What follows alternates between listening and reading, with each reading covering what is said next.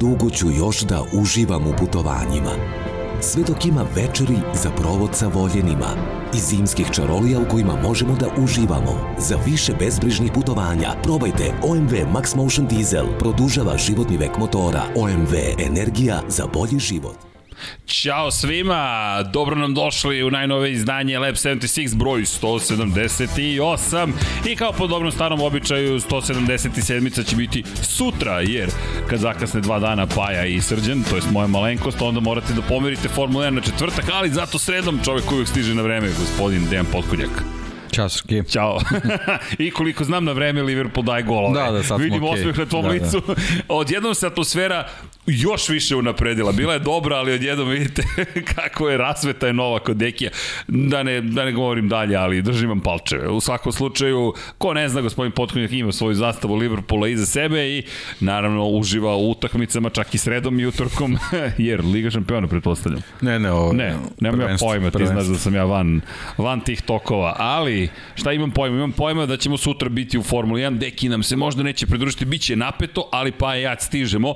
Juče nismo mogli, ja se izvinjam, ja sam bio fizički nedostupan, a Paja, pa takođe, mogli ste da ga čujete na sport klubu, obično vreme kada je u podcastu, ovo je novi kadar koji je Vanja smislio, koji upravo se igra sa kamerama preostalim, podešava sve i radi svoj posao. Dejan i ja posmatramo šta to čini Vanja, ali Pozdrav za našeg dragog Vanju, naravno pozdrav i za Dom Pavla, tu je negde, pozdrav i za ostatak ekipe Infinity Lighthouse i pozdrav pre svega za vas, mazite se i pazite se i vozite i vodite računa jedni o drugima, a otkud ovo uzbuđenje i raspoloženje, pa Lab 76 i samim tim mora da bude uzbuđenje i raspoloženje, a pride najzid došlo da se popričamo, da popričamo o Nećemo odmah uskočiti u temu, vi znate da mora nešto pre malo ipak da se popriča o, o nekim novim stvarima i detaljima i vestima i neki uvod da se napravi, ali Na vaš zahtev pregled sezone 2021. u martu 2020, u februaru 2022. Jer prosto to je tako zabavno. A i konačno, Deki se sjajno setio, kada smo u januaru pričali, hajmo da uradimo nedelju pre početka sezone, pregled sezone, a tačno par dana pre početka sezone, da najavimo najnoviju, Šta to znači? To znači da je sezona stigla, ljudi, samo 10 dana i prva trka Moto Grand Prix je na programu i još lepih vesti, ekipa sport kluba biće na licu mesta. Dobili smo odobrenje vlade Katara da možemo da bez karantina prisustujemo trci, tako da možemo u sredu da otputujemo. Samim tim, u sredu ćemo verovatno imati zapravo ceo događaj i podcast sa staze ili iz hotela, vidjet ćemo šta će nam dozvoliti, ali sad imamo i audio interfejs pa samo za putovanja, pa i zvuk dobar, tako da deki bit će uzbudljivo. Nadam se, ne znam da li gleda, ali pišemo gospodinu Kotoru s nadom da ćemo i njega nekako uspeti da Da vidi, privolimo. kako su krenuli, Možda. vredi, vredi se potruditi. Pazi, u podnaslovu piše Denis Fođa, raketa je tu. Dirče, pozdrav za gospodina Kotora, ponovo je tagovo Infinity Lighthouse u, u repostu na Instagramu i mi svaki put padnemo u nesvest jer mnogo je velika čast jer ti nekako sve to zvuči tako čudno. Ali pozdrav za celu ekipu i naravno za gospodina Kotora. Držimo palčeve, ali uzbuđenje je već počelo i, i zaista se nadam držim palče da će sezona biti kako je najavljamo, a vidjet ćete i zašto kada završimo pregled ove sezone. Inače, koncept, nije baš da mi usaglasimo sve koncepte, ali koncept je relativno jednostavan. Pozabavit ćemo se trkama, pre svega Moto Grand Prix-a, nećemo analizirati poziciju po poziciju, jer mislim da je to, to, to gotovo suludo. Ali šta ćemo analizirati? Ključne momente, ko je iznenadio, ko je šta uradio od Novajlija i naravno u Moto dvojkama, Moto trojkama, one ključne momente u samoj sezoni. Analizirati još trke Moto 2, Moto 3, završili bismo taman za let sledeće srede, otprilike za, za Katar, tako da ne zamerite, ali potrudit ćemo se da sve nekako lepo uradimo, a da opet Dobro, s tim što dvojke, trojke, sad imamo i aktuelne stvari. Tako, da- je. Ima Da. tu šta da se priča. Pogotovo ovaj naslov. A Kosta je ponovo tu, Fođa je ponovo očekivano tu. I da gledaš i razmišljaš, a Kosta Fođa, to je bila priča prošle godine i nastavit će se samo u drugim kategorijama, a i to će biti zanimljiva tema za budućnost. Eto, to su neke stvari koje smo pripremili, ali pre nego što krenemo, Ja bih da čestitam Martinu Vukrinecu, ne znam da li ste ispratili, ali Martin je zabeležio dve pobede prethodnog vikenda u Dubaju i voleo bih da vam kažem da, da, da sam ranije ispratio, moja greška, ja vam se izvinjavam, ali Martin i ja smo bili u isto vreme, u istom gradu i nisam to ispratio. I, i prvo što nisam posetio stazu, nisam stigao, a potom vidim Martin za dve pobjede. Tako da čestitki Martinu Vogrinecu, svaka čast na nevjerojatnom početku godine i eto, držimo mu palčeve da će zaista biti onako kako su negde i, i najavljivali i da ćemo zaista moći da pričamo ove sezone i o njegovim uspesima. Nadamo se da ćemo imati priliku da ga intervjušemo, to je da nam dođe u podcast, ako ne, pa odnećemo mi podcast kod njega, tako da kako god pogledate, potrudit ćemo se da nam Martin bude tu. Inače, koga još sreto, ako smem da primetim, u Dubaju Miloša Pavlovića, tako da eto, svi su se skupili nekako u Dubaju, popili smo kafu, imate pozdrav od Miloša Pavlovića, čovek je u pripremama za sezonu, čovek, bukvalno, deki, tebi sam rekao i njemu sam rekao, ulazim foje hotela, čovek sedi, sve sa sedim vlasima i kažem, srđane, ne mogu da verujem. 40, ja kažem, veruj, veruj, ni meni nije bilo lako, ali dešava se. Tako da, nekako se lepe stvari dešavaju. Filip Jenić je u treningu trenutno... U Valenciji, da. Da, u Valenciji. Ispratili smo i Ferrari u trkačku akademiju, koja je u velikoj meri bila prisutna na prezentaciji Ferrarija, mada čekamo da Dino Beganović se pojavi takođe na tim nekim prezentacijama u skorijoj budućnosti, držimo mu palčevi, tako. Pratimo šta se događa na različitim meridijanima kada su vozači sa ovih prostora u pitanju i potrudit ćemo se ove sezone da ih još više ispratimo i naravno da promovišemo sve ono što čine, tako da držite palčeve da im bude dobra sezona, ali je, trkanje je počelo, to je ono što, je, što možemo da kažemo. Udrite naravno like, udrite subscribe i pripremite se za ludoveče jer ćemo od sada pregledati sezonu 2021. No, opet pre nego što krenem samo par nekih rekao bih važnih vesti. Deki po, da ih iznesemo pa da ih i nekako inkorporiramo ono što sledi. Prva i ti si rekao pre nego što smo počeli Livio Supo Vratio se Livio Supo. Ne, mislim. Ljudi, Vest nad vestima. Nad vestima. Da. Možda nije najomiljenija ličnost među nekim navijačima. Pa dobro, to je sad već ali, ukusa. diskusije i ali, ukusa, ali ono šta je uradio Livio Supo. Moto Grand Prix. Da, dve stvari, sam, da, tri zapravo da napomenemo. Dva Livio imena. Supo, da, dva, dva imena. Evo, prvo ime, Casey Stoner. To je čovek koji je potpisao ugovor sa Casey Stonerom dok je bio u Ducatiju i to je čovek koji je predvodio jedino osvajanje titule uz napomenu, u konkurenciji vozača za Ducati. Kada prođemo sezonu 2021 vidjet ćemo da su drugi put u svojoj istoriji osvojili šampionsku titulu u konkurenciji konstruktora, ali predvođeni Livijom Supom pre svega i ko, je, ko se seća Filipa Preciozija koji je stvorio Ducati je uopšte Moto Grand Prix projekat zajedno su sa Casey Stonerom bili na vrhu sveta, dodao bih i Bridgestoneom, to je bila i prva titula za Bridgestone, i uspeli su da osvoje i da postignu nešto što još niko nije postigao. Potom, čudno mi čuo da otišao je u Hondu, gde se pridružio posle Casey Stoner, pa osvojili su... Zahvaljujući njemu, naravno. Tako je, Livio Supo bio ključni igrač u toj priči, osvojio titulu i potom predvodio tim koji je potpisao ugovor sa Markom Markezom i osvojio još jednu titulu. Tako da, s tim da. što tu je došlo malo do nekih nesuglasica. Jeste. Shuei Kamoto, Livio Supo, Da. Mark Marquez, pa i ona 2015. Da, ali možda i došlo malo i do zamora, tako da... Pa delovo je već umorno. To je već bio ozbiljan tempo. Ali, potpisuje ugovor da vodi tim Suzuki-a. I deki, da. eto nama odgovora. E, zašto se, ne, nismo ni pričali o me, ali delo mi da se raduješ jer vraćaju se oni ključni ljudi koji su potrebni da pa, da se timovi radujem se pre svega što mislim da je to čovek koji će nam doneti neke možda i neočekivane poteze u, u, u menadžmentu ekipe i to je ono što, što trebamo od tog Grand Prix da, da se malo razmrda, da ne bude sve u, nekom, u nekoj kolotečini, u nekim stvarima koje možda i pretpostavljamo da će se dešavati. Ovo je stvarno bilo onako iznenađujuća vest, mada ono, znalo se to već nekoliko meseci nazad, oni razgovaraju i sad tu je pre svega bio, bila glavna priča, priča oko njegovog motiva i njegove želje da se vrati ovaj, u Moto Grand Prix. Onda sam ja, kad sam, kad sam pročitao tu vest, malo sam se vratio, ovaj, malo sam googlao i, i tražio neke njegove intervjue. Nagovestio on još, još prošle godine da se, da se uželeo padoka i da, i da ovaj, verovatno je to, to bila poruka ekipama da, da počnu polako da ga kontaktiraju. E, I kontaktirala ga ekipa koju je nedostajao šef ekipe, koju je napustio pred početak 2021 1991. Legendarni Davide Brivio otišao da. u Alpinu, još uvek je u Alpini, da. ali priča se i to da bi moglo bude promjena. Ali ako je Sup otišao u Suzuki, možda će Brivio sada u neku petu ekipu. Pa,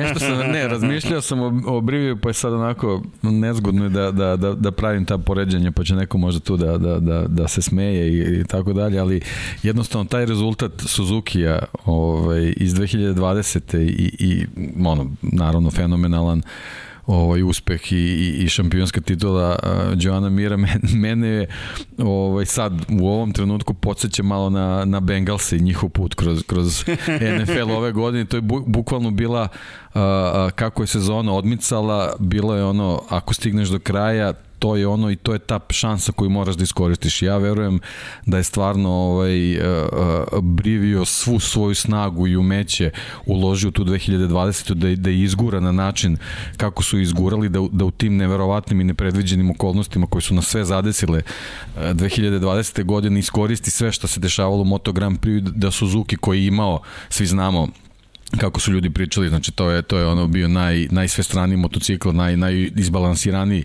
motocikl uh, ovaj na gridu da da da jednostavno Joanu Miru i i Aleksu Rinsu pruže sve da da dođu do toga da jedan od njih dvojice bude bude šampion i verujem da je ta sezona Brivija potpuno iscrpela i da je njemu u stvari poziv iz iz Alpine, u stvari iz Renaulta uh, više značio kao kao nešto što će mu doneti odmor u smislu novog izazova gde gde gde, gde nije situacija da nešto mora se osvoji na sve ili ništa. Mislim, ja verujem da 2020. ni Suzuki nije tako razmišljao, ali jednostavno Brivio je bio svestan da je to trenutak koji mora da se iskoristi i pretpostavljam da je ono, apsolutno se čovjek iscrpao i da je morao, ovaj, znamo, za sve nas je, za, e, za sve nas je to bilo iznenađenje kad, kad smo dobili informaciju, tako je, ali, ali sad iz ove perspektive kad se gleda jednostavno mogu samo da, da zamislim kako je to opterećenje bilo na njemu te godine. Iako smo da upotrebim nekoliko još paralela, to je da primetim par stvari oko Livije Supo. Livije Supo mene je uvek podsjećao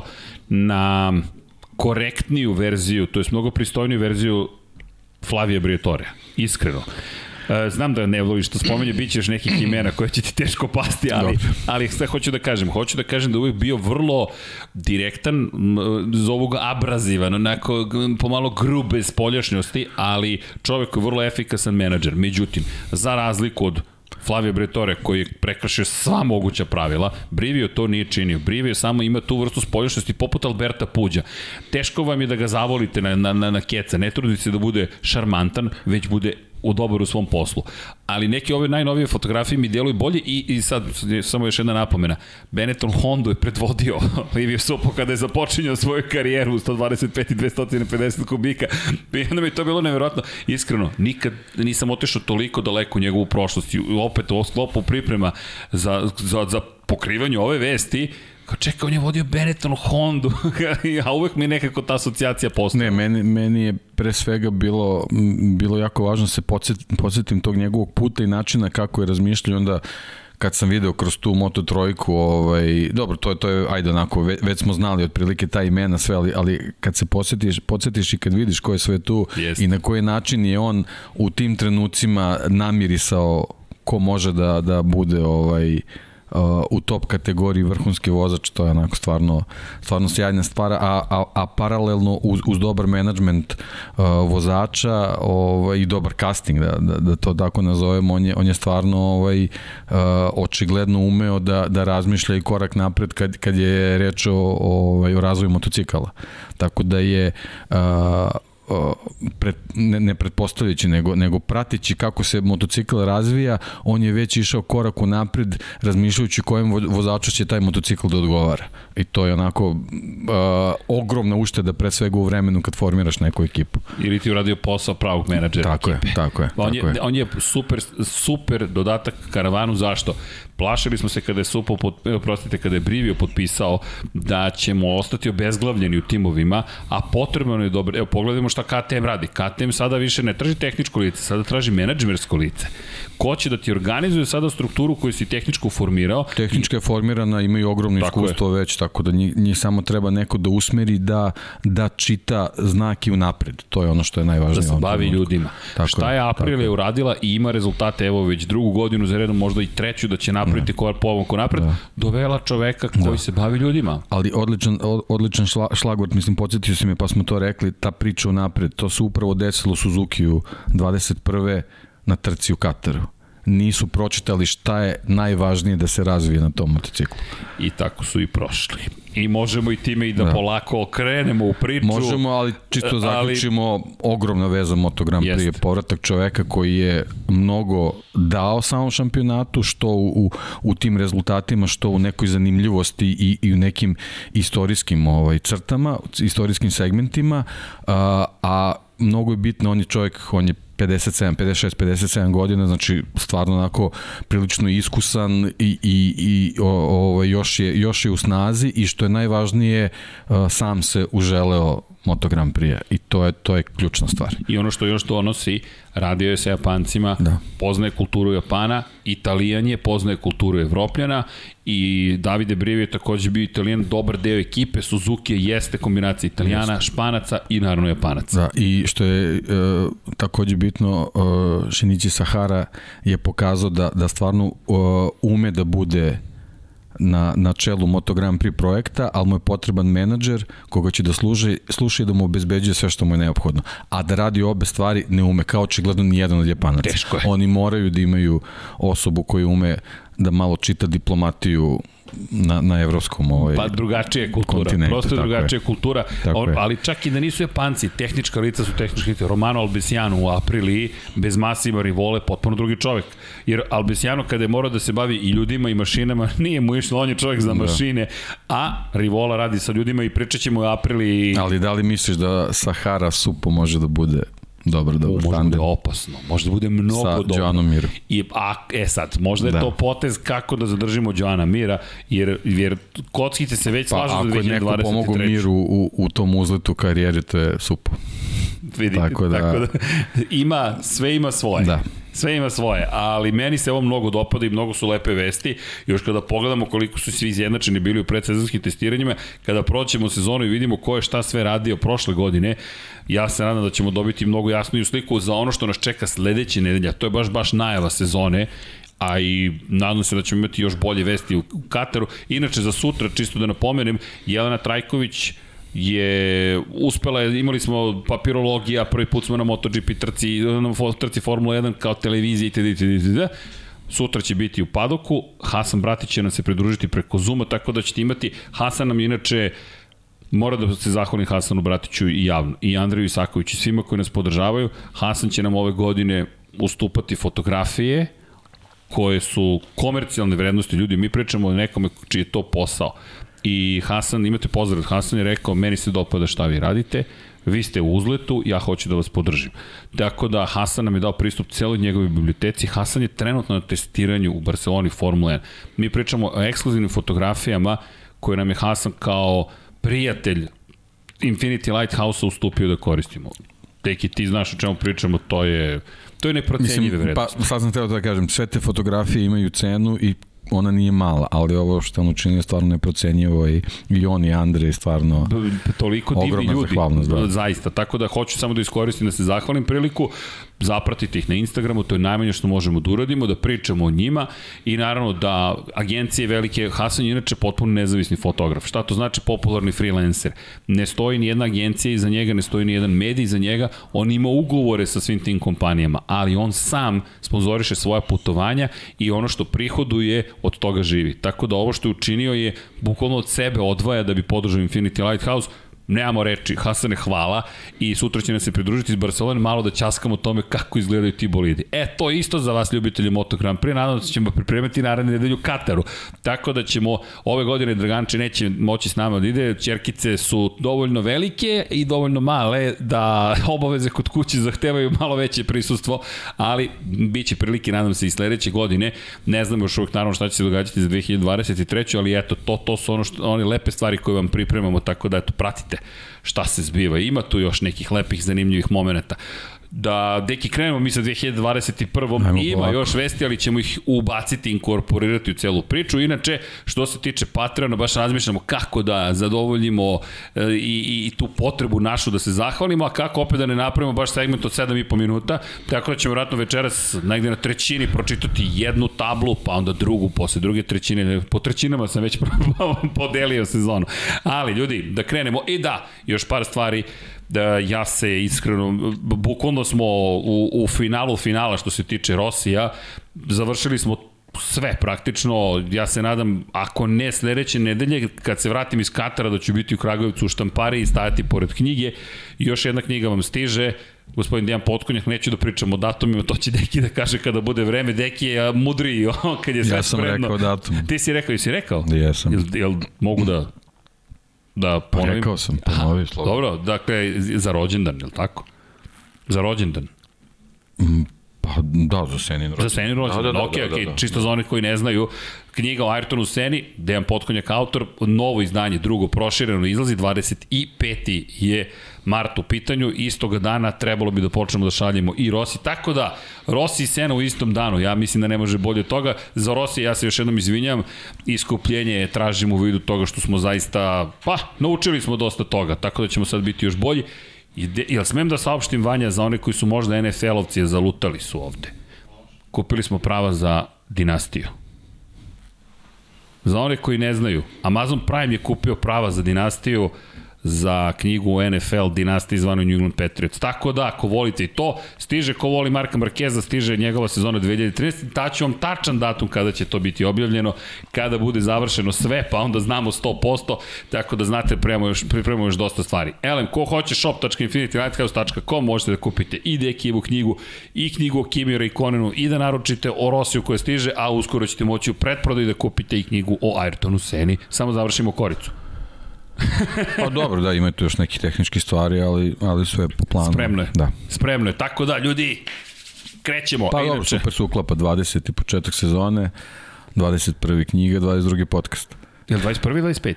21. 21. 21. Izvini, 25. Rossi, 21. Moja greška. 22. je podcast. Tako je, tako da taman, sve, to sve su klopilo. Tako I je. to taman za prvu, za analizu prve. Aj joj, aj, umeđu vremenu šta sve još imamo. Ih, hao, jedva čekam. Elem, da mi krenemo polako, inače majica je tu, oproštena je majica, jer sezona 2021. godine donela je novog šampiona sveta, prvog u istoriji iz Francuske Fabio Quartarara, Donala nam je prvi plasman Aprilije na pobedničko postolje. dakle, to je veliki događaj bio za Apriliju. Veoma, veoma, veoma velika stvar. Mark Marquez se vratio na stazu. Pobedio je posle preko 500 dana pauze. To su zaista velike stvari koje su se dešavale. Maverick Vinales je pokušao da samo uništi, je, to je da uništi Yamahu i da samo uništi svoju karijeru. Nije uspeo ni u prvom, a ni u drugom. Prešao je u Apriliju sred sezone. Moram da ga spomenem jer je bio pobednik prve trke godine prošle, pre 12 meseci. Ducati je napravio vjerojatno najkompletniji motocikl i ponovo nije imao šampiona sveta, ali je drugi put u istoriju svoju titulu šampionatu konstruktora, to je proizvođača. S druge strane, nažalost, izgubili smo Jasona Dupaskeja na trci u Muđelu. Moramo prvo da spomenemo Jasona Dupaskeja, jedno predivno dete, mnogo, mnogo pre vremena nas je napustio.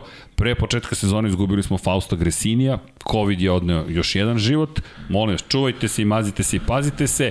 Tako je počela nekako godina, to su bile neke vesti koje, ko, kojima smo otvorili praktično 2021. ali Fausto Gresini je proživeo mnogo toga. I ostavio iza sebe i porodicu i ostavio ceo tim, ostavio je sve nas bogatim, Jason nas je ostavio bogatim za uspomene, ali moglo da bude mnogo više uspomena. I zato ga spomenjem na samom početku, jer ljudski život apsolutno neprocenjiv. Nažalost, izgubili smo još previše dece u čudnim incidentima i ove godine, Nemamo prave odgovora, ali su promenjena i pravila i to bih volio da napomenem, zahvaljujući svim tim incidentima koji su se desili, tako da od ove već polako stupaju na pravila da od naredne godine samo punoletni mogu da učestvuju da, da, zazvonilo je za alarm i eto srećem neko je ovaj, konačno čuo i, i, i, i tu uzbunu, pa eto ima, imamo neke izmene, evo imamo najnovije izmene vezane i za crvenu zastavu i za klasifikacije, Jeste. tako da dešava se, dešava Nešto se, se dešava. to je bitno, mislim, nažalost, eto i dalje gubimo ovo zača, ali jednostavno takav je, takav je sport stvarno opasan, nikad neće postojati idealna situacija da, pa, da će, će automotosport biti 100% bezbedan, ali eto treba treba stvarno raditi na tome da da da da se ti ti momci i devojke devojke kojih je sve više, ovaj stvarno osećaju što bezbednije na stazi i da da mogu u svakom trenutku da što je maksimalno moguće bolje reaguju u nekim situacijama.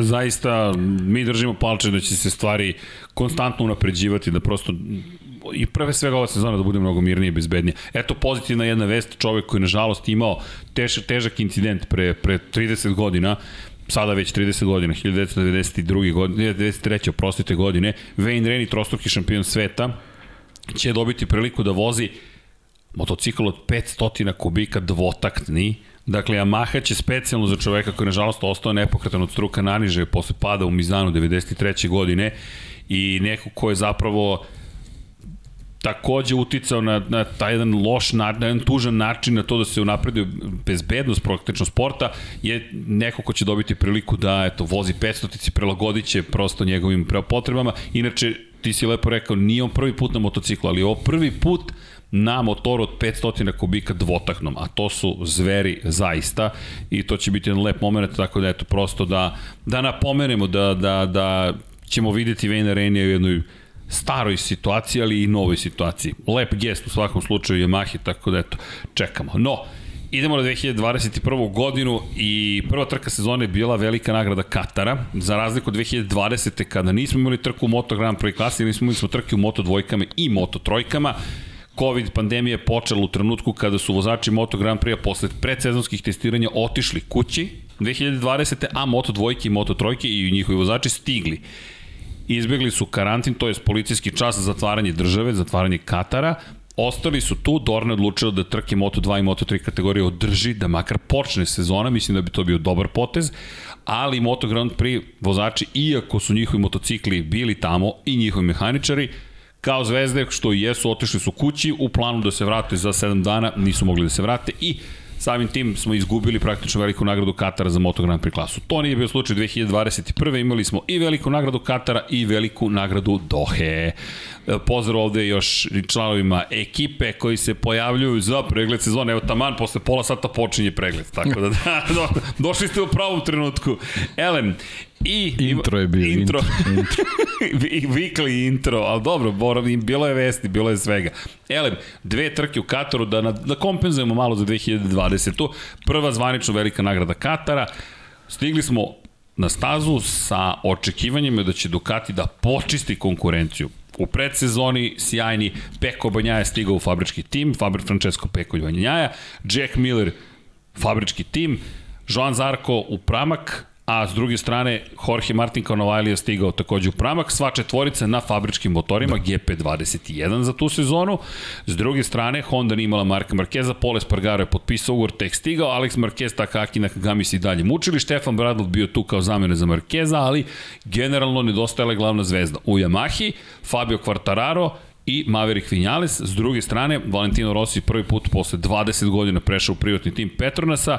Nismo tada znali da će to biti oproštena sezona. Slutili smo, ali nekako se i pretpostavio da, da će imali smo, da. imali smo eto neku teoriju da će oni čitovi priče oko Petronasa, to sve onako da, da, da poleti. Da poleti Rossi je na, na, na fabričkom motociklu bio.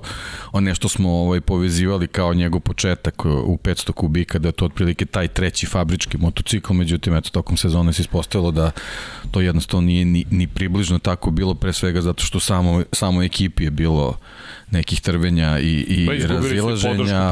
Tako je, kasnije su izgubili i podršku Petronasa koji ni približno nije, nije ovaj, funkcionisao na način kako recimo funkcioniše u Formuli 1 sa Mercedesom, iako smo očekivali da će biti nešto slično i da će kao, kao, kao velika kompanija pre svega marketinški iskoristiti Valentina Rosija ovaj, u toj ulozi, a opet sa druge strane da će on na krilima te podrške ovaj, tu poslednju sezonu odraditi onako u, u, u svom stilu i na kraju se ispostavilo jednostavno da, da ta, ta odluka Yamahe da da ovaj, Valentina Rossi je praktično zameni sa Maverickom Vinjalesom, a ne sa Fabijom Quartararom, je stvari bila onako marketinški, onako ne, ne baš idealno da, da, da tako nazovem, da baš ne budem preterano preterano grup, tako da ovaj, eto, tu, smo, tu smo možda izgubili tu neku, neku nijansu ovaj, zanimljivosti u čitavoj sezoni što se tiče tog dela, ali generalno neke druge stvari su to kompenzovale, tako da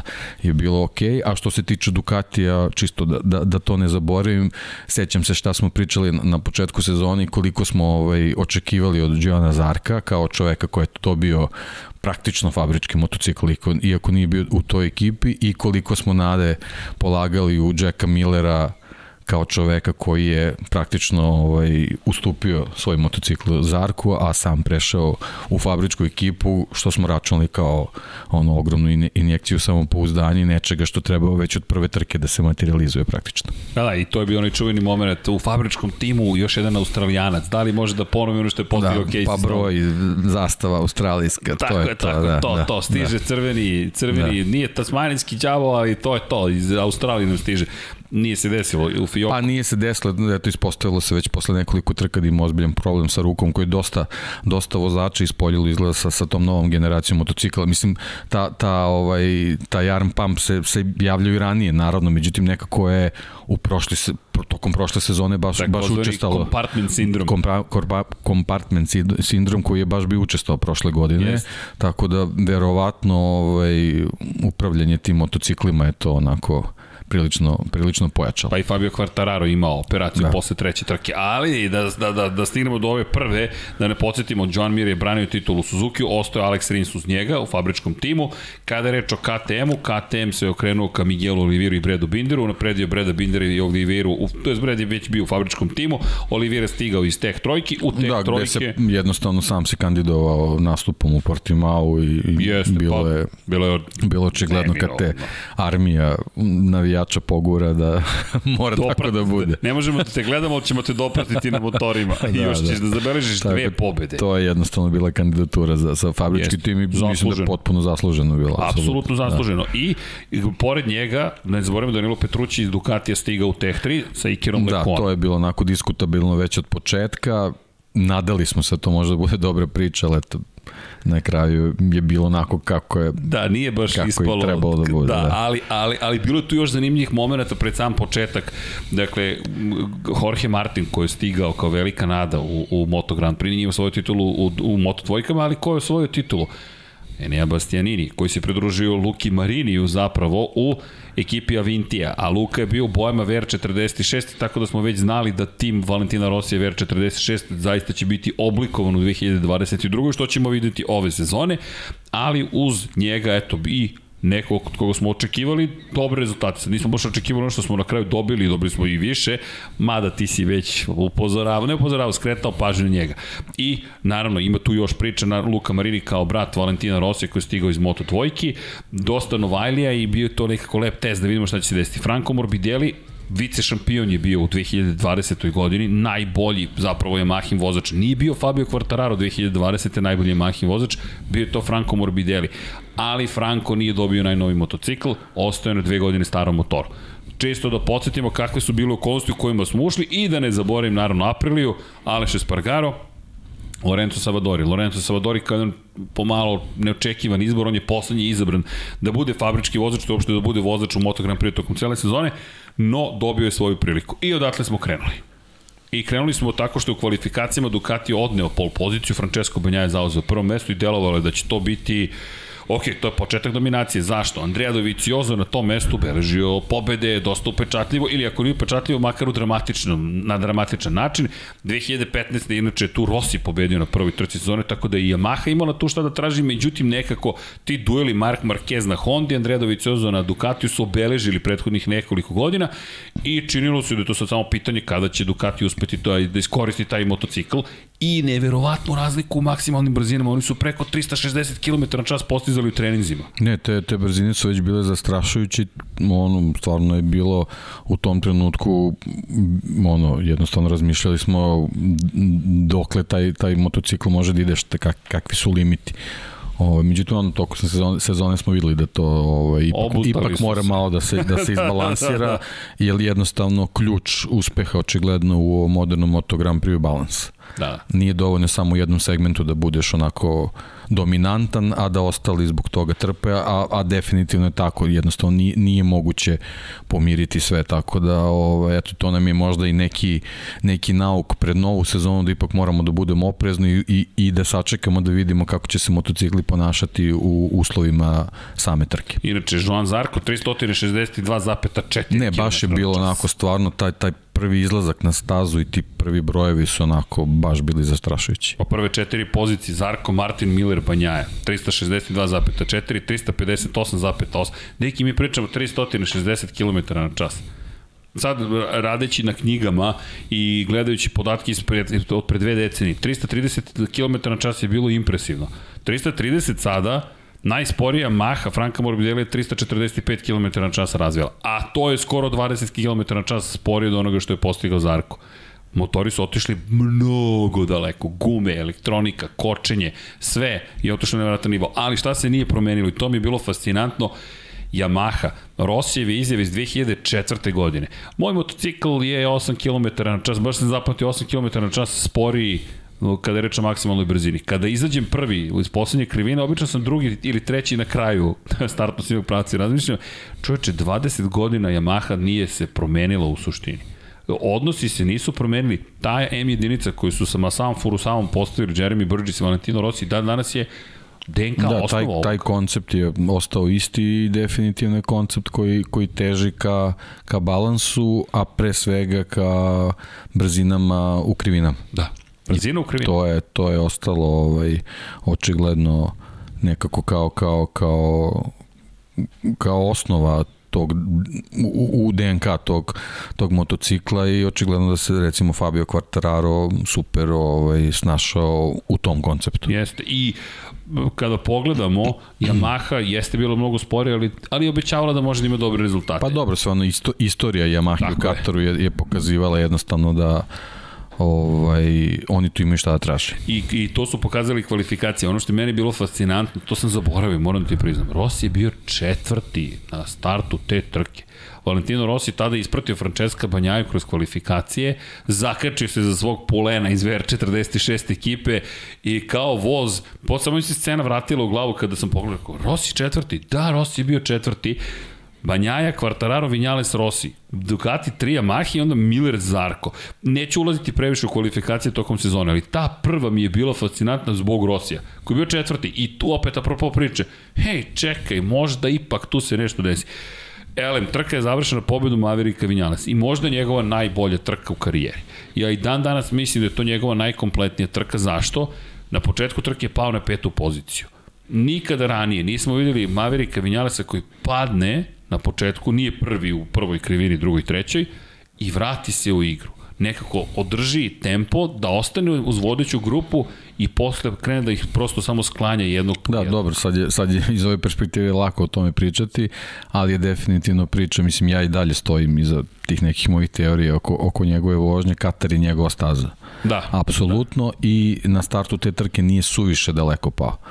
Tako da ta dva elementa kad su se sklopila doveli su do toga da on ima punu koncentraciju ovaj, tokom čitave trke i kad je tako on je, on je stvarno onako šampionsko kola. I pobeđivao je tu već. Pobeđivao je na Yamahi 2017. godine, početak njegove pa, karijere u Yamahi. se taj njegov ulazak u, u, u, u, kari, u, u, u Moto Grand Prix karijeru, stvarno je bio fascinantan. Ono, kao čovek je krenuo, evo ga, novi svetski šampion. Da. I u Yamahi prve dve trke sa Yamahom dve pobede. I delovalo i opet tad smo čuli priče, rešili smo probleme, više nemamo nijedan problem, možda malo imamo probleme s maksimalnom brzinom, ali sad sve super funkcioniše, sve je savršeno, ovo će da bude ludio. 7 dana kasnije, ups, uh, Fabio Quartararo pobeđuje. Inače, ono što je meni jedna od scena iz, iz te prve trke jeste Joan Mir. Mir napravio je grešku u poslednjoj krivini poslednjeg kruga, otišao je preširoko, ali je bio dovoljno ispred Ducatija. Na bilo kom drugom motociklu, to je da ga je pratio bilo koji drugi motocikl, ne Ducati, on bi bio na poziciji broj 2. Mir je bio ljudi na drugoj poziciji u toj trci. Niko nije bio bolji od svetskog šampiona osim Amerika Vinjalesa. Do pravca i Ducatija koji kada su raspalili deke, on izgledalo smešno. Ja se sećam, naš, ti ja kad smo pričali o toj trci, ono izgledalo kao da on stoji u mestu. Pa, to je, to je lično, ono, ono, sećaš se onu, onu pojavu Casey Stonera s Ducati da. mi protiv Rosija. Bukvalo raketa. To Isti, je, isto mesto. Ta fascinacija je otprilike ista bila. Gledaš Stojiš, raketa. gledaš kadar je iz vazduha i, i ne veruješ šta se dešava, kao da su dve, dve klase motocikla. Ali bukvalno dve klase, seća se Suzuki, Ken Kavouči koji nešto beleži, Sahara koji stoji sa strane, I gleda I sad i se vraćamo onu priču šta smo propustili da razvijemo Ah, da. tokom pauze. Ah, da. Jednostavno videlo se u 2020. šta će biti ključna stvar, pre svega u borbi protiv Ducati. Jednostavno moraju se razvijaju sistemi koji spuštaju motocikl na, na pravcima, ili jednostavno ne može da se parira Ducatiju bez toga. Ne možeš, ne možeš da živiš u iluziji da će nešto da se desi i da, da taj njihov sistem neće funkcionisati a pritom već u startu imaju ovaj, veću snagu od tebe. I još jedna napomena, iako nisu mogli da razvijaju motore sa unutrašnjim sagorevanjem, elektronika, aerodinamika, podešavanje motora, sve vam to omoguća, mapiranje motora. Šta je bitno kod mapiranja motora? Šta je Ducati prošle godine dosta radio? Početak trke, potrošnja goriva je veća. Sredina trke, po, po, na primjer, pre poslednja dva kruga ili poslednjih kruga smanjuju potrošnju goriva, jer Ducati je žedan, dosta je žedan motocikl i onda za sam kraj čuvaju gorivo da mogu da postignu maksimalnu brzinu. Kada vidite u trkama, sredinom trke, da Ducati nema maksimalnu brzinu na koju smo navikli, obično, ne kažem da mogu da vam to dokažem, ali obično veruje se da je zapravo mapiranje promenjeno da manje troši goriva. Tako da imate načina kako da se poigrate da, iako možda nemate snagu Ducatija, možete da izvučete više. I naravno, kako guma funkcioniše. Inače, guma je ponovo promenjena za ovu godinu, to je za prethodnu sada već, i 2021. smo čuli da se Andrea Doviciozo, na primjer, kasnije kada se vratio, ponovo je pričao gumama. U 2020. mu već nije prijela guma, donekle je promenjena, ne tako radi radikalna promena kao sezonu pre 2021. Ali opet bilo je, tajna je uvek kako otključati gume, kako vaš motocikl da, da dobili smo, gumama. Dobili smo, ovaj, da, baš je danas bilo pitanje oko guma, da li maksimalna brzina utiče na, na, na, na gume. Ovaj, Apsolutno, da, da. da. To je posebno priča oko Ducati i to je, to je njihova glavobolja jednostavno veća brzina, da. duži zaustavni put, to je, čak i da nije duži zaustavni put, da je isti, veća je sila. Mi govorimo o vrlo jednostavnoj formuli matematičkoj. M, masa puta kvadrat brzine, V kvad, na kvadrat, kroz 2. To je formula za kinetičku energiju.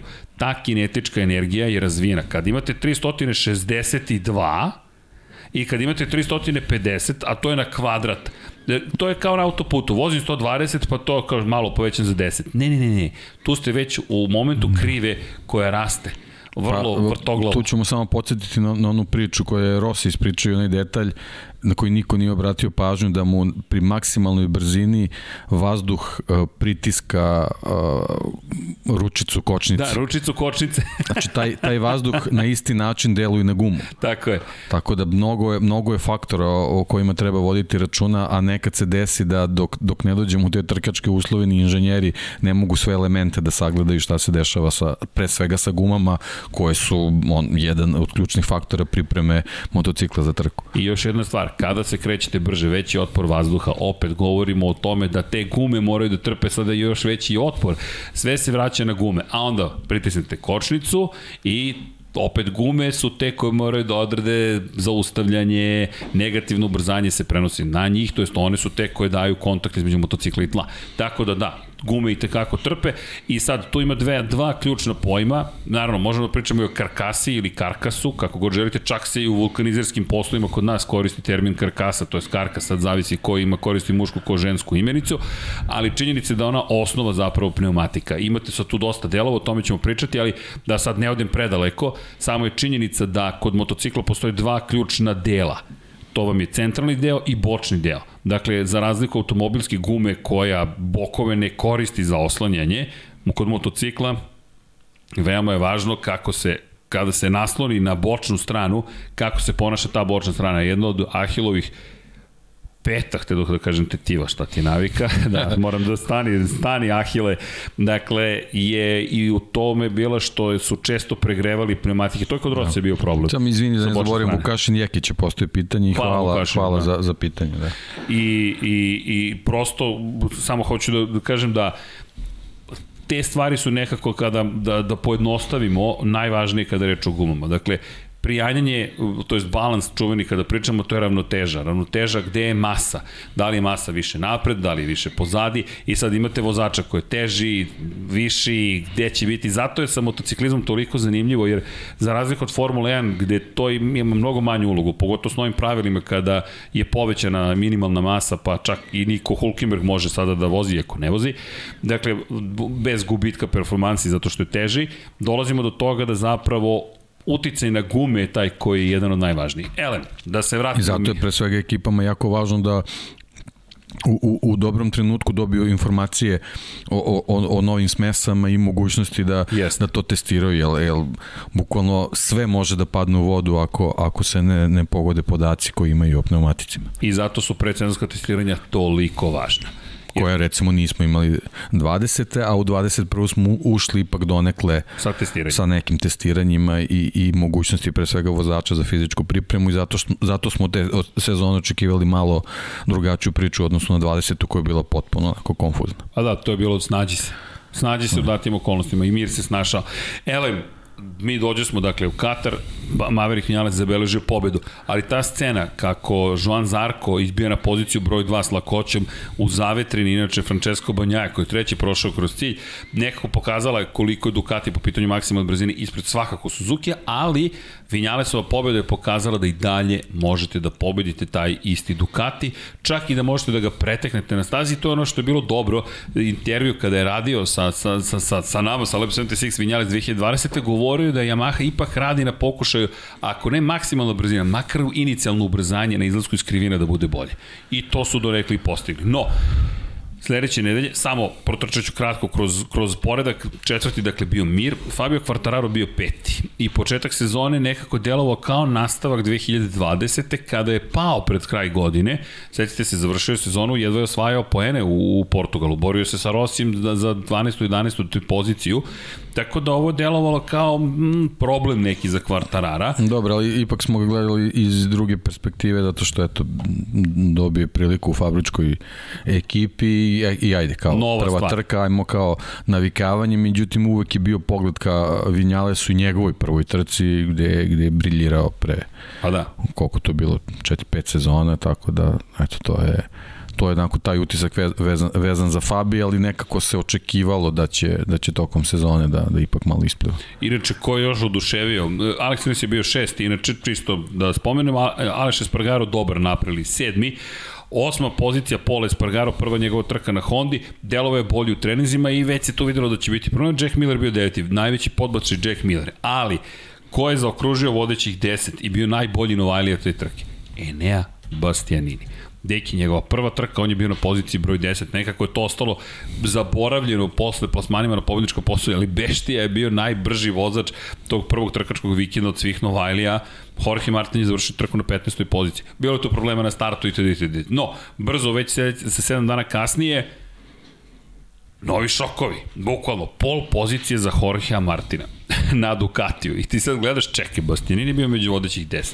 Sedam dana kasnije ti se klinac, uslovno rečeno, na fabričkom, inače na starom Ducatiju, dve godine starom Ducatiju, Beštija bila na poziciji broj 10, ali pol pozicija Jorge Martin. I pitanje da li Jorge Martin može da, da pobedi. S obzirom na činjenicu da je startovao 14. koliko se u prvoj trci vrlo bio br brzo među vodećima. Ne, ne, bio je ono, raketni start ima. Jedan od najboljih cijele godine. Baš se sećam da. kako... I mislim da će to i ove godine biti njegov ozbiljan adut. I barem snimci one koje, koje sam ovaj uspeo da, da, da ispratim iz, iz Sepanga, uh, stvarno mi deluje da je da je usavršio start na na Ducatiju. I ono što Nadam je da ne grešim. Ducati uradio, napravio sistem koji je najbolji od svih. Jer pa najduže ga razvio. Pa, da, to iskustvo. A, ali je delovalo zaista obećavajuće nekako. Međutim, Fabio Quartararo rep, bukvalno identičnu trku vozi kao Maverick Vinales. Pada na petu poziciju, onda kreće polako i dominantna pobjeda. Dobro, i ono, ono, opet, glavni recept za Yamahu moraju da izbiju na što pre na, na prvu poziciju da bi taj motocikl mogao da funkcioniše na način kako vozači to žele. Svako duže zadržavanje ovaj, na nekoj nižoj poziciji, apsolutno ta trka može se otpiše. I pozicija broj 2, samo da dodamo još to, Žvan Zarko. I vodeći u šampionatu sveta Izjava da. Jorgea Martina, nisam želeo, koji se popeo na pobedničku postoju u drugoj trci u karijeri, nisam želeo da napadam Zarka, dogovori da se on bori za titul. Da, i samo paralela apropo one priče vezane za, za prognoze, vezane za vozača Ducatija, Zarko i Miller, Zarko koji je na čelu šampionata i Miller koji je što se tiče tih trka ostao u, u Kataru ostao zapamćen zbog duela sa Mirom i one prilično pogibeljne ovaj, situacije, da tako kažem.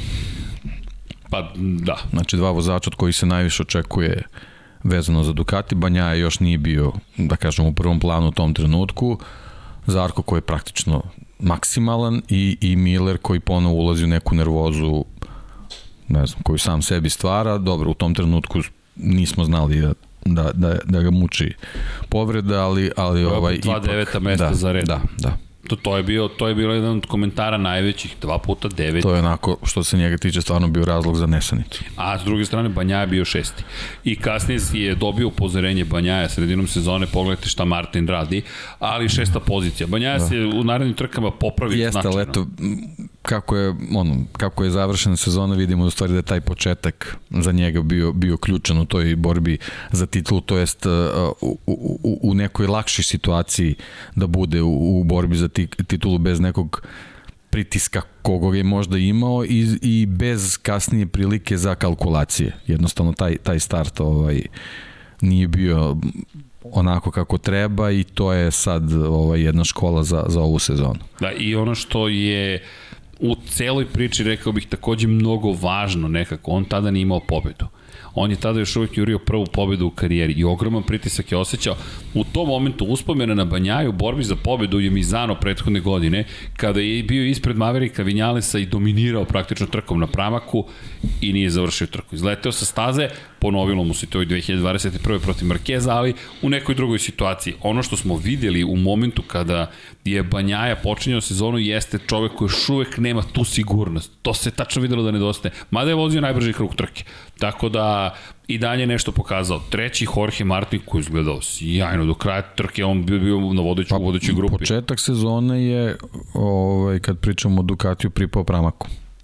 Da. Definitivno. Fabrička ekipa se nekako nije, nije snašla ovaj, dobro u toj čitavoj situaciji i ulozi favorita da, da, da koristimo futbolski termin. Pa jeste bilo uloga Ali favorita. Pramak je bio fantastičan zaista. Da. Kao, kao da, da su pogrešne boje bila na motociklima. Pazite, Bukvalno tako izgledalo. Tri plasmana na pobjedičko postoji jedna pol pozicija u prvoj dve trke. Pramak bombona, čista desetka za početak sezone. Mir s druge strane, sedmi je bio u drugoj trci, ali se zato Rins pojavio Suzuki na četvrtom mestu, da. što je negde obećavalo Suzuki, tu smo negde. Da, bio je, imali su, morali su praktično se oporavljaju tog šoka ovaj, i, i odlaska Brivija, opet sa druge strane to već ponavljamo, znači očigledno se nisu se tehnički dovoljno dobro pripremili za za sezonu, onda smo imali Mira koji nekako svojim pristupom kao osvajanju titule nije nije onako jednostavno pokazao da, da, da treba da bude iznad ostalih i praktično je bio on na meti, na meti svih upravo zbog toga što kao, kao da su vozači želeli da pokažu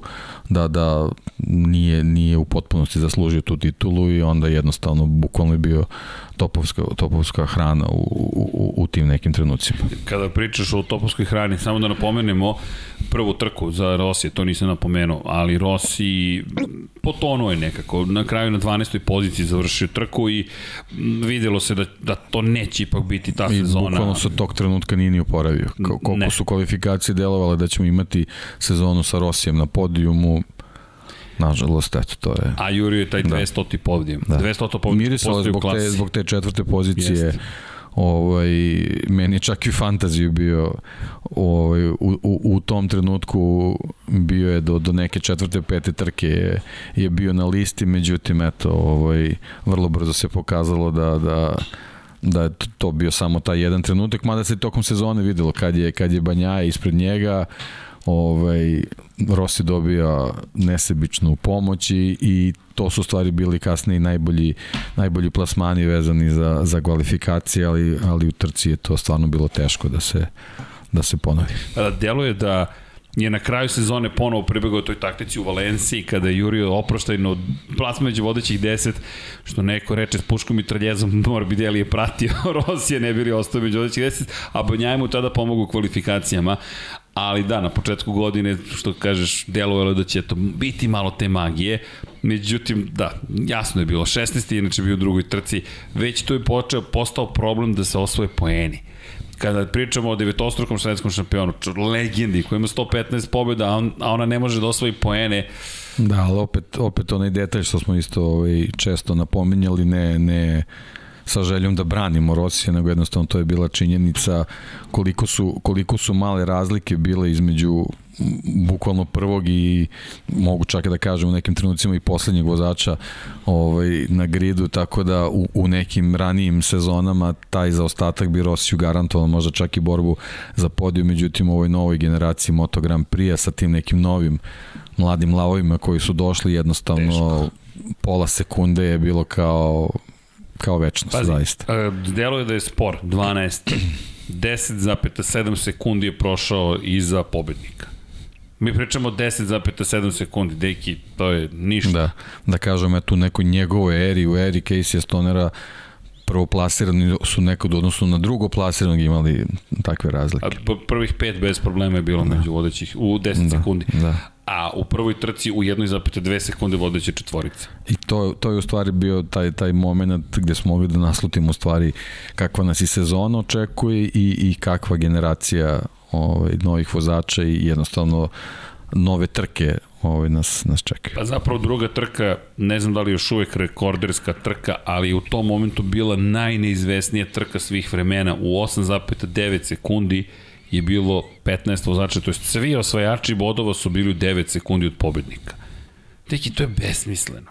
Mi pričamo preko 20 krugova vožnje i ti na kraju završiš tako što si 8 sekundi iza nekog i jedva si usvojio jedan poen. I djeluješ sporo, kao kao neko ko je spor. Miguel Oliveira, jedan poen za KTM, 8,9 sekundi za pobednika. Dakle, gdje smo pogrešili, u čemu, zašto nam je loš motocikl? da, zašto nam je loš motocikl? Pa, da li je? I onda možda kreneš u neke prepravke i upropastiš ga ovaj, za, za nastavak sezona. Zato što misliš da si loš, da, si 15. A možda i nisi, jer Binder je bio da. 5 sekundi od pobednika. Pazi, nije Bastianini bio na 5,5 sekundi, čovjek je bio 11. Baur Bešti je nastavila da, da, da ne baš da dominira Novajlijama, ali tu je bio Jorge Martin. Ali da, ali Yamaha odjednom dve pobede za redom.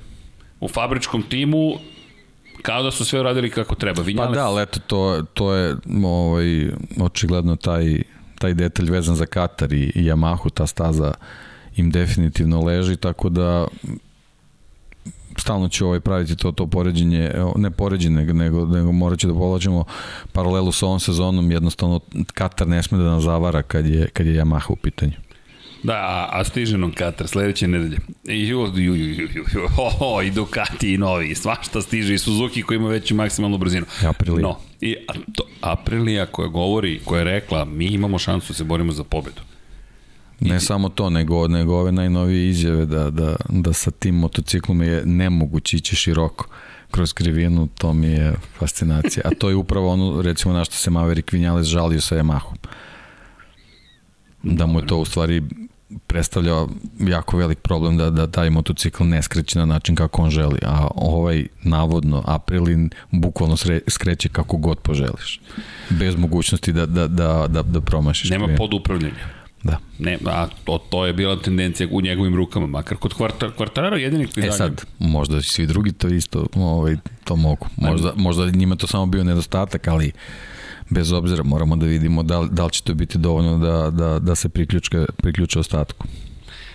Zanimljivo mi je i neki od testova uh, zapravo, ne, nekih tekstova zapravo u okviru priprema, koliko zapravo ne znamo o tome ko je šta spremio za ovu novu sezonu. Isto tako smo pričali do Katiju, Doha Katar da će im pripasti, pa na kraju Yamaha tako je završila sa dve pobede. I otišli smo u Portugal, pošto moramo da pokrijemo dosta trka.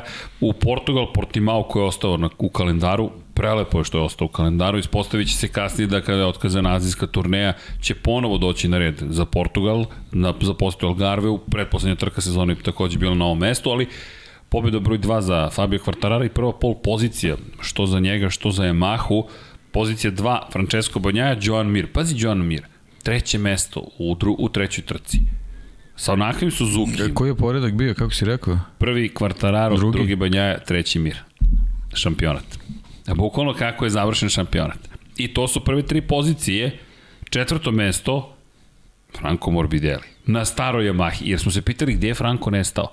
Franko koji je nestao i u prvoj i u drugoj trci. U prvoj bio 18 i 12 i bio u drugoj trci. Da, ali jednostavno konfiguracija staze Očigledno da. mu je odgovarala. Mada... Ne odgovarala, mislim na Katar, jednostavno konfiguracija Aha. staza u Kataru otkriva sve, ne možeš da imaš skriven Dobro, ovaj, tu stara Yamaha baš nije mogla da, da funkcioniš. Apsolutno ne. ne I, i izvuko je neke poene, ali četvrto mesto je jednom, aha, imamo Franka Morbidelija, jer ipak je to vice šampion i koji dalje u Petronasovim bojama i koji tad već polako počinje da se žali na to da mu ipak potreban bolji motocikl, što će kasnije se ispostaviti vrlo značajnim. Inače, Brad Binder na petom mestu za KTM, to nekako, moram ti priti, kad pogledam Breda Bindera, Uopšte nije bila loša sezona za pa, Bindera. Pa, Šesti pazi, generalno početak sezone za KTM nije bio toliko toliko rđav, zašto su oni procenili da tu nešto ne funkcioniše, pa su krenuli sa promenama, ne znam zaista. Deki, taj čovek samo jednu trku nije završio među zvačima poena to je bila naredna trka u Španiji, ali sve ostalo su bili bodovi i uglavnom među top 10 vozača što u modernom Moto Grand Prix uopšte nije mala stvar, uključujući i onu pobedu. Da, na rizik, na hrabrost u Austriji, ali je zabeležio Brad Binder pobedu. Jer ako pogledamo, Yamaha, Ducati, Suzuki, Ducati, Ducati, KTM, to je poredak. KTM je imao vozača koji je bio i ispred Honda i ispred Aprilije ne bi trebalo bude razloga nezadovoljstvo, ali možda očekivanja nekako kao da su se isprečila ka temu. No, kako god bio je peti, Aleš Espargaro šesti i na sedmom mestu čovek koji se vratio. Mark Marquez, veoma značajna trka posle silnih spekulacija, tri operacije, praktično cele godine čekanja, Mark Marquez je najzad izašao na stazu, U suzama je završio tu trku, fizički smo videli da, da nije ni blizu one pripremljenosti koja je neophodna, ali se vratio. I to je ono što je bio pozitivan znak, jer rekli smo to je jedna najvećih priča sezone, praktično njegov povratak na stazu koji se desio, nije bio najbolje plasirani Hondin vozač, još, ali vrlo brzo je to postao. Međutim, lepo je bilo prosto vidjeti ga, a Aleš Espargaro na tom šestom pozicijom potvrdio da Aprilija ima čime da se bavi toj cijeloj priči. Međutim, meni je Portugal nekako ostao, moram ti reći, najmanje upečatljiv od svih trka koje su uložene. Nekako Quartararo nije se postavilo pitanje kome će pripasti ta trka. Pa i to i imali smo Martinu ovaj da, Martin incident, incident i jest. sve onako bilo malo malo čudno. I Banjajina poništena poništene poništena da. pozicija u kvalifikacijama.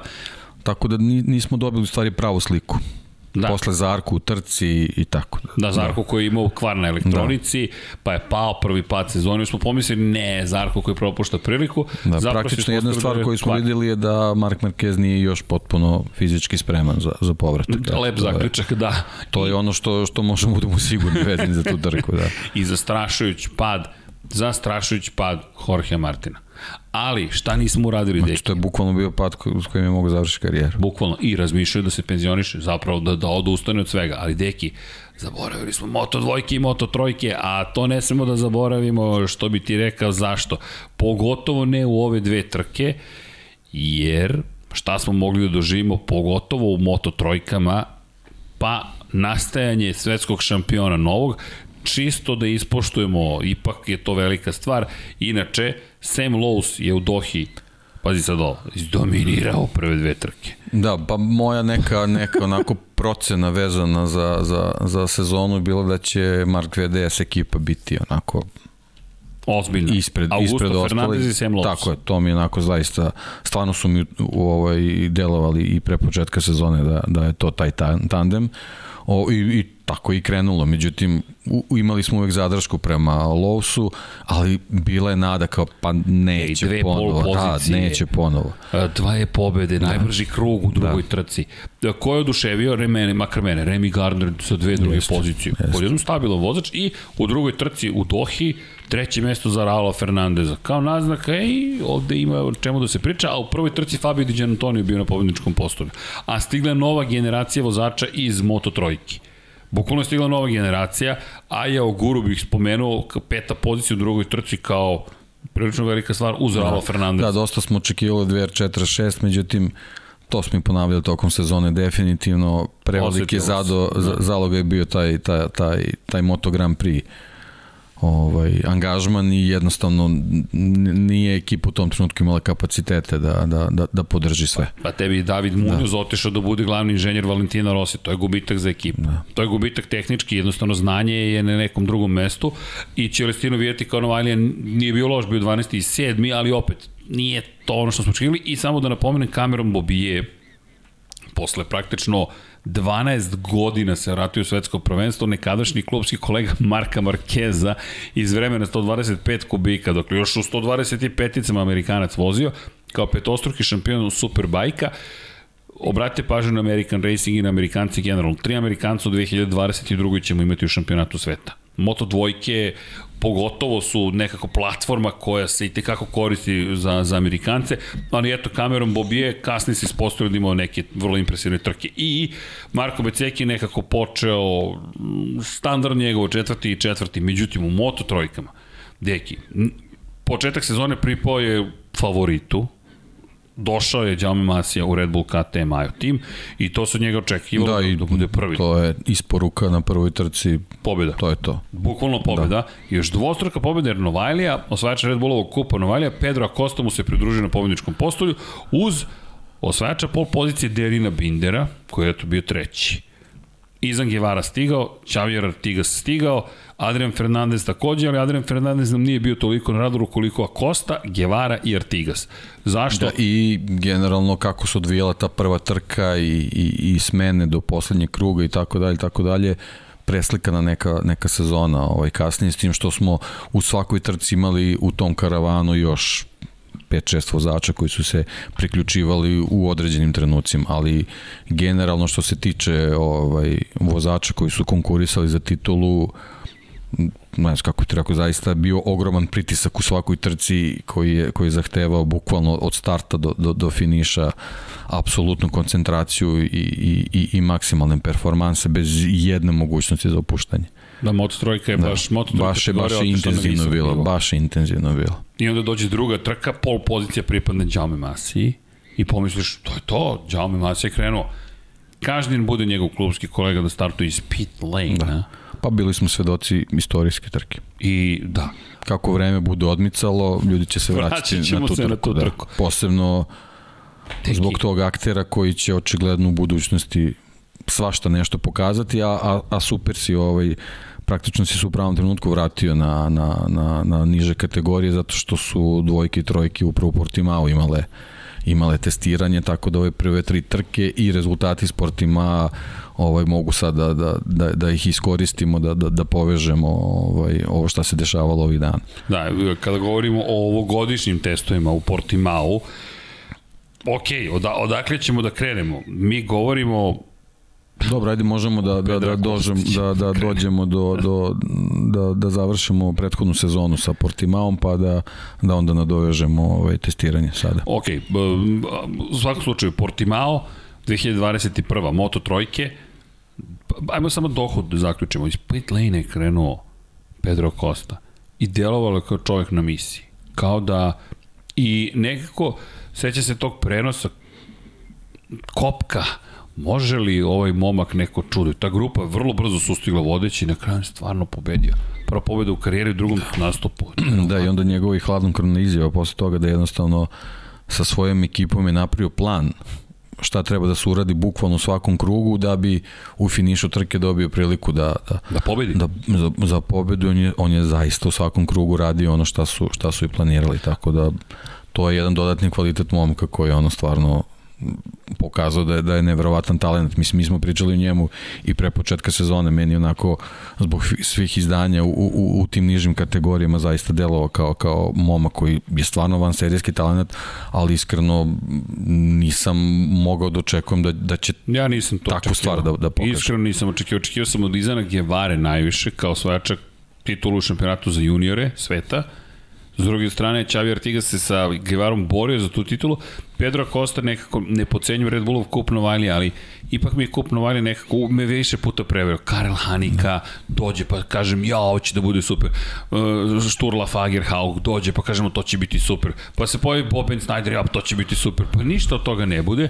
I onda dođe Pedro Costa i sad na usnama mi ovo će biti super i samo sam rekao ne, neću to više da izgovaram. Meni je, meni je, meni je zapao za oko ne toliko zbog rezultata koje je tamo ostvarivao, nego način kako je uh, vodio računa o situacijama na stazi i to je ono što ti kasnije treba ovaj, posebno u moto trojkama kad dođeš u svetske, svetske šampione. Da. Njegova svest. Da, i upravo ta druga trka je pokazala kako on funkcioniše kako se bori sa tim sa tim ovaj situacijama i sad naravno kako je sezona odmicala ipak je on u društvu mnogo iskusnih vozača počeli su da, da uče kako I da trebaju da, da voze tako je. kako trebaju da voze protiv njega i naravno da, da to posle ne bude lako ali eto na kraju smo videli da je on ovaj ipak, ipak izgurao, izgurao čitavu sezonu na način kako je počeo, a na tom početku je ispostavilo se ovaj nedostižnu prednost napravio. I e, samo na kraju sezone u Algarveu kada je pobedio svoju titulu, njegova izjava na kraju trke, namirisao sam opasnost i zato sam napao u toj krivini. I tačno sekund kasnije Derin Binder pravi grešku, uleće u Denisa Fođu izbacu. Apropo svesti, kao šesto čulo, Bukvalno kao što svesti ne samo o okruženju, ne samo fizička svest, već šesto čulo u suštini osjećaj, ej, ovde se nešto zbiva, kako možeš da osjetiš atmosferu.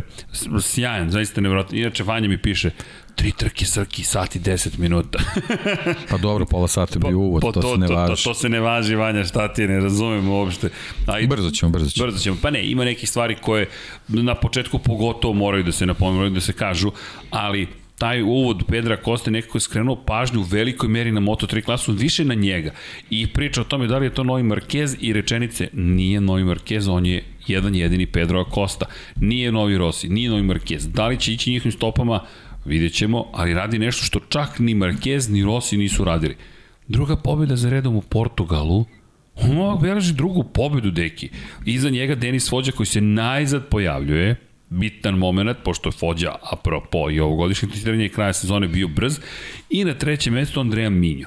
Andreja Minjo kome odgovara ovo za pol poziciju svoj čovjek i kao veteran se pojavio, ok, no snajpersovim bojama, evo Minjo nešto Da, sve čini. ok, ali eto i taj početak sezone i kasnije čitava sezona je pokazala nema u moto trojkama nemaš priliku da, da bljesneš na nekoliko trka. Jednostavno, apsolutno moraš da budeš na nivou čitave sezone da bi, da bi i ole mogao da računaš kritično. da ćeš u, u, u finišu poslednje 3-4 trke biti u prilici da, da uopšte razmišljaš o tituli. Ako, ako eto, bukvalno ako kiksneš na dve ili tri trke, već si, već si otpisan praktično. A u moto dvojkama još jedan bljesak, kao da nam nije dovoljno, kao da čula nisu dovoljno preopterećena Raul Fernandez i najbrži krug, krug trke i pobeda, ispred Kanea, start trke obeležio Sam Lowe's, izleteo sa staze, nažalost, ja mislim da smo obojica u istom trenutku pomislili, ok, da, da, to je to, no, očekivano. Same old story. Same old story, bukvalno, same old Sam. Bukvalno. A evo, imamo ponovo situaciju na, na testiranju. Je praktično propustio testiranje. Jeste. I šta sad? A to je to. oni koji su stigli više nisu klinci, a ovi što je stigao klinac Klinac je stigao i oborio reko staze.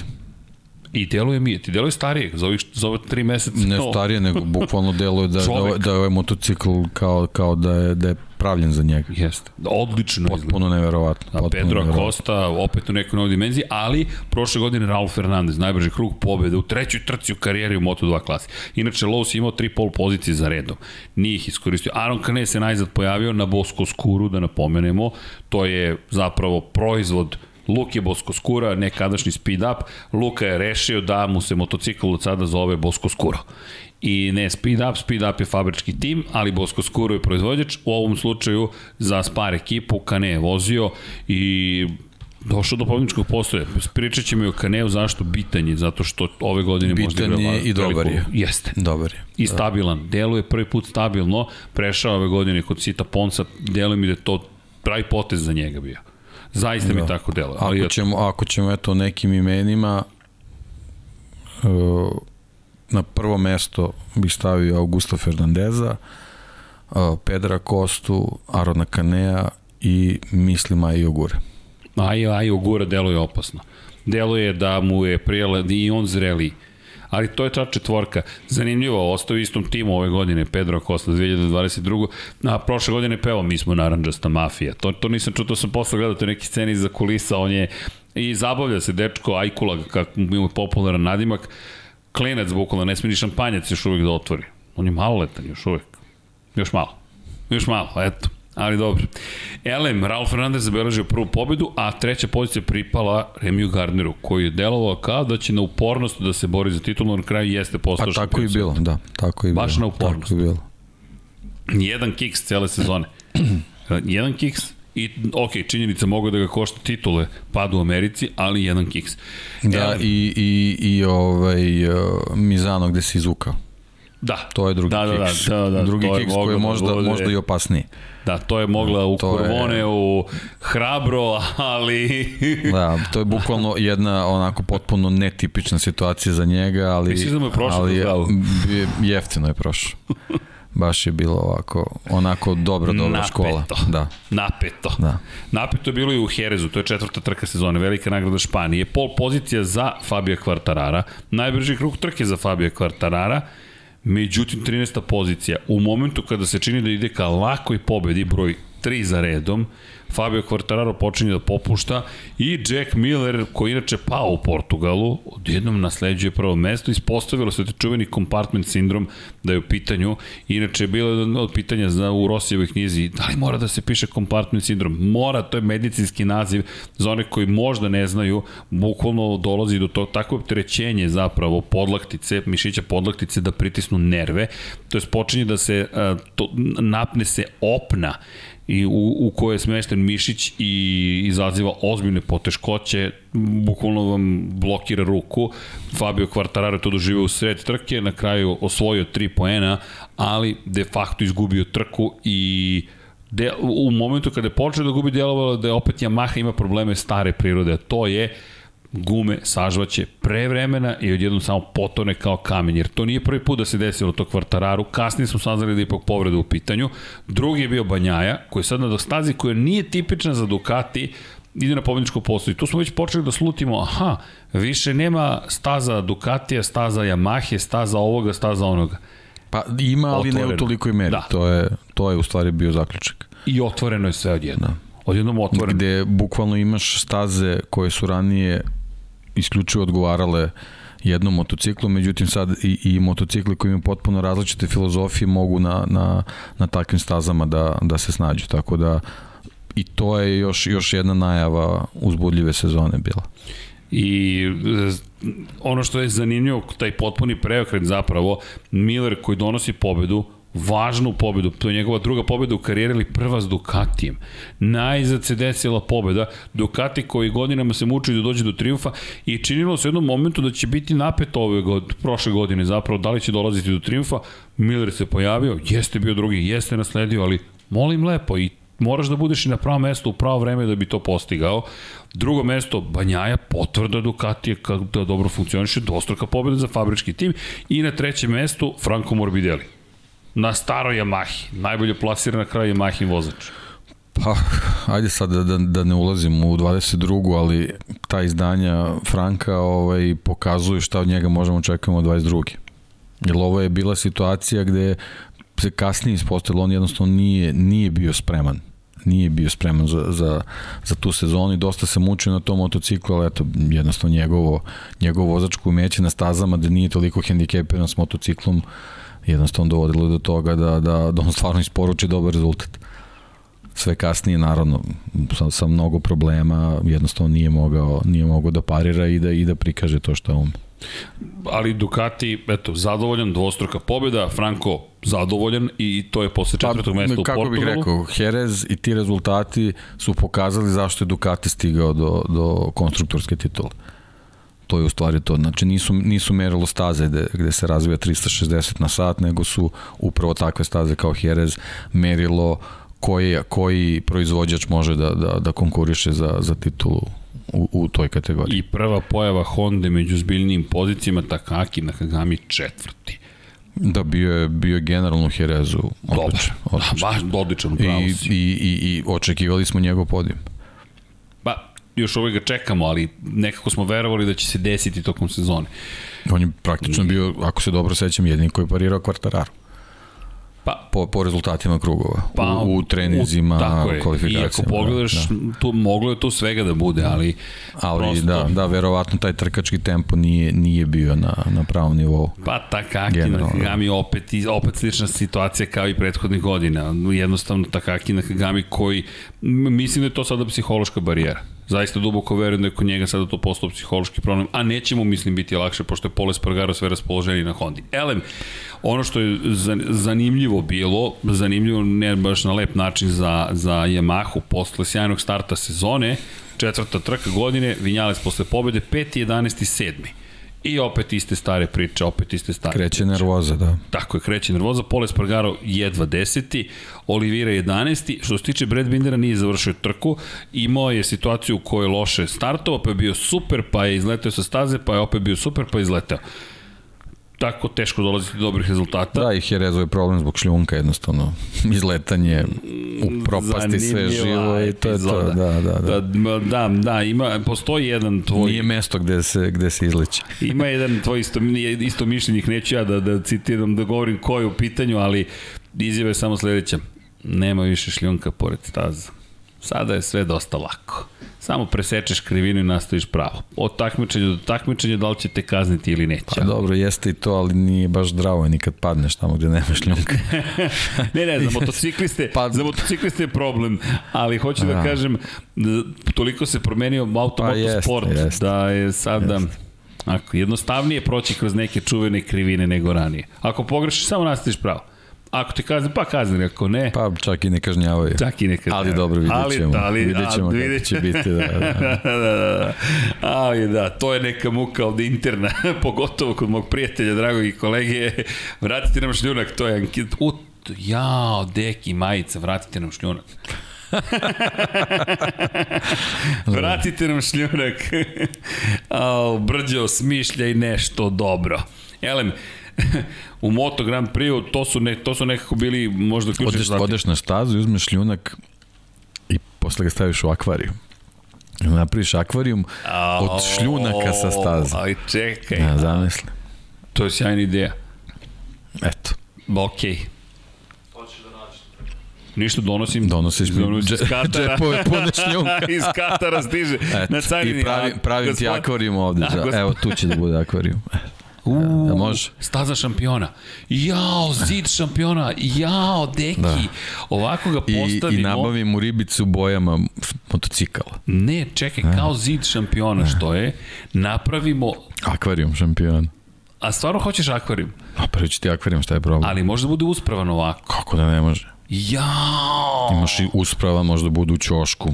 I čekaj, hoćeš. iza nas su ribice tokom podcasta emisija. Pa dobro, napravit ćemo, nekom kadru će biti ali, mora da ali ne možeš da ga pomeraš, znaš, nije to da, baš za scenografiju. Nije. A možda Jedno, tamo mu je sjajno mesto, ima i struje, sve ima. Dobro, ali, I filteru se lako prilazi sve. Ajmo da napravimo i zid, šljunka i akvarijum. Može, može. Razumeš? I onda, da, da, da, i, onda, da, da. I onda možemo da poredimo ko je šljunak Znaš da sa Islanda ne smeš da, da iznosiš ovaj komade Vulkanski. vulkana, da. Nisam to znao. Da, da kažnjivo prilično. Na etnik prodaju od vulkanskog... Ne, ne, to što se prodaje, to je okej. Okay. To sam ja kupio, ali ne smeš sam da... Pa dobro, kupiš šolju da. od magme i... A, da, da, da. Stiglo je vulkanskog porekla. Eto, pravim akvarijum šampiona. Da, okej, okay, akvarijum šampiona. Samo nemoj da se vezuješ za ribice. Da, da, dođe, da dođe imene, Pedro Acosta. Bude, da. Kaže, može Nemo, Nemo, Nemo, Nemo. Nemo, ne mali to. Te naranđast, ne. naranđasta mafija. A ma ne, mora da nosi imena po, po ljudima iz, iz ekipe. Pa znam, ne smeš puno da se vezuješ, jer kad, ga kad dođeš neko... jedno jutro, znaš, onda ti bude žao. Dobro, Vanja, da, da nabavimo mi to. Može, Vanja je veći, veći, veći Ništa potvrde. skupljamo tokom sezone i na kraju godine ti pravimo akvarijum. Deki, ali mora da ima i gusarski. Pošto u jelku što si kitio nikako da je kitiš, ali ja ti kažem da ću ti napraviti. A, a gusarski brodić? Sve može, može. Kako? Ja Andrej isto. Andrej? Pa da. Andre, jao, Andrej i Hasan. Da, pa on je, on je već to rekao, tako da Stvarno? nije problem, pa da. Hasan, ako slušaš, šljunak nam nabavi iz Barse, molim te. A pa dobro, Barsa, eto, biće, biće Barsa, Biće da, da, Barsa, nemoj se opterećiš čoveka. Da. To nije problem. Da. Monako me zanima. Šta ćemo, da, da, da neđe dođemo s čekićima? Pa ima tamo neka obalica, nešto. Nešto malo oplumimo asfalt malo. Može šakt iz Da, Monaka. nema veze gde ima asfalt, ima gde nema. To je okej, šta da radim? Pa ništa, sna, snalazit ćemo se. Pa da, nešto ćemo da... Pa skinut ćemo onu plavu i crvenu traku iz eh, Paul Ricara. To je, Pa da. to je zamera za šljunak, šta sad Da, a radim? što se tiče tih, to šta, šta si počeo pričati ti brodiđe do odvešću te ja da ima to suzme pa ćeš da biraš. Vodit ću ga, vodit ću ga za ruku da pokaže prstom šta hoće. To će da ti uzme. To, to, to. Jel mogu, jel mogu taj, jel mogu taj? Može, može. Pa čekaj, moramo... Da. E, imamo Raiders, imamo Buccaneers u 99 yardi. Delfine. Da, eto. Delfini, to deki. Dobro. Da se mi vratimo ajkulama, da se vratimo E, ajkulama. možemo male ajkulice staviti. Može i to. Stvarno? Pa da. Žive ajkulice. Da. Stvarno. Pa da, to je neka vrsta. Bok. Možeš. Ok, ovaj podcast je otišao na čudo i nije moja digresija, samo da se razumemo, ali dobro. Napravimo podcast samo o tome kako pravimo akvarij. E, ej, da, ja sutra idem da znaš u Lego da lobiram za McLaren. To je tvoja stvar. To je tvoj... to... Ne, ne. Pa je će da sklopi. Čekaj, deki, ne možemo bez velikog gospodara. Ti Evo, upravljaš. kažu, bacite zlatnu ribicu i ajkulu kao na Rosijevoj kacigi. Eto. Dogovoreno. Dogovoreno. Ali onda sve elemente unutra, jedan kengur, jedan spartanac, znaš, takve stvari. Dobro. Jelem, da se mi vratimo, kako? Može taj McLaren da. McLaren u akvarijum, ne, ne skrnavimo Lego, čekaj, polako. Ne, ne, deki, sazvaćemo mi specijalan podcast sklapanje McLarena, F1. I BMW se pojavio, jezda je Superbike, ali nema veze. E, No, da se mi vratimo Herezu. U Herezu, ono što je zanimljivo, Fabio Di Giannantoni je zabeležio prvu, za sada jedinu pobedu u karijeri u Moto2 klasi, tako će Dobro, ali da, Fabija Grand smo ovo jednostavno, provalili smo ga odavno, da jednostavno čovjek, čovjek je bio Moto. Grand Prix i ono, samo, samo je trenutna čekao. inspiracija je činila da, da nešto uradi Samo prošle godine. Tako da nemoj trošiti reći na njega. da. da. Drugi je bio Marko Beceki, Ali meni je to simpatično, to mi je super. Ko da. Fabio? Ma on je Pa da, da. Ma on je pravi zvezda. Ja sam zvezda, ovo, ova svetla nisu dovoljno slijajna za mene. Očekio sam da kaže on je pravi zvezdaš. Ti znaš da ja s tim baš malo imam veze. Pa zato sam se zbunio. To je najbolje kada me pitaju za koga navijaš. Ja sam namišljam, pa ni za koga, sve ih poštujem. Da. Koga? Pa mislim, motocikliste i vozače Formule 1. Ma ne, mi pitaju ti za koga navijaš. Da. Ne razumem pitanje, onda me pitaju. Ne navijaš za lice, tako ne. Šta beše, ko, koji dres je? West Ham. A da, West Ham, United, da, to je drugo, to je Iron Maiden. Da, da, da, dobro, dobro. Čekaj, to je Steve Harris. To je, e, inače, hvala još jednom ekipi koja nam je poklonila dres Iron Maiden, tako da, hvala. To je povremeno bude deo scenografije. To, to ćemo da nosimo kada dođu Maideni. Den, den, den. Jel idemo na koncert? Da, vidjet ćemo. Daleko je to još za mene. Da, dobro. Ti, ti voliš da planiraš. Ma, Jelem, da pustimo Vanju, da završimo četvrtu trku. Već je, Pa zabrinut, već je da. ozbiljno zabrinut. Inače, od e, za, zabavnijih momenta u Herezu u nižoj kategoriji, čudna mi čuda. Pedro Acosta beleži pobedu. Da, dobro, ali to je onako to bi već bilo očekivano od, od momka koji dolazi iz Španije, koji je na španskim stazama milion kilometara već prevezu do tad, bez obzira koliko ima godina, posle prethodnih izdanja, meni je to apsolutno bilo očekivano da će, da će u Herezu još jednom da pokaže ono žmurečki šta može da uredi. Ali, šta je bilo mnogo važno? Ko je zapravo odigrao veliku? Denis Ondžu. I to je, to je isto priča, da. Denis Ondžu Da. u poslednjoj krivini. Tu sam se baš iznervirao onako, da. I to je, to je nešto što ako, ako želi bilo šta da uradi u nastavku karijere, a ove sezone ima dobru šansu, jednostavno takve žute minute apsolutno su nedopustive. Ne, pa on je Derin Binder.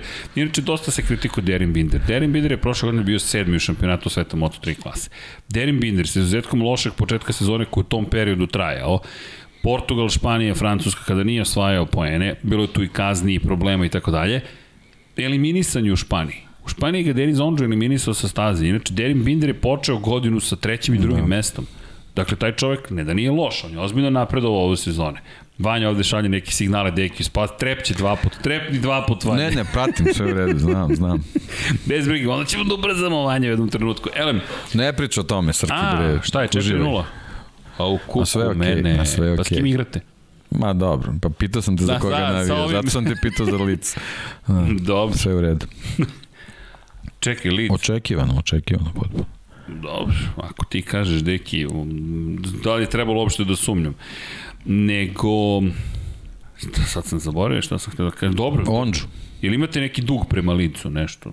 Ne, ne, ne, je To je redovno stanje. tri Ok. voda su tri vode. Dobro, dobro, dobro. Elem, Denis Ondžo, eliminisao previše ljudi, Derin Binder ne zaslužuje tolike kritike kolike je dobio na kraju, bilo je tu polupozicija najbržih krugova plasmana na pobjedičko postoje. Da, u Algarve je napravio katastrofalan potez, ali takve stvari se dešavaju. Elem, u, u Španiji Romano Fenati se pojavio na Husqvarni, lepo, pojavio se. Da, ali i Fenati sezona je bila onako. Pa. Ali kad je, kad je dobar, onda stvarno bude dobar. Ovaj. Pazi, na kraju peti bio. Da, da, da. Vrlo Pa znaš, kad, o, to, kad je dobar, stvarno je dobar i to znači puno bodova i u takvoj sezoni da jedan vozač uzima mnogo ostalih poena, onda kad, kad ti isplivaš, onda možeš da skočiš i na tabeli prilično. Tako da i za njega je jako bitno u ovoj godini ovaj, dobio odličnu priliku da, da, da, da eto bude i rasterećeni i da, i da ne bude tih velikih amplituda, mada znamo i on kakav je, tako da vidjet ćemo. Elem Fenati bio je tu i Jeremy Alcoba. Samo da spomenem, Jeremy Alcoba se pojavio, jedan problematičan vozač, vozač čovjek. Ali s najlepšom kacigom u šampionatu. a je, ali moram, moram je. to stalno da, da old spomenem. school. Da. Skroz je old school. Kada je uzeo Senin oblik i stavio druge boje. Tako meni izgleda sa onim ravnim crtama. Rk. Mnogo dobar fazan. Ali dobro, Jeremy Alcoba u svakom slučaju bio tu. No, ajmo mi lagano. Dalje, inače, pohvale za Izana Givaru odveze najbrži krug trke bio. To bih nekako voleo da istaknemo. Pa da, onako nekako posle ono, početni šok dolaska u, u, u trojke, ovaj, malo se stabilizovao, ali videli smo i što se njega tiče ovaj, kasnije u sezoni da, da ovaj, mora prilično da poradi na, na, na psihospremi. Ok. ok. Dobro, to si nekako elegantno rekao. Neka ostane, neka ostane na tome. Elem, tri pobjede jedno drugo mesto u prve četiri trke, 95 poena od maksimalnih 100. Niko nikada nije počeo karijeru Moto3 šampionatu, u Moto3 šampionatu ili u 125 kubika na ovakav način. Pedro Costa je prvi u istoriji koji je to uzveo.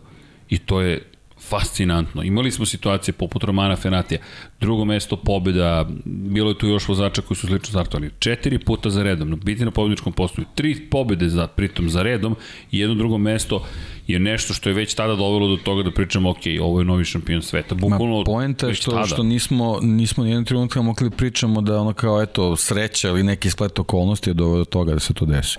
On je jednostavno ovaj, dirigovao početkom sezone i bukvalno radio ono što je, šta je planirao.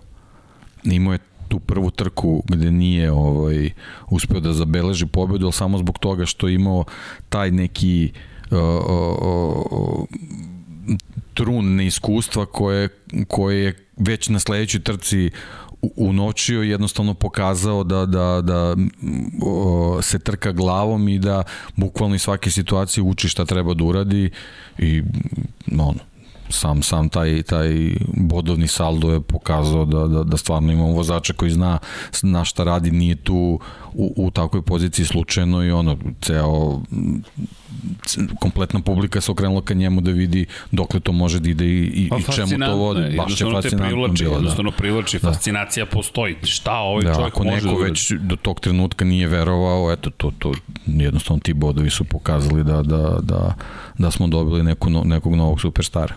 I jeste se pojavio Superstar i dan danas je Superstar i predsezonska testiranja u Moto2 klasi potvrđuju da je Superstar i to i dalje traje. I ja mislim da će to tako i trajati i trajati i trajati. Bukvalno će tako trajati. Elem, da ne bi potrajao ovaj kod podcast trajati, trajati, trajati, trajati, trajati, idemo na petu trku sezone Vanja, čisto da te obradujemo. Velika nagrada Francuske. I dvostruka pobjeda prva u karijeri za redom pobjede beleži Jack Miller. Da, imamo situaciju u kojoj se menjaju motori, to jest u kojoj imamo bele zastave, u kojoj je Mark Marquez mogao čak da zabeleži pobedu na čuveni, čuvena promena motora i način na koji pretiče Fabio Quartarara na ulasku u pit lane, prelazak na motor u promenjim vremenskim uslovima bio je kralj tih uslova. Zašto to ističem? Pa to je bio moment gde, gde deluje ovaj čovjek će da pobedi.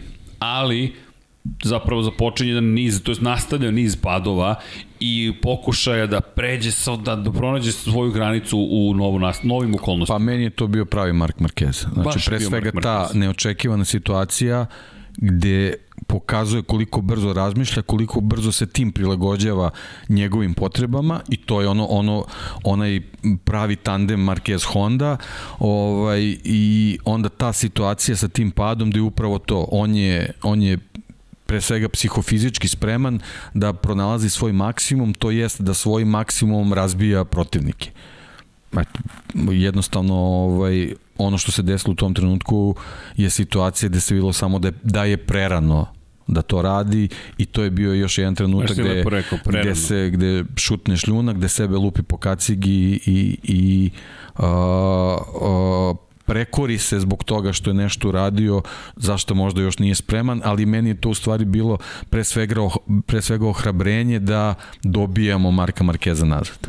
Pa da, delovalo je kao čovek koji se, koji se vraća u u igru prosto. Inače, trku smo započeli tako što je Francesco Banjaja vodio u šampionatu sveta, pol pozicije pripala Fabio Quartararo i tu se već nazirao možda je čak i taj du, ne nazirao, postoje duel između njih dvojice. Inače četvrti kroz cilj pošao, pošao Banjaje, treći bio na kraju Kvartararo, pobjeda za Millera, Zarko drugi koji se vraća u igru, osmi bio u Herezu, ali u Herezu se mučio. Nekako i ovo je bila potvrda, to je to, Zarko ipak ima šansu da bude šampion sveta, a što se tiče Kvartarara, posle te operacije ne znamo koliko će biti vremena, prosto potrebno da se vrati u igru. I Jack Miller kod jednom od dve, dve druge pozicije pada u Portimao, dolazi do dve pobede za redom i izgleda odlično. Realno izgledao je odlično u tom trenutku i nekako, aha, da li je to taj Jack Miller kog smo mi čekali? Da li smo dobili ono što smo, pa i na neki način preželjkivali, hajde tako da kažem. Jer lepo je kada imaš tu neku bajkovitu priču, australijanac, u Ducatiju, neko koji je dosta popularan, Jack Miller je popularan vozač, delo je pomalo neodgovorno, ne rek razuzdano, više nije inače Jack S, sada je jel te, promenio svoj pristup i odjednom imaš trilera, thriller Miller. Da, i te situacije su bile thriller. Dobro, fakat, da. jeste, da. bilo je, bilo je, da. bio je thriller. Ali nekako opet imaš nekoga od koga možeš da očekuješ. Da, e sad jedino što eto, ti, ti detalji su onako malo pokazali da to sve bilo nerealno. Jerez Kvartararo da nije imao problem taj s rukom. Jednostavno ne, ne bi bilo prilike da, da, da mu priđe da beleži pobedu, opet s druge strane da nije kiša. Da nije kiše pitanje je da, da li bi ta situacija bila takva i, i za, za Markeza i za njega. I, pa Tako da. da jednostavno bilo je nerealno. Svaka čast, sjajni rezultati, ali bilo je nerealno što se njega tiče u tom trenutku. Motocikl da. najbolje da. iskoristio priliku. Inače, Zarko pred kraj počeo da ga ozbiljno sustiže. Na momentu izgledalo, Čekaj, Francus će da zabeleži prvu pobedu još od Moto2 kategorije. Nije se desilo opet. Fioka iz 99 yardi, šk, nije se desilo, da nam pripada Jimmy. Inače, pozdrav za ekipu 99 yardi, ko ne prati, a voli američki futbol, zapratite. Šta se događa? 6-0? Čekaj, šest, samo gledam prste, brojim ovde kako se pojavljaju prsti i lete po celom studiju, dakle, okej, okay, deki, deki Sve zadovoljan. Okay. Sve je okej, okay, Vanja, vidi, ja mislim treba više da brineš tu oko golova toliko sati. pa vidi, neki deluje zado. Evo koliko znači Liverpool. Molim vas, dame i gospode, aplauz. Ali dobro. Dakle, Jack Miller, Joan Zarko i Fabio Quartararo na pomničkom postoju, Francesco Banjaja četvrti. I dalje sve u igri. Poen ih samo deli u tom trenutku. Samo poen, a idemo u Italiju sudbonosnu Italiju, ali dobro, doći ćemo do Italije. Inače, Joan Mir prvi put da nije završio trku te sezone. I možda ta Francuska bila najveća greška koju je napravio te cele godine. Aleš Espargara takođe prva nezavršena trka. Danilo Petrući, kiša pala, bio je peti. Odmah, odmah se videlo koliko, šta zapravo može. Inače, Valentina Rosija nismo spomenjali zato što nije osvojen jedan poen do ove trke. Ovoga puta je bio 11.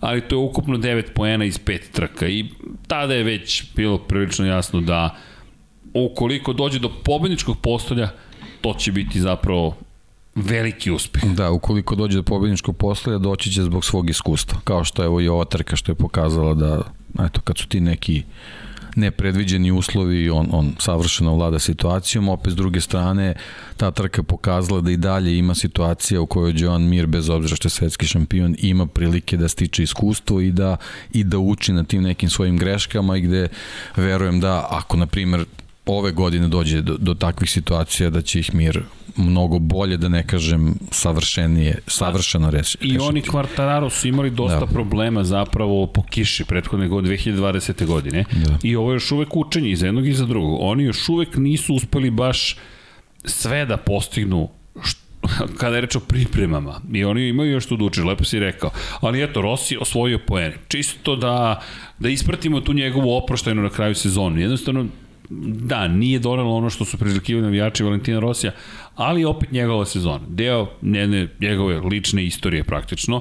Inače, što se tiče KTM-ova, na primjer, i Breda Bindera, Brad Binder koji u ovom trenutku ne pokazuje neče, nešto previše, Danilo Petruće, Petruće, Petruće prostite, potvrđuje da nije do motora, da taj motor tamo, samo treba iskoristiti samo. Šesta trka sezone ne brini vanje, to je trećina. Tu možemo da iskoristimo priliku šta? Da se zahvalimo i sponzoru, OMV nam je i dalje sponzor i to će malo da promovišemo. Gde se toči gorivo, naravno na OMV-u točimo gorivo. Inače, Max Motion gorivo, Eto, Miloš Pavlović, ponovo su tu veze i dalje. Postoje na 63 OMV pumpe širom Srbije. Je gorivo kojim možeš da uživaš u putovanjima u svim uslovima. I kako sam ubacio, inkorporirao reklamu. Biće zadovoljna ekipa iz salesa i advertisinga. Gorivo sa kojim bezbedno krećeš na putovanja, aktivno štiti motor i pratite na svim zimskim avanturama, jer neće da se zaledi ni na minus 38. Ja se iskreno nadam da neće morati da testiramo tu situaciju. Mada ove godine je bilo hladno u jednom trenutku, Ali, još jedna dobra stvar kod OMV je da koji god kraj Srbije izabereš za svoju, ne samo zimsku avanturu, imaš usput OMV benzinsku stanicu sa fantastičnim kafama, tako da znate, kolumbijska kafica, jedinstveno poreklo, znači single origin takozvani, 100 od 100 arabika, pa espresso, pa americano, pa latte macchiato, pa cappuccino i tako dalje, tako dalje. Inače, vi znate da ja volim kafe, tako da topla preporuka da probate i OMF. Kafice ne samo gorivo, jel te, za motocikle, kreće još malo sezonu. Ej, šta kažeš, čekaj na, na motocikl? Kažem, nisam video, vidio sam slike stići samo. Će, stići će, sad se prebacuje vlasništvo, tako da to ćemo da završimo. Nekom pitanju, planiraš da voziš? Pa naravno, zašto kupuješ motocikl nego da ga voziš? ovde članovi ekipe koji brinu o zdravstvenom stanju ono, aha, od tog filma nema ništa.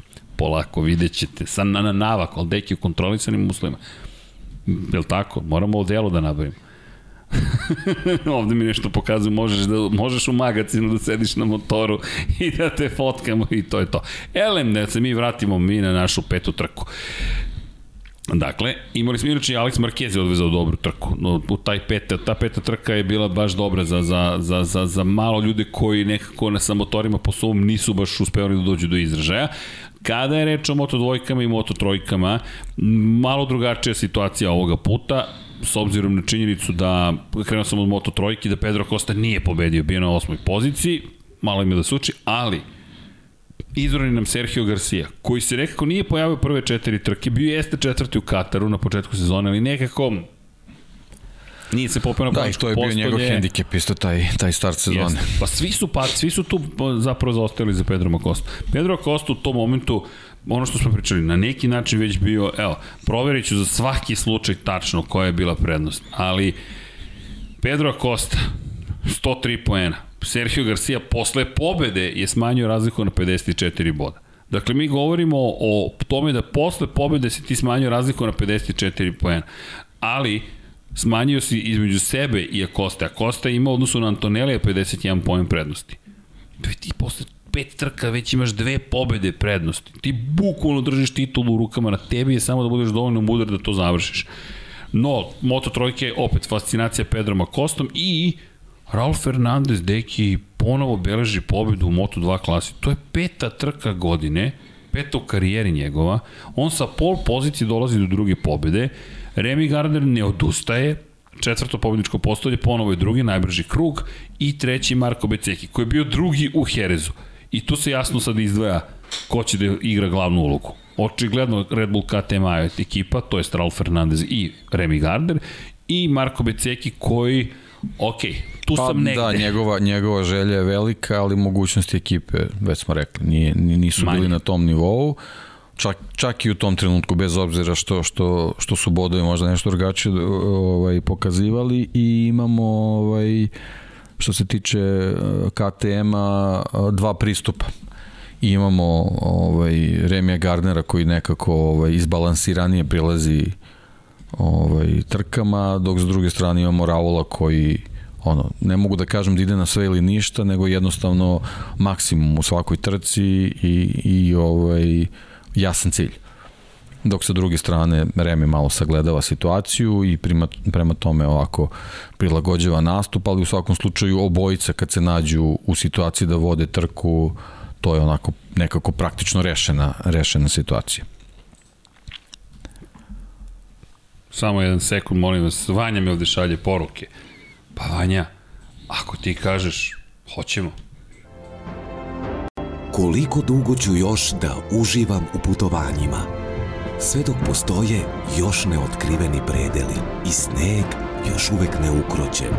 Za više bezbrižnih putovanja OMV Max Motion Diesel produžava životni vek motora.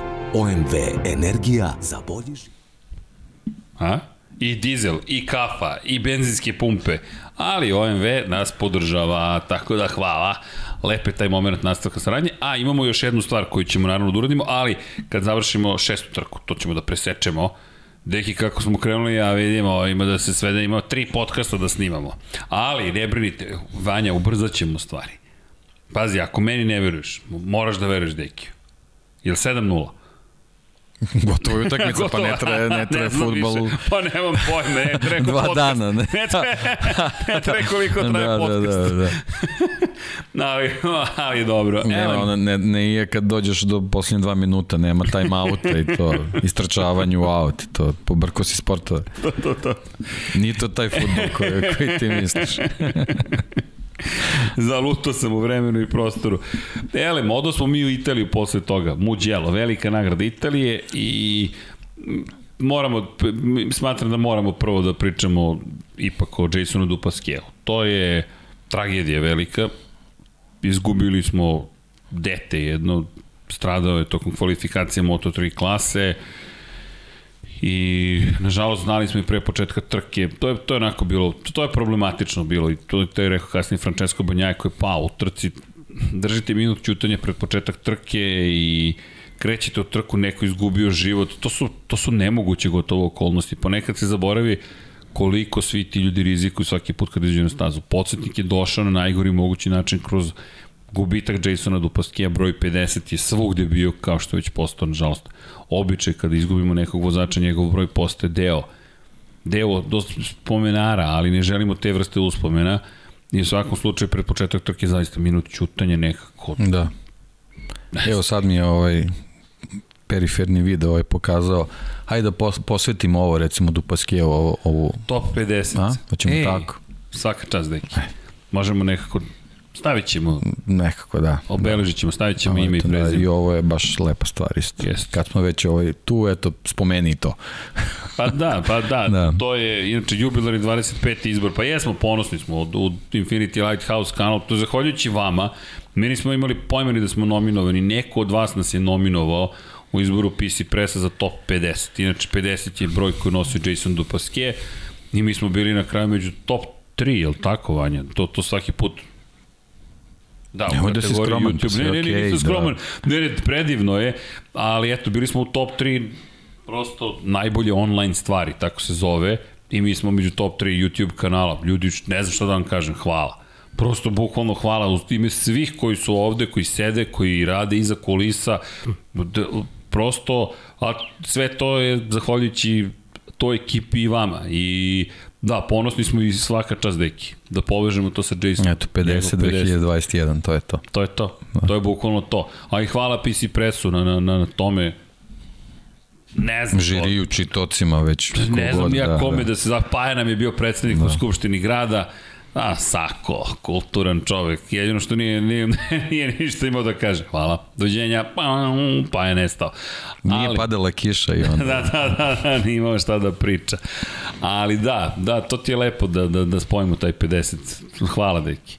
Kao i uvek divni ide imaš. I jeste to bio težak vikend. I ne bih, ne bih sad od toga pravio još dužu priču, ali činjenica treba pamtimo Jasona Dupaskija. I činjenica da nam je baš bio surov podsjetnik koliko je, koliko je nekada nezahvalno kada si zaljubljen u motociklizam, u automotosport. Jednostavno, to su stvari koje se dešavaju, ali eto, šta god dalje da kažemo nekako, ah, zvuči pogrešno.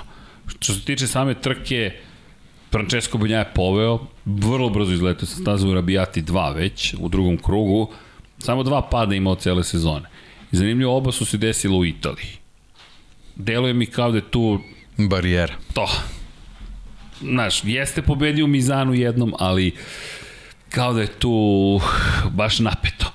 I u Muđelu pravi grešku, u Mizanu 2 pravi grešku, ovo je bilo na početku, u druga greška je bila pred sam kraj. Mislim da da će ove sezone ovaj da, mislim stalno sad sad pravim te paralele, ali mislim da će ove sezone da da da prebro, prebrodi to. Pa da, deluje da, da on sazreva na Još psihološkom. ako Casey bude bio na trkama, Casey koji se pojavio Algarve, Casey koji Pedro Coste čestitao i svima, Casey se baš lepo proveo kada se vratio. Pogledajte, ne, ali definitivno njegov, njegova poseta je preporodila vozače Ducatija, fabričke ekipe. Tako da mislim, mislim da im je potreban Men. da kažem takav čovek, ali moram budem konkretan, mislim da im je potreban Casey Stoner u, Da. u, u, u garažama da Ducati bude onako top. Ono sve što im nedostaje, očigledno da Casey može da im donese.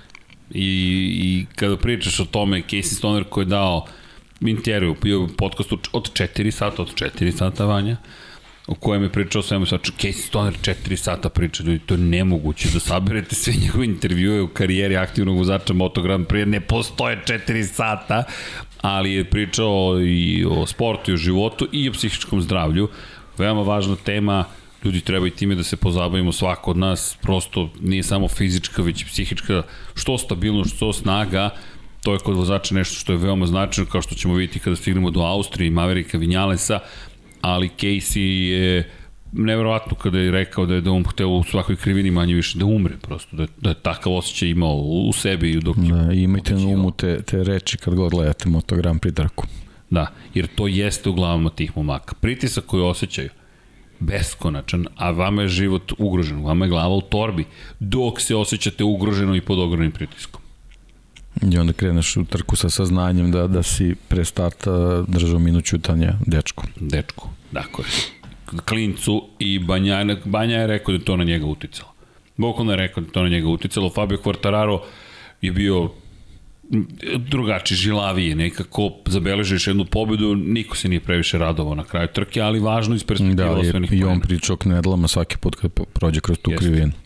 Jeste, jer je govorio da mu nije bilo svejedno, a mesto gde je izleteo zapravo Banja je tik pre prevoja na, kom- na kojem se desio incident, jer to je uspon uz drugu Arabijatu i mesto gde svakako ne možete da ostanete ravnodušni. A i, i to je bilo pitanje oko prenosa samog. Dorne tu ima još posla, mislim da je naučila gde smo mi imali scene uživo manje više nečeg što ne treba da gledamo. Ne treba niko da gleda to. Neko, često se postavlja pitanje, pa dobro, to je deo tog sporta, to je stvarnost. Pa jeste, ali, Pa da, i- ali ne mora neke stvari, ne mora se ponavljati. Tako je, ali taj neko, taj neko ima porodicu. Pa da mislimo malo na nju pre svega. Eto, to, to je neko razmišljanje. Elem, Italija, inače Mugello je uvek predivan, nije bilo publike, posebna staza, ako planirate da idete, mi planiramo da idemo svakako, ali eto, da znate Mugello, bez obzira da li će Rossi voziti ili ne, Mugello donosi jednu posebnu atmosferu, zaista nešto što se zauvek pamti, a u ovoj trci se pamti drugo mesto Miguel Oliveira. Odjednom se KTM pojavio s nekim novim delovima i preporođeno izgleda Oliveira, Joan Mir na trećoj poziciji, vratio se nekako u igru od Portugala, ga baš nismo videli na pobjedičkom postulju, ali Joan Mir tu je, i to na brzoj stazi, to je ono što je bilo zanimljivo. Četvrto mesto Joan Zarko, opet Ducati nije iskoristio sve prednosti koje bi trebalo da ima na stazi Mugello, ali se tu pojavio na neki način Zarko i potvrda da je KTM na pravom putu Brad Binder pozicija broj 5. Baš je bio, baš je bio dobar. Kada je reč o, o nekim ostalim rezultatima, Rossi oproštaj, pa deseta pozicija, bio među top 10. Ali, Da, ali ono, mislim, oprošte bez publike na Bez takvoj publike. stazi, baš onako šteta. Jeste. Posebno što smo videli u finišu sezone kad se, kad se to dešavalo ponovo na, na, na stazi u Italiji ovaj, kako, kako to drugačije izgleda kad je, kad je publika, to je baš zaista šteta. Da, inače Rossi startovao sa 19. pozicije, praktično. Vrlo loše kvalifikacije, generalno nastavak mučenja kada je reč o kvalifikacijama. U moto dvojkama prva pobjeda za Remije Gardnera, druga u karijeri, ali prva te sezone i to je otvorilo niz od tri pobjede za Remije Gardnera. Drugo mesto, Raul Fernandez, pol pozicije za Raul Fernandez, međutim Remi nije odustao u toj trci i to je jedna od značajnijih trka, rekao bih, u Remijevoj karijeri, prosto se nije predao, nego je do kraja jurio Raula Fernandeza na kraju pobedio. Već tada je bilo jasno da su oni u potpuno drugoj ligi. Jeste Becek je bio treći, ali nije ih ugrozio ni jednog momenta. Suštinski ih nije ugrozio ni jednog momenta, ali opet potvrda i da je on zaista što ono što ti rekao, željen, brz, ali da nedostaje, jedna nijansa prosto nedostaje da bi se postiglo više. Makar je to bio neki utisak koji se... Pa da, nijansu koju je donosila ekipa, ja sam uveren da, da je tako kod, kod Beceki. A kod Moto Trojki ponovo osma pozicija za Kostu, međutim šta je bilo pozitivno za njega, što se smenjuju rivali koji pobeđuju ili da. koji ga sustižu.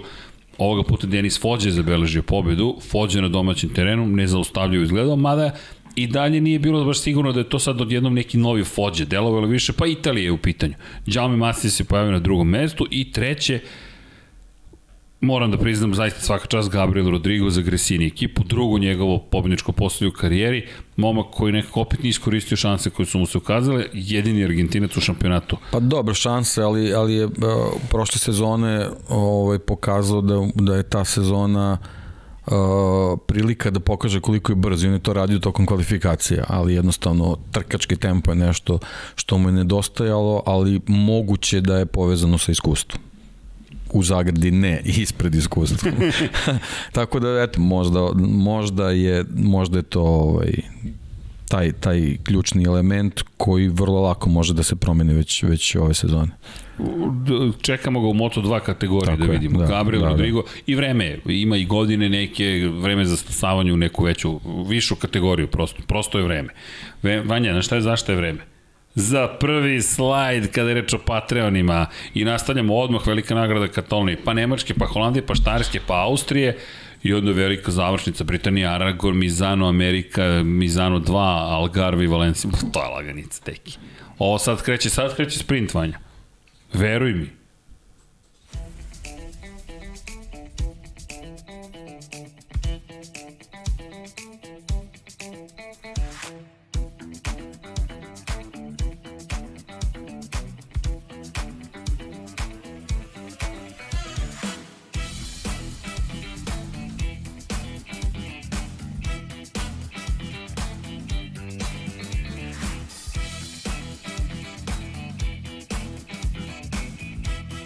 Plus 13 tajnih pokrovitelja. Patreon.com kroz Infinity Lighthouse. A? Što smo uveli nove neke momente. Šta kažeš, Vanja? Bolje ovako, Vanja mi je dao plavi mikrofon u čast šampiona. U, s obzirom na činjenicu da je Fabio Quartararo osvojio titulu. I, i jeste ponovo počeli utakmicu, pa sad ne, ne, ne, sve okay, samo je analiza bilo. ok. Elem, kada govorimo o nastavku sezone, evo brzamo Vanja, vidi, velika nagrada Katalonije i pobeda Miguel Olivire prva pobeda KTM-a. Inače, kada govorimo o Kataloniji, moramo da pričamo i o wardrobe malfunctionu. Ili ti Kako koliko su sitni detalji bitni ako hoćeš da osvojiš titulu ako hoćeš da osvojiš titulu.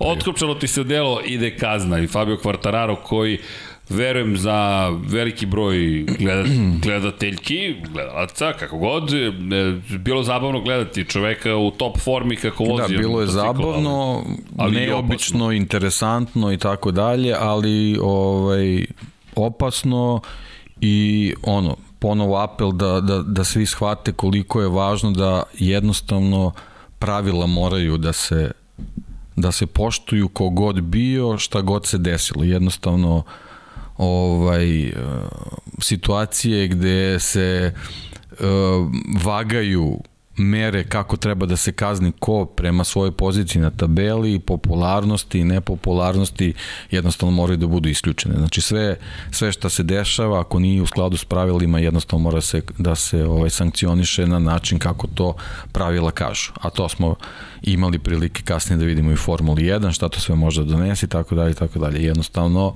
ako se nešto dešava ovaj, van pravila mora na, na način kako to pravila nalažu da se sankcioniše, da se takve stvari ne bi kasnije dešavale.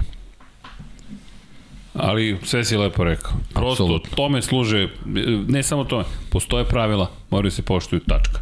I to je to. Vrlo je jednostavno. Mogu da te koštuju titule? Mogu. Zato Da. se potrudi da ih poštuješ, to je da uradiš sve zajedno sa partnerima što možeš da bude sve na onom nivou koji se očekuje. Inače, otkopčao se, bukvalno se Rajsvršlos otkopčao. Jeste. Prosto se otkačio i spustio, otvorio. Velika opasnost za vozača. Ispala je zaštitna, deo zaštitne opreme koje prvo mogu da povredi vozača iza, drugo vozač bez zaštitne opreme je ostavljen na stazi. Po meni, apsolutno nedo- nedopustivo. mora je da dobije crnu zastavu sa naranđastim krugom, to je crvenim krugom, zavisno toga kako ga obeležavaju. To znači da zahvaljujući mehaničkom problemu ti moraš da se skloniš sa staze. I imaš pravo da nastaviš ako otkloniš problem, ali moraš da se skloniš. I to nisu učinili, šesti još si dobro izvukao Fabio Quartararo, ali činjenica da je jedan od onih incidenata koji je mogao zaista da, da pa da učini sezonu na kraju dramatičnijom, da je tu na primjer ostao bez tih konkretno 10 poena, Francesco Banjaja u Mizanu, pobedom u Mizanu 2 bi ušao bukvalno u, u borbu za titulu do samoga kraja. Naravno, ŠBB, KBB. šta Da, bi da, bilo bilo. ŠBB, KBB, ali jednostavno ali... pravila moraju da se poštuju i ne znam, ja, ja ono, stalno ponavljam to i postajem dosadan, ali jednostavno takve situacije uh, donose neozbiljnost u ozbiljne šampionate. ali su makar kasnije reagovali i mislim da sada da se tako nešto desi, mislim da bi se desila diskvalifikacija. To je utisak i mislim da je Formula 1 zaista uticala, kao što si rekao. Inače, samo da spomenemo Francesco Banjaja, to nismo rekli na početku, je produžio ugovor sa Ducati do kraja 2024. Tako da će biti fabrički vozač još dve i po godine. To je još tri sezone praktično ćemo biti u Ducatiju. Želeli su da ga zadrže i mislim da je svima jasno da Jack Miller ako ne uradi nešto senzacionalno Da, ove da. sezone, odlazi iz ekipe. Da, teško je očekivati će Ducati dugo vremena da ostavi vozački tandem. morali bi baš da donose da. rezultate. Da budu prvi i drugi u šampionatu sveta. Ne, u ovoj situaciji sve je na džeku. Znači ne mogu ovo potpisivanje sad nešto da, da, da definišem kao ne znam olakšanje za Banjaju ili ne znam fokus za Ducati pa im je sad jednostavni. Ne vidim to jednostavno tako. Ovo je neki prirodni sled događaja što se tiče Banjaje i Ducatija, Pa i ali, je, tržišta. ali je vrhunska poruka za Jacka Millera. Onako, bez, bez reči. Koji je inače u Kataloniji prošle godine bio treći. I to je u četiri trke treći plasman na pobedničkom postoju. Imao je šesto Da, mesto u ali ponovo da se nije desilo bla bla bla Sa Fabio to što se Quartararom ne bi desilo ne bi uopšte pričao o njemu na ovaj način tako da sve te situacije sve ok, on je iskoristio ali jednostavno ovaj nije nije uopšte bio na nivou o, Jacka Millera i nije bio na nivou motocikla kojeg je imao na raspolaganju. Joan Zarko inače bio drugi uz najbrži krug. Mark Marquez nije trku završio, to je ta treća trka za redom koju ne završava Mark Marquez. I Ali je poenta da je na stazi. Na stazi. To je, I to je ono opet što je daje bitno i vidi se da nije, da, jednostavno nije, nije 100% spreman, ali i, i dalje daje 100% Da. od sebe u tom trenutku, tako da to je, on, u svakom trenutku na stazi mi Marka Markeza imamo onako kako, kako, kako taj trenutak nalaže. Znači 100% trenutka, ali ne, ne 100% Markeza. Ma to je bukvalno Mark Marquez. Bukvalno on je takav. Neka vrsta oporavka za Vinjale sa peto mesto. Ma ne, neka ne, vrsta. ma jo, Ma, ne. kažem, Ma nikako. Ne, ne, ok, deki, ne Nikako, daš mi znači, to dobro. Pa ne, eto, dovoljno ti je ovaj, da, da, da porediš kvartarara koji ima tu neverovatnu situaciju i, i Vinjalesa koji je imao mogućnost za, za maksimalnu trku. I onda pogledaš gde je ko završio i sve ti je jasno, znači ni slučajno. Da, inače Alex Rins je pao s bicikla i nije učestvovao u toj trci, da se podsjetimo i toga, trenirao je baš na stazi kada je pao. Da, nekako trend tih padova im je ovaj, ne znam, moraju, moraju tu nešto da menjaju, jednostavno uh, Moto Grand Prix je postao toliko zahtevan da, da će morati malo da više vode računa o svojim treninzima, ako misle da, da voze kompletne sezone koje jako dugo traju.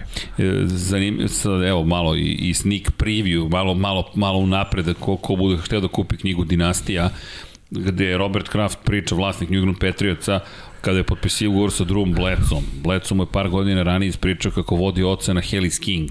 I naravno, ne možeš da pristupiš tim stazama skijaškim osim helikopterom, ali moraš da iskočiš iz helikoptera. I Kraft je to zapamtio i kada su sledeći put pregovarali, rekao, važe, potpisat ćemo novi ugovor, a moraš da staviš aneks da nećeš ići na Hellis King jer moram da zaštitim svoju investiciju. I sada dolazimo do tog stadijuma kada je reč o Moto Grand Prix vozačima, teško ih je obuzati, teško im je zabraniti. Pa vidi, u budućnosti vidim, vidim klauzulu ugovorima tipa zabranjenje motocross, na primer. Nešto moraš da, Nešto, da uradiš. znači ok, dirt track, kružna, sve u redu, ali motocross. Zaboravljene stvari, da. ali Valentino Rossi je zahvaljujući padovima u velikoj meri sebe koštao potencijalne titule 2016. godine početkom godine pad pred Mugello kada pada na rebra i to jest, i krajem sezone kada u Mizanu spušta nogu dok je vozio po ulicama lokalnim u Urbinu kada je spustio nogu jer je hteo da pivotira i cela težina motora otišla na nogu, polomio obe potkolenice ponovo, koje su mu stradali u Mugello 2010 nešto što se zaboravlja. Inače, ne samo te godine, 2000... A, to ne sme. A, to ne smemo da zaboravimo. jer to se ne radi. o šta je otišao da uradi 2010. godine je pre Hereza trebalo da se vodi Portugal, Portugal je bio otkazan zato što valjda je na Islandu je bila erupcija vulkana. U svakom slučaju 2010. je takođe pao s motora i povredio rame i ta povreda ramena se vukla kroz celu 2010. I ta povreda ramena uticala i na rezultat u Herezu, kada je Lorenzo Pelje i tako dalje, tako dalje. Tri puta je pada u karijeri Valentino Rossi u momentima kada ga je to i tekako koštalo. Dakle, jednom 2010. i dva puta 2000, mislim da su 16. u oba navrata bila. Pred Mugello i pred Mizano. A mogao je da se bori za titulu u jednoj i drugoj sezoni. Dakle, čak jedan od najvećih svih vremena verujem da bi volio da nije padao sa motora. Ali to je opet kako da treniraš. Pa, naći će im neku Pa ne, bicikl i, i motocross, to je onako izgleda dve, dve onako baš bolne tačke. Rizično da. je, baš je rizično postalo. Da. Elem, Barcelona nekako prošla pre svega u, u znaku tog problema koji je imao Fabio Quartararo, ali činjenicu da se jednom KTM pojavio kao ozbiljan igrač. Po, pobeda, drugo mesto pa pobeda i odo smo mi u Nemačku. I veliko pitanje koje smo svi imali jeste može li Mark Marquez da nastavi manje više tamo gde je stao. Da li će doći i pobediti? Odgovor dosta jednostavan, hoće. Deki, potpuno neverovatno. Pa da, došao je na stazu gde ne mora toliko da se muči. I krivine su ovaj, a, levo. A prethodni ti trke, bez obzira kako se završile, jednostavno su pokazali da je on mentalno potpuno spreman da, da vozi na način ovaj, kako je vozio pre povrede, da je samo u tom trenutku bitno da se pojavi na stazi e, koje mu omogućava da, da njegov organizam izdrži fizičke napore. To je, ovaj, Nemačka je takva staza, takva je konfiguracija i ono, Dominacija. delivery, Bukvalno, to je to. ali neverovatno. Da. Izgledalo je zaista neverovatno. Inače, zaboravio sam samo Kataloniju da spomenem Moto dvojke, Moto trojke, preslikana da. i Mugello s tom razlikom što je osim što je pobedio Gardner, drugi je bio da. Fernandez, treće mesto pripalo Čavio Vjerhio, četvrti je bio Beceki. Da, i, I Izvini. Ne, ne, završi, završi. I za Moto trojke, samo da, da. napomenem, Garcia druga pobeda u tri trke, sedmi je bio Acosta. Da. I ta Katalonija, ok, sada već osmi, osmi, sedmi, počinju da se pojavljuju drugi pobednici. Treće mesto za Deniza Ondža, vrlo značajan rezultat. Prvi put na pobedničkom postoju turski vozač i ono što mu je bilo potrebno, rekao bih, u tom trenutku. I drugo mesto za Jeremy Alcobu, čisto da spomenem, jer to poslednji put da je stavio na pobjedičkom postoju da. te sezone. Ali, ali jako važan detalj vezan za trku u Barceloni, Moto trojke, karavani. Jednostavno, da. kolone vozača, izuzetno, izuzetno opasne situacije, ovaj, izlazak iz poslednje krivine, uh, hvatanje zavetrine ovaj, na, na startnim pravcima i to jest bežanje vozača koji su ispred jako, jako opasne situacije ovaj, i, i, i to je nešto što eto, posle tragedije koju smo imali u Muđelu je, je, je nešto što o čemu treba da, da se u organizaciji razmišlja, da se jednostavno ne, do, ne dozvoli ovaj, te neočekivane i, i, i e, brojne promene pravaca kad su, kad su te niže kategorije u pitanju. To je nešto na, na, na čemu treba da se poradi. Barcelona Posebno zato što smo imali posle situaciju u Ostinu. Sećam se, ti si da. baš Barcelonu isticao i tada. I koliko ti to zapravo zabrinjava. Ali, pobegu sam već u Nemačku, samo da konstatujem, Mark Marquez, dominacija. Zaista dominacija, ali Drugo mesto Miguel Oliveira. To su tri trke, drugo mesto pobjeda, drugo Da, i mesto. taj KTM uopšte nije bio tako loš. Nije bio loš. Ja znam da sam u tom momentu rekao, ok, to je to, sredili su ga, sad kreće ona Olivirina sezona kao iz nižih kategorija. Opet nije se desilo, inače Fabio Quartararo bio treći, što je bilo dobro. Ej, nisi pobedio, ali ti si na trećoj poziciji, Francesco Bonja je peti, malo se tu muči Ducati, Miller je na šestoj poziciji i koristiš svoje prilike. Koristiš ne prilike, imaš neku, neku, neki, neku bodovnu zalihu i u mogućnosti si da kontroliš situaciju. Nije neophodno da u svakoj trci pružaš maksimum što tebi taj motocikl i ne može ni da pruži. Ali jednostavno iskustvo iz prethodne godine je pokazalo da on sad ume da drži stvari pod kontrolom. A sledeća trka će ti biti Holandija koji te kako odgovara tvom motoru. Elem, Nemačka, završava se trailing pobjeda Remija Gardnera i mnogo bitan da. moment. Najvažniji u sezoni. Raul Fernandez. Pad. pad koji je jednostavno uslovio ne, neka, neke druge rizike koji su se u kasnijem delu sezone dešavali. I to u momentu na početku trke. Ali Remi je izvršio pritisak. Mislim da je tu pobedio Remi. Da je tu pod pritiskom Remi je zapravo napravio grešku. Pobedio Remi uh, u toj U tom njihovom... to je taj psihološki da. rat, ali jednostavno eto, to je pokazalo tu slabost Raula. To je nešto što mora da ispravi sada u, u, u Moto Grand Prix. Dobro, sad neće imati takav pritisak naravno, ali to je, to je očigledno ta njegova slabost. Znači, nema, nema psihičkog nadmu- nadmudrivanja dok ne sazriš u, u tom delu. I sad, lako je to reći, ali sam uveren da je, da je ta trka završena osvajanjem nekih bodova da bi ishod na kraju sezone bio drugačiji. Četiri poena je bila razlika na kraju godine. Samo četiri poena. Jo, ali ovo je početak, kao što si rekao, ovo je uticalo na kasnije potez. Uveren Kulačeva. sam, uveren sam da je, da je to taj prelomni trenutak bio upravo zbog toga što je Remi direktno uticao da se to desi. Da, on, on je priti- izvršio pritisak. Inače, drugo mesto za Arena Kanea, drugi put, ove, to jest prošle sezone, i Marko Beceki se vraća na pobjedičko postoje trećem pozicijom. Vrlo lepo. Da, ali dobro, opet, eto, zbog te situacije na stazi. Da, ali okej. Okay. Ok, iskoriš, iskorišćena prilika, prilika, to je to, jednostavno shvatio je koliko može i, i to je to. A Pedro Costa se vraća na prvu poziciju u najnižoj kategoriji. Još jedan triumf. Četvrti sad ovo. I sada već, ok, trajala je pauza, ali ovaj momak neće pustiti ovo da, da, mu, da mu izmakne iz ruku. Kajto Toba, samo da spomenemo, pozicija broj 2 i treće mesto Denis Fođa. Sad već Fođa polako počinje češće da se pojavljuje Da, u igri. sve je sigurnije. Da, sve je sigurno, iako i dalje ni ne razmišljamo o tome da bi mogao da se bori za titulu, ali počinje Ma ja verujem da su oni razmišljali. Ne, oni I to- jesu. da, da. Poznajući gospodina Kotora, mislim da da je to jedino o čemu su razmišljali. Ali prosto još rezultati Jednostavno nisu matematika je još bila takva, ok, Dakle, tu smo, ako počnemo da pobeđujemo, mi skidamo po pet bodova na svakoj trci, to je, to je ok.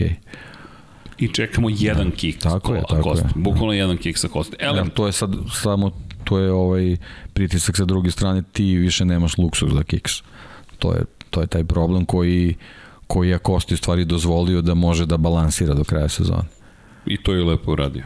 Uradio je ono što se od njega... Pa manirom, manirom šampiona. Tako, i manirom koji je pokazao ono što si rekao u drugoj trci sezone, je li ovo plan? Je li ovo treba da uradim? Ok, ja ću to da uradim. Uradit ću. To je to. Ne više, ne manje. To što treba da se uradi. Odo smo u Holandiju i tu smo znali da će Yamaha biti po opasna dvostruka pobjeda za Yamahu u Holandiji. Prvi Quartararo, drugi Maverick Vinales. Moment koji mislim da je bio presudan za odlazak Mavericka Vinjalesa iz ekipe, nije ni, teško mu je bilo da čestita Fabio Quartararo, tužniji drugoplasirani mislim da davno nije postao u, u, u, u Moto Grand Prix-u, I Maverick Vinales rekao bih da je tu shvatio da je on postao broj 2 u ekipi i mislim da to nije mogao da prihvati. Odjednom motor ne funkcioniše, jer ako samo bih se vratio još jedan moment unazad, šta sam zaboravio da kažem u uvodu, izvini, Vanja, mogu da traje još više, a to je da je Maverick Vinales otišao kada se gleda u garaže Mahi, levo je sada Vinjales, desno Rossi. Kako je Rossi otišao, Vinjales nije ostao na svom mestu što je običaj, nego je prešao na Rossijevo mesto, a Quartararo je dao svoj ćošak. I to nije dovoljno, jer nije do ćoška. Da citiram Giacomo Agostinija, to je bilo to je bilo u reklami, ne znam da li je bilo, ne znam za koga je bila reklama, ali čuvena reklama kad sam bio malo mlađi i sedi Boris Becker, sedi Agostini, sedi tako velikani sporta i kaže Ago i ja sam imao moju omiljenu žutu majicu koju sam uvek oblačio. Kad god bih obukao žutu majicu ja bih pobedio. I jednog dana došao sam na stazu bez žute majice. I pita ga Beki šta se desilo? Pobedio sam. Nije do majice.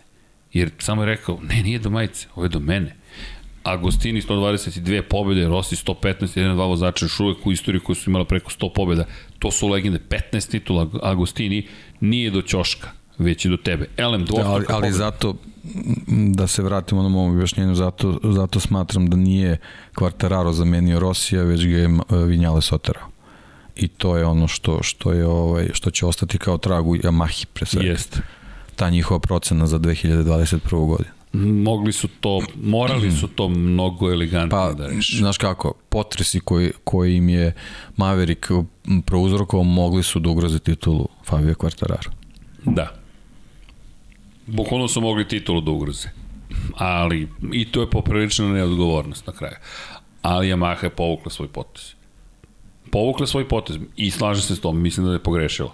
Mislim da je morala Rosija da isprati na mnogo drugačiji način. Da, mnogo godina je bio tu, da, nije više bio u toj formi, ali podsjećanja radi. Kada je 2004. došao u tim Yamahe, oni su sezonu pre imali samo jedan plasman na pobjedničko postolje.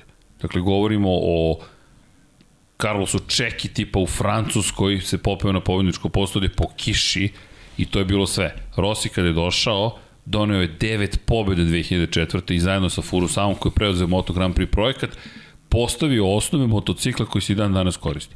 Bukvalno ga i dan danas koriste, jer taj cross plane, plane crankshaft koji se koristi, jel te iz poprečnog predseka u obliku krsta, Možda je vreme da promeni. Možda je vreme da promeni. Pa pazi, Rossi je 2007 insistirao, ubeđivao Yamahu da pređe na V4 motor i rekao ja mislim da za 5 godina će svi biti na V4 motorima. To još uvek se nije desilo u Suzuki, zanimljivo, otišao sa V4 na redni, ali jedino Yamaha i Suzuki koriste taj sistem. To je tu konfiguracija. Japanske filozofije. Da, da, da, ali zanimljivo, zanimljivo koliko su uži zapravo V motori. Ti kad pogledaš V motor, pošto cijel te red, jedan ide napred, jedan pozadi, ti imaš uzak motocikl zapravo. I o tome se ne, ne, ne pričam previše. Ali, pa da, ali vidiš da su najbolje izbalansirani generalno motocikl. Jesu, jesu, jesu, ali isto tako no. najveći otpor vazduha. Da ne bude samo do motora, čekaj, ti imaš mnogo veći otpor vazduha, ti stvara tvoj motocikl. Da, oplate dosta široka, upravljači su generalno široka, ali to telo tvog motora je drugačije. Ali dobro, kako god, kako god, da se vratimo na trku u Holandiji, treća pozicija za Johna Mira, koji malo malo, pa je tu malo malo, pa je tu malo malo, pa je tu. Četvrti inače bio Joan Zarko koji dolje nastavio da ima redovno dobre rezultate. Ono što je sada moje mišljenje, međutim, hajde, neću da kažem problem, ali kako bih to nazvao, možda i jeste KTM koji opet Bio sam tu, pa sad opet počinje popuštam, ali kao peta pozicija deluje da je dovoljno dobro i idemo uskoro u Štajersku gde su pobedili prošle godine. I ja kažeš, ok, ali zaista sam očekio da će nastaviti dobar niz Miguel Olivira. No. Ne, pa dobro, jedini je problem što su verovatno oni zbog, zbog 2020 očekivali mnogo više pobeda i onda taj reper je doveo do toga da nisu bili zadovoljni, ne znam, četvrtim, petim mestom i tako dalje. Ali generalno kad, kad ovako kad prođemo kroz sezonu, stvarno deluje, oni su sve vreme bili tu. Bukvalno. Okay. A deki, čak i mi smo ih kritikovali, ali nekako da li da. se stvorio taj, taj, taj, taj slika? A to ti, to ti je onaj problem, znaš, to ti je ono kad, kad Očekuješ znaš i sam, dosta si u marketingu radiš, onda znaš kad uzmeš, kad praviš Excel, kad praviš neke procene, ti ne gledaš realne brojeve, ne gledaš procente. Da, I onda taj procenat, drugo, da. da. i onda te taj procenat ovaj ponekad i zavare. To je to, trebaš u stvari da, da sagledavaš realnu situaciju koja govori da su oni bili tu. Bili su tu. Jednostavno bili su uopšte tu. nisu bili loši. I sada kad gledamo ovako iz retrospektive, razmišljamo, a što smo kritikovali KTM ovoliko? Znaš šta, šta mislim da je utisak? Loše kvalifikacije. Pošto su stalno bili loše da. kvalifikacije, i nikad nisu zapravo mogli da se bore za da. pobedu, to nije bilo dalje loše. Bilo je tu prostora da se neke stvari reši. No, nisu uspeli u tome. Inače, Remy Gardner prekida se niz, ali drugi završe trku, Raul Fernandez se vrata, vraća na prvu poziciju i pojavljuje se ko? Dobri stari Augusto Fernandez. Čovjek koji imao četiri odustajanja pre toga i de facto u prvih ajde kažeš, osam trka sezone ostao bez šanse da bude prvak, na treće mesto ide i tu počinje niz od tri plasmana na treću poziciju. Marko Beceki tu već sad malo počinje da se muči, ali vidjet ćemo... Pa ne, definitivno kako se pojavi neki vozač sa boljim performansama, Beceki više nema šta da traži. Tu i to je, to je u stvari dobro je da, da, da nije, da te situacije nisu proizvrle frustraciju nego jednostavno on je bio svestan te situacije i, I nastavio. otprilike kao i Diđa znao je već gde, ga vodi čitava priča, samo je malo, eto, on je funkcionisao na drug, drugačiji način, nije se baš toliko štedeo, nego jednostavno koristio je motocikl koliko mu je pružao u tom trenutku, nije, nije prelazio granicu i to je ono što je bilo jednostavno nije se čuvao, ali jednostavno je bio oprezan da ne dođe do, do neke do nekih ono prelazaka maksimuma i ne daj Bože onda do nekog pada koji bi mu donao neku povredu i, i poremetio planove za, za, za 22. Tako da, ono, potpuno očekivano, jednostavno, nije, nije, nije imao motocikl koji bi mu nešto više donao. Ali, ali tu je bio. Tu je bio, pa posao. ne, to je ono, pozicije koje su bile očekivane, on je, on je to isporučivao, ali ništa više od toga. Gledam Becekijeve rezultate, opet uopšte nije loše. Ništa tu da, nije da, da. loš. Jedno samo nije loš, nije samo, samo tako ovog je, dvojica tako nisi je, mogao ništa. Samo nisi mogao Njihove, njihova odustajanja on je koristio, ali on nije imao potencijal da da, da se bori jednostavno da računa na, na prvo, drugo, eventualno treće mesto. je dao sve od sebe. Tako, čim se Bukvalno. pojavi neko tipa kao Augusto Fernandez koji je u tom trenutku u formi, on, on jednostavno pada čak i iza njega. I to je to. Dobro, Beceke čekamo sad da vidimo u Moto Grand Prix. Bio je dobar u testiranju. Dobar je, dobar je. Dobar je. Da. I djelo je da je, da je psihički pre svega vrlo jak. Inače u Holandiji, Denis Fođi i Sergio Garcia prvi drugi. Četvrti je bio Pedro Costa, ali izgubio poeni protiv jednog i protiv drugog, mada po kraju tu je kraj prve polovine sezone. Otkazana je velika nagrada Finske i onda zapravo u julu nismo imali ni jednu trku od 27. juna do 8. avgusta su oni imali pauzu. Neko da ova trka u Holandiji bila važna, nekako ko je to ostvario dobar rezultat, bolje je prosto psihičko stanje imao tokom odmora koji je bio poprilično dugačak, odavno nismo imali pet nedelja čekanja na sledeću trku, ali to se upravo desilo ove prošle godine i moram priznati da mi je delovalo da je vozačima prijelo. Malo da prijelo i tebi. Pa moram priznati da je... ne, ne, to je zbog vozača. A, shvatio sam prozivku ovde, shvatio sam prozivku. Dobro. Gasi Vanja sve. Gasi struju, vadi, čupaj. Ne, ovde kreću već. Pobuna na brodu Bounty. Pobuna na brodu na kraju univerzuma. Nema pobune. Sindikat ne postoji. to je ukinuto.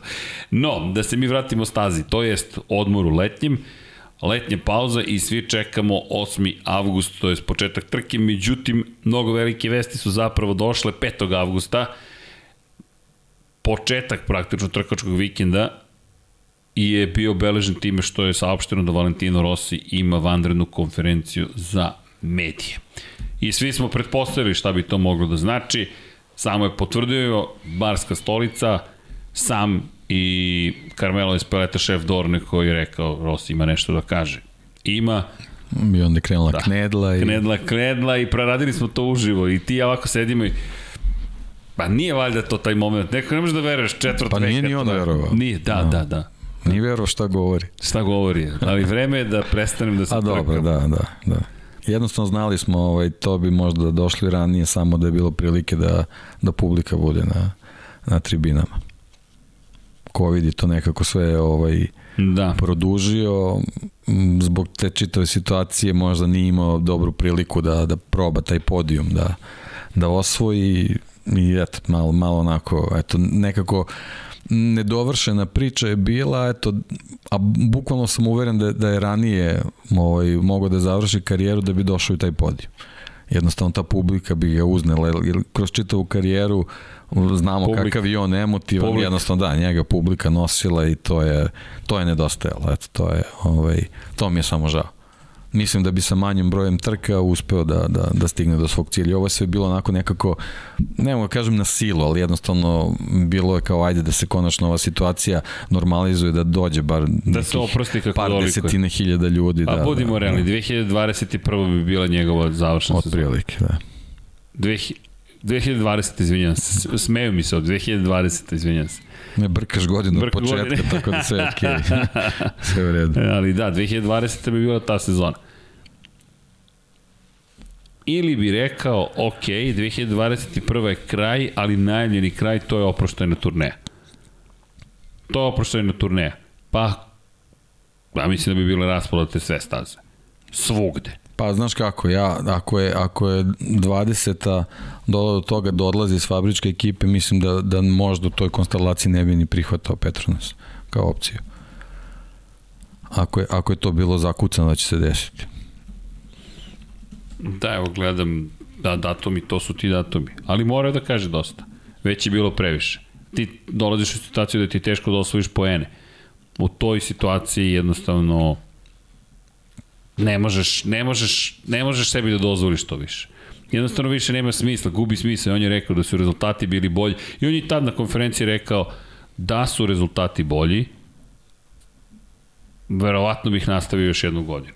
Jer je rekao da je ubeđen da je mogao, još neko, ali i ono što si rekao na početku, Moto Grand Prix je postao previše Previše zahtevan i, i, i ta fizička priprema i, i rezultati u samim trkama, te, te jako male razlike, suviše to za, za, za čoveka koji eto toliko godina ima i toliko sezona u šampionatu. Stvarno, mislim, treba se boriti iz nedelju nedelju s tim, ali ovaj, godine čine svoje i stvarno je, stvarno je teško. Mislim, ti, ti rezultati su jedini, jedini zamajac mogli da budu, ovaj, tako da nije toga bilo i, i nikakve druge svrhe nije nije moglo da, da, da, da se pronaći. A i na tom mestu 12 meseci ranije su leteli motocikli pored glave, što njemu, što Maveriku i Njalesu. Bukvalno su leteli motocikli i to je, to ne smemo zaista da zaboravimo. To je moment koji, ako se setimo i on je rekao, u, u šta god, u koga god da verujete, treba da se pomolite večeras, da se zahvalite,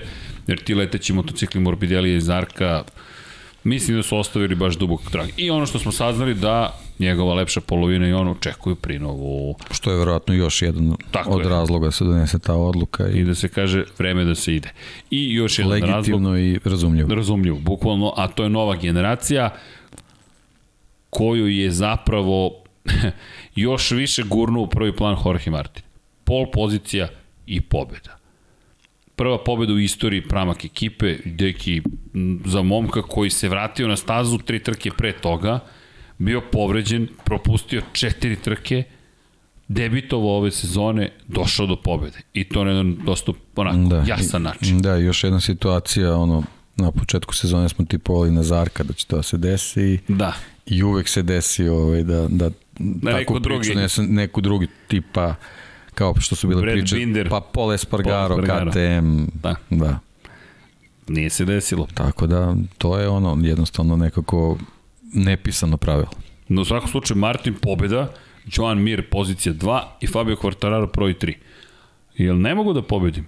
Nema problema, ja ću da budem na pobedničkom postoju. A ovo inače nikada nije bila Yamahina staza. Velika nagrada Štajerske, Red Bull Ring, apsolutno nikada nije bila Yamahina staza.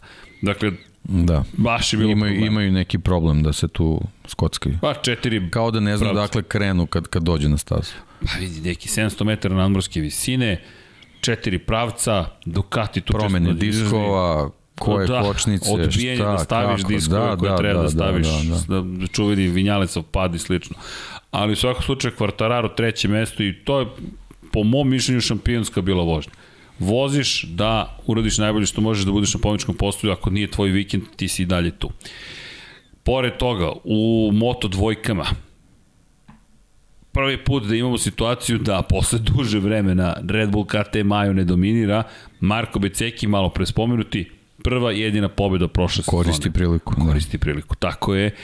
Aaron Kane, pozicija 2, opet tu je povremeni, Augusto Fernandez, rekli smo, to je taj neki njegov niz u tom trenutku. Ajo Gura je počeo polako da ulazi u lepu formu, bio je peti, najbrži krug, bio je šesti u Holandiji i tako dalje. Remy Gardner četvrti, Raul Fernandez sedmi, nešto što mislim da je takođe uticalo, ali opet teški, malo drugačiji uslovi, promenjivi vremenski uslovi tokom celog vikenda, sledeći vikend je tek bio čudan u Moto Grand Prix, ali to je nekako otvorilo vrate uspeha i, i nekim drugim vozačima. Pedro Acosta s druge strane, protiv Denisa Fođe i Serhija Garcije. Pre svega protiv Garcije u svom univerzumu su bili kao vodeća dvojica, pao je pred kraj trke Sergio Garcia, podigao motocikl, toliko su bili, bili ispred treće plasiranog i završio trku na drugom mestu. Denis Fođa po kiši 22 bez poena. I to je jedna od tih problematičnih trka, ono što si rekao, nis, nemaš pravo na kiks. A pritom si na stazi koju, ono, ako osta zbog cele situacije sa, sa ovaj, vožnjama u, u, u Red Bullovom šampionatu, jednostavno ono, doktorirao već tu stazu u svojim mladim godinama i, i ako negde ne smeš da kiksneš, što je ta staza. Ili znaš da će on, ako ne bude prvi, sigurno 20 bodova uzeti, to je 20 bodova. I ti to ipak uradiš. Da. I dođemo u situaciju da... Mislim i jedan i drugi. Naravno, I, naravno. i Garcia i Fođe. Garcia se izvukao za Imao Fođe. sreće, da, da, da, tako je, tako. ali napravio veliku grešku. I još jedna pobjeda Pedra Koste. I to je sada druga pobjeda u tri trke, inače peta pobjeda u sezoni. A mi smo započeli drugi deo godine i sve deluje kao da se ponovo nastavlja u skladu sa scenarijom hollywoodskim, ovaj momak ide ka šampionskoj tituli. Ostali smo u Austriji, nismo imali mnogo ponovljenih trka vikend za vikendom, Dohu i Red Bull Ring. Da, vratili smo se na Portugal u krajem godine i imali smo Mizano u razmaku od tije dve trke, međutim to trka za trkom, to je vikend za vikendom, nije se često dešavalo, ali jedan bizaran vikend je usledio i lep vikend, romantičan vikend, Brad Binder rizikovao trka po suvom, počinje da pada kiša, deo vozača odlazi na zamenu guma, a Brad Binder kaže, ja ostajem na guma za suvo, čak i Rossi u jednom momentu bio na pobedničkom postu, to je bilo baš šašavo, i znam da smo pomislio, ako sada, a to je prva trka inače na kojoj je publici dozvoljeno da se vrati na stazu, da bude, da bude prisutna, ovaj čovjek odi na pobedničko postolje broj 200, ne? ovde se ruši kuća. Ovde će da, Da, da, bilo je, sve. bilo je baš blizu, ono bukvalno ovaj eto taj taj jedan oblak je učinio da da da se da se ovaj ne desi da.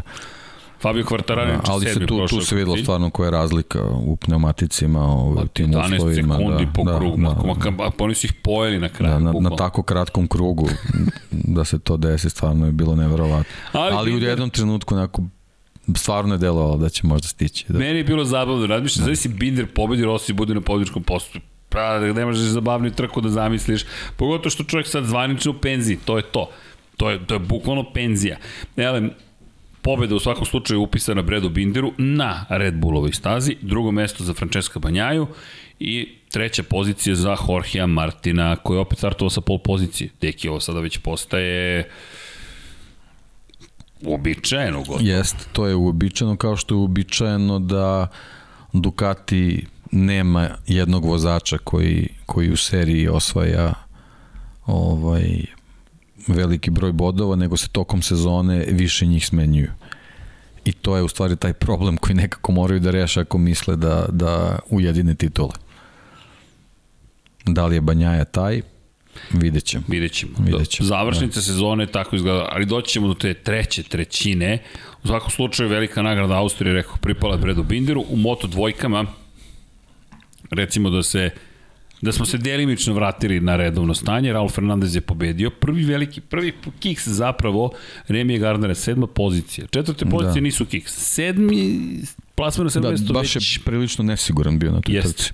jeste, čudno izgledao, kao da je kao da je počeo da razmišlja o Pa šampionatu. da, kao, ali bukvalno, kao da nije bio koncentrisan na trku. Bukvalno je tako izgleda. Znači, te, te greške u kočenju, onako, stvarno su bile onako ne, netipične za njega kao vozača koji je baš odmeren na, na, na stazi. Druga pozicija Zaje Oguru, Novajlija najzad na pobjedničkom postolju, svaka čast, da nije Ralf Fernandez toliko bio impresivan, super. Pa ne, sad evo razmišljam, ne znam, možda je taj trkački vikend, pošto se dešavalo ovaj, na stazi, na, na Red Bull ringu, možda su tu počeli pregovori o Moto Grand Prix o prelasku i možda ga je to poremetilo. Oni su ipak tamo dosta vremena provodili i naravno ne mogu da tvrdim, ali moguće da, da, da su tu bile posete raznim kancelarijama i da je tu već počelo dogovaranje, pregovaranje i možda ga je to malo poremetilo. Sedma pozicija je prvi gubitak ozbiljnih poena, a da je završio trku. Do, inače, do tada je završio sve trke, Remy Gardner. Jednu zapravo nije završio tokom cele sezone, kasnije u Americi, ali sedmo mesto, Fernandez pobeđuje, druga pozicija rekao Zaje Oguru i treći put za redom Augusto Fernandez na trećem mestu. S druge strane, Acosta četvrti, pobeda za Serhija Garciju, koji sada imao tri puta za redom plasman na pobjedičko postoje, drugi, drugi, prvi, pre toga bio sedmi, prvi, deveti, prvi. I deluje Garcija da je taj koji će se zapravo boriti najviše protiv Pedra Koste. Denis Vođa s druge strane se oporavio, treća pozicija, ono što mu je bilo potrebno, i da ne zaboravimo drugu poziciju, Denis Ondžo koji je počeo sada već da se redovnije penje na pobjedičko postoje. Ono što je pozitivno bilo za njega, tačno za, za KTM, a on je u Teh 3 KTM ekipi koja je de facto fabrička, fabrička ekipa. I to je bila velika nagrada Austrije. I vrlo brzo smo otišli u Veliku Britaniju. Kreće tu prosto završnica sezone Fabio Quartararo. Vraća se na vrh. Inače, njegova poslednja pobjeda prošle godine. Posle Velike Britanije Quartararo više nije zabeležio triumf ne bih da to nekako smetnemo suma, jer drug, treća trećina uopšte... Pa to je nešto o čemu ćemo morati razmišljamo ove godine. Da, bukvalno mora da se razmišlja. Jer dva razloga. Prvi, e, imali smo kvartarara koji je popustio i 2020. kada je reč o formi u završnici i još jedna stvar, Yamaha deceniju i više kada dođe drugi deo sezone je lošija od Honda, Ducatija, pre svega pa i ostalih. Najmanje napreduje motocikl. Da. I to se to je već nešto što je postalo standard kod Yamahe. Loš standard, ali je standard. I o tome zaista mislim da ove godine moramo da vodimo računa. Ali u Britaniji pozicija broj 1, na drugom mestu Alex Rins mesto na kojem je jednom svojih da, definitivno staza koja mu odgovara Tako i je. ono, on, on jednostavno zna kako se pripremi za tu trku i, i pun je pouzdanje tamo kad stigne i ono, što se njega tiče, taj recept mora primeni bar na 4-5 staza drugih i imaćemo Rinsa kako bi trebalo da ga imamo. Tako kako, da, bih treba, kako bi trebalo da, da imamo. Da, da. Jer nije, nije dovoljno, nije dovoljno za vozača da ima jednu svoju stazu. Pa ne, to je, to je neozbiljno. Bukvalno neozbiljno. Ne možeš da budeš član svetskog prvenstva. Nije profesionalno. Pa, da, da, ne, ne može, nije može. jednostavno, nije, nisi vrhunski profesionalac ako, ako na tome zasnivaš svoje neke procene. Ali doći ćemo i na neozbiljno. Pazi da. sad ovo. Aleš Espargaro, veoma ozbiljno. Treća pozicija, prvi put u istoriji da, To je nekako, da, dolazilo je polako, Jest. dolazilo i, i bilo je samo pitanje trenutka kad će da kad će se desi. Mm. Ali, šta mislim da je prouzrokovalo to treće mesto? Maverick Vinales. Nismo ga spomenuli u Aus, u Štajerskoj jedan od najčih incidenata i kada čovek je podizao, to jest nije htio da menja iz peta da, stepena. Da, to smo saznali stvari između, između dva trkačka vikenda šta se desilo. Čovek je podizao na brojeve obrtaje koji ugrožavaju integritet motora i nije menjao brzine. Bukvalno je pokušavao da uništi Yamahu, fizički da uništi motocikl, Yamaha mu se zahvalila na saradnji, završili su, okončali su svoj, okončali su ugovor na obostrano zadovoljstvo i već na velikoj nagradi Austriji nije bio član Yamahe. U Velikoj Britaniji još uvijek nije mogao da vozi za Apriliju, ali je potpisao ugovor. Aprilija je odustala od saradnje sa Andrejom Doviciozom, koji je potpisao među vremenu za Petronas za koji je postao RNF ekipa po inicijalima zapravo, to jest po prvom slovu imena dece Razvan Razalije šefa Petronasa, tako da u Apriliju znamo koji da stiže. Koji je on, razdvojio se sa Stigefeldom. Jest, Johan Stigefeld. Johan Stigefeld je otišao iz ekipe i, i, i to su sad i ti potresi koji su možda i doveli do toga da ta ekipa ne iskoristi potencijal fabričkoj Yamahi i, i eto, pruži Rosiju priliku da da stigne do tog podijuma koji je toliko očekiva. A verujem da bi se vidi da su, da je ostvario to, taj plasman, pa Jednostavno tu su se otkrivale to neke stvari zašto se nešto dešavalo tokom sezone, tako da... E da, izvini. I još jedna stvar, bitna za Yamahu, posle velike nagrade Nemačke, Franco Morbidelli je otišao na operaciju. I to je rekao, ja idem na operaciju, da. jer pogoršao situaciju s kolenom, to smo i zaboravili. Čuveni pad Le kada je silazio sa motocikla. Tako je, tako da, je. da. I još jedna bitna napomena u toj cijeloj priči, to je bio njegov potez, jer je Franko rekao dosta, ja ću se baviti sada sobom. Ja ne mogu da čekam kraj sezone da bih se operisao, a fabrički motocikl neću dobiti, ja ulažem u sebe. Ima drugih timova koji me žele, ja ću da se oporim za sledeću sezonu, pa ćemo da vidimo gde pravi ćemo timing, šta ćemo. Pravi timing. Baš pravi tajming, a onda Vinjalesov otkaz dovodi do toga da Franco Morbidelli zapravo postaje fabrički vozač. Da ga praktično čeka taj motocikl. Tako je. Da. To ono što i žele, evo. Jel videlo se jednostavno vozači koji, koji menjaju, mogu da, mogu da menjaju Vinjalesa, ni, jednostavno motogram prije mnogo zahtevna kategorija i kao vozač moraš potpuno spreman da budeš da bi, Jeste. da bi mogao da se nađeš u toj situaciji. Dobro, ali pojavio se Karl Kračl na dve trke. Ne, ne, sve je okej, okay, ali jednostavno pauza je velika i da bi vozač bio na, na, na svom nivou jednostavno ne može na taj način da se vozi Moto Grand Prix. To se videlo i sa Doviciozom koji je testirao Apriliju i iskustvo može da donese ovaj, mnogo toga, ali ta, ta presudna desetinka koja se pojavila u, u, u šampionatu jednostavno mora da, da dođe sa, sa potpunom spremnosti vozača, to smo videli i kod Markeza. Ej, još jedna stvar, izvini, velika nagrada Holandije, Gerrit Gerlof je do, došao da, da, da, da, da. da zameni zapravo u toj prvoj trci Franka Morbidelli, ali kuriozitet, Gerrit Gerlof je zahvaljujući tome što je završio 17. a Valentino Rossi nije završio trku, postao prvi i jedini vozač u Rossijevoj karijeri, klubski kolega kojeg Rossi nije nikada pobedio. Bila je postojala jedna prilika i Gerrit Gerlof izašao kao pobednik. Tako da može da se pohvali da istorijska ličnost pobedio je Valentina Rosija i nije pretrpeo poraz.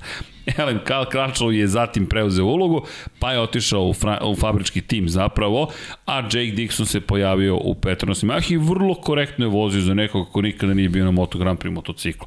Ali u Yamahi... Pa dobro, eto, pojavio se na radaru, eto, možda, možda u budućnosti dobije neku priliku. Nije Bio je sasvim korektan sad na testiranjima, Jest. treba da se ovaj to naglasi, tako da u Jake treba gledati i sledeće sezone, mislim da je među kandidatima za podijum.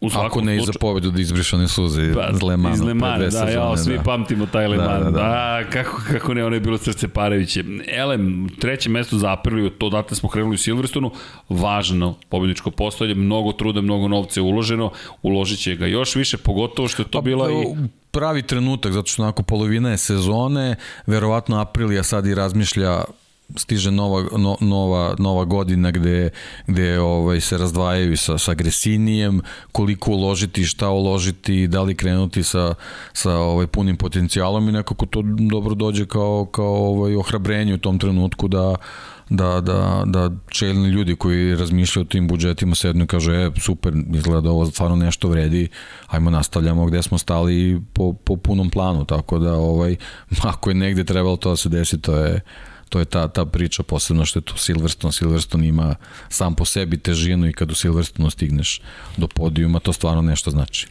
I, i, i još jedna stvar, a to je, to je ekipa Fausta Gresini još uvijek. Oni Tako su se je. razdvojili tek ove godine i nekako je bilo lepo i za Gresini i za Stvarno su puno radili, mnogo su, mnogo su lagali sam Fausto. Ovo, eto, izgubili smo ga ovaj, zbog, zbog tog covid ali stvarno uložio punog sebe da, da, da, da ta priča sa Aprilijom uh, se izgura po planu.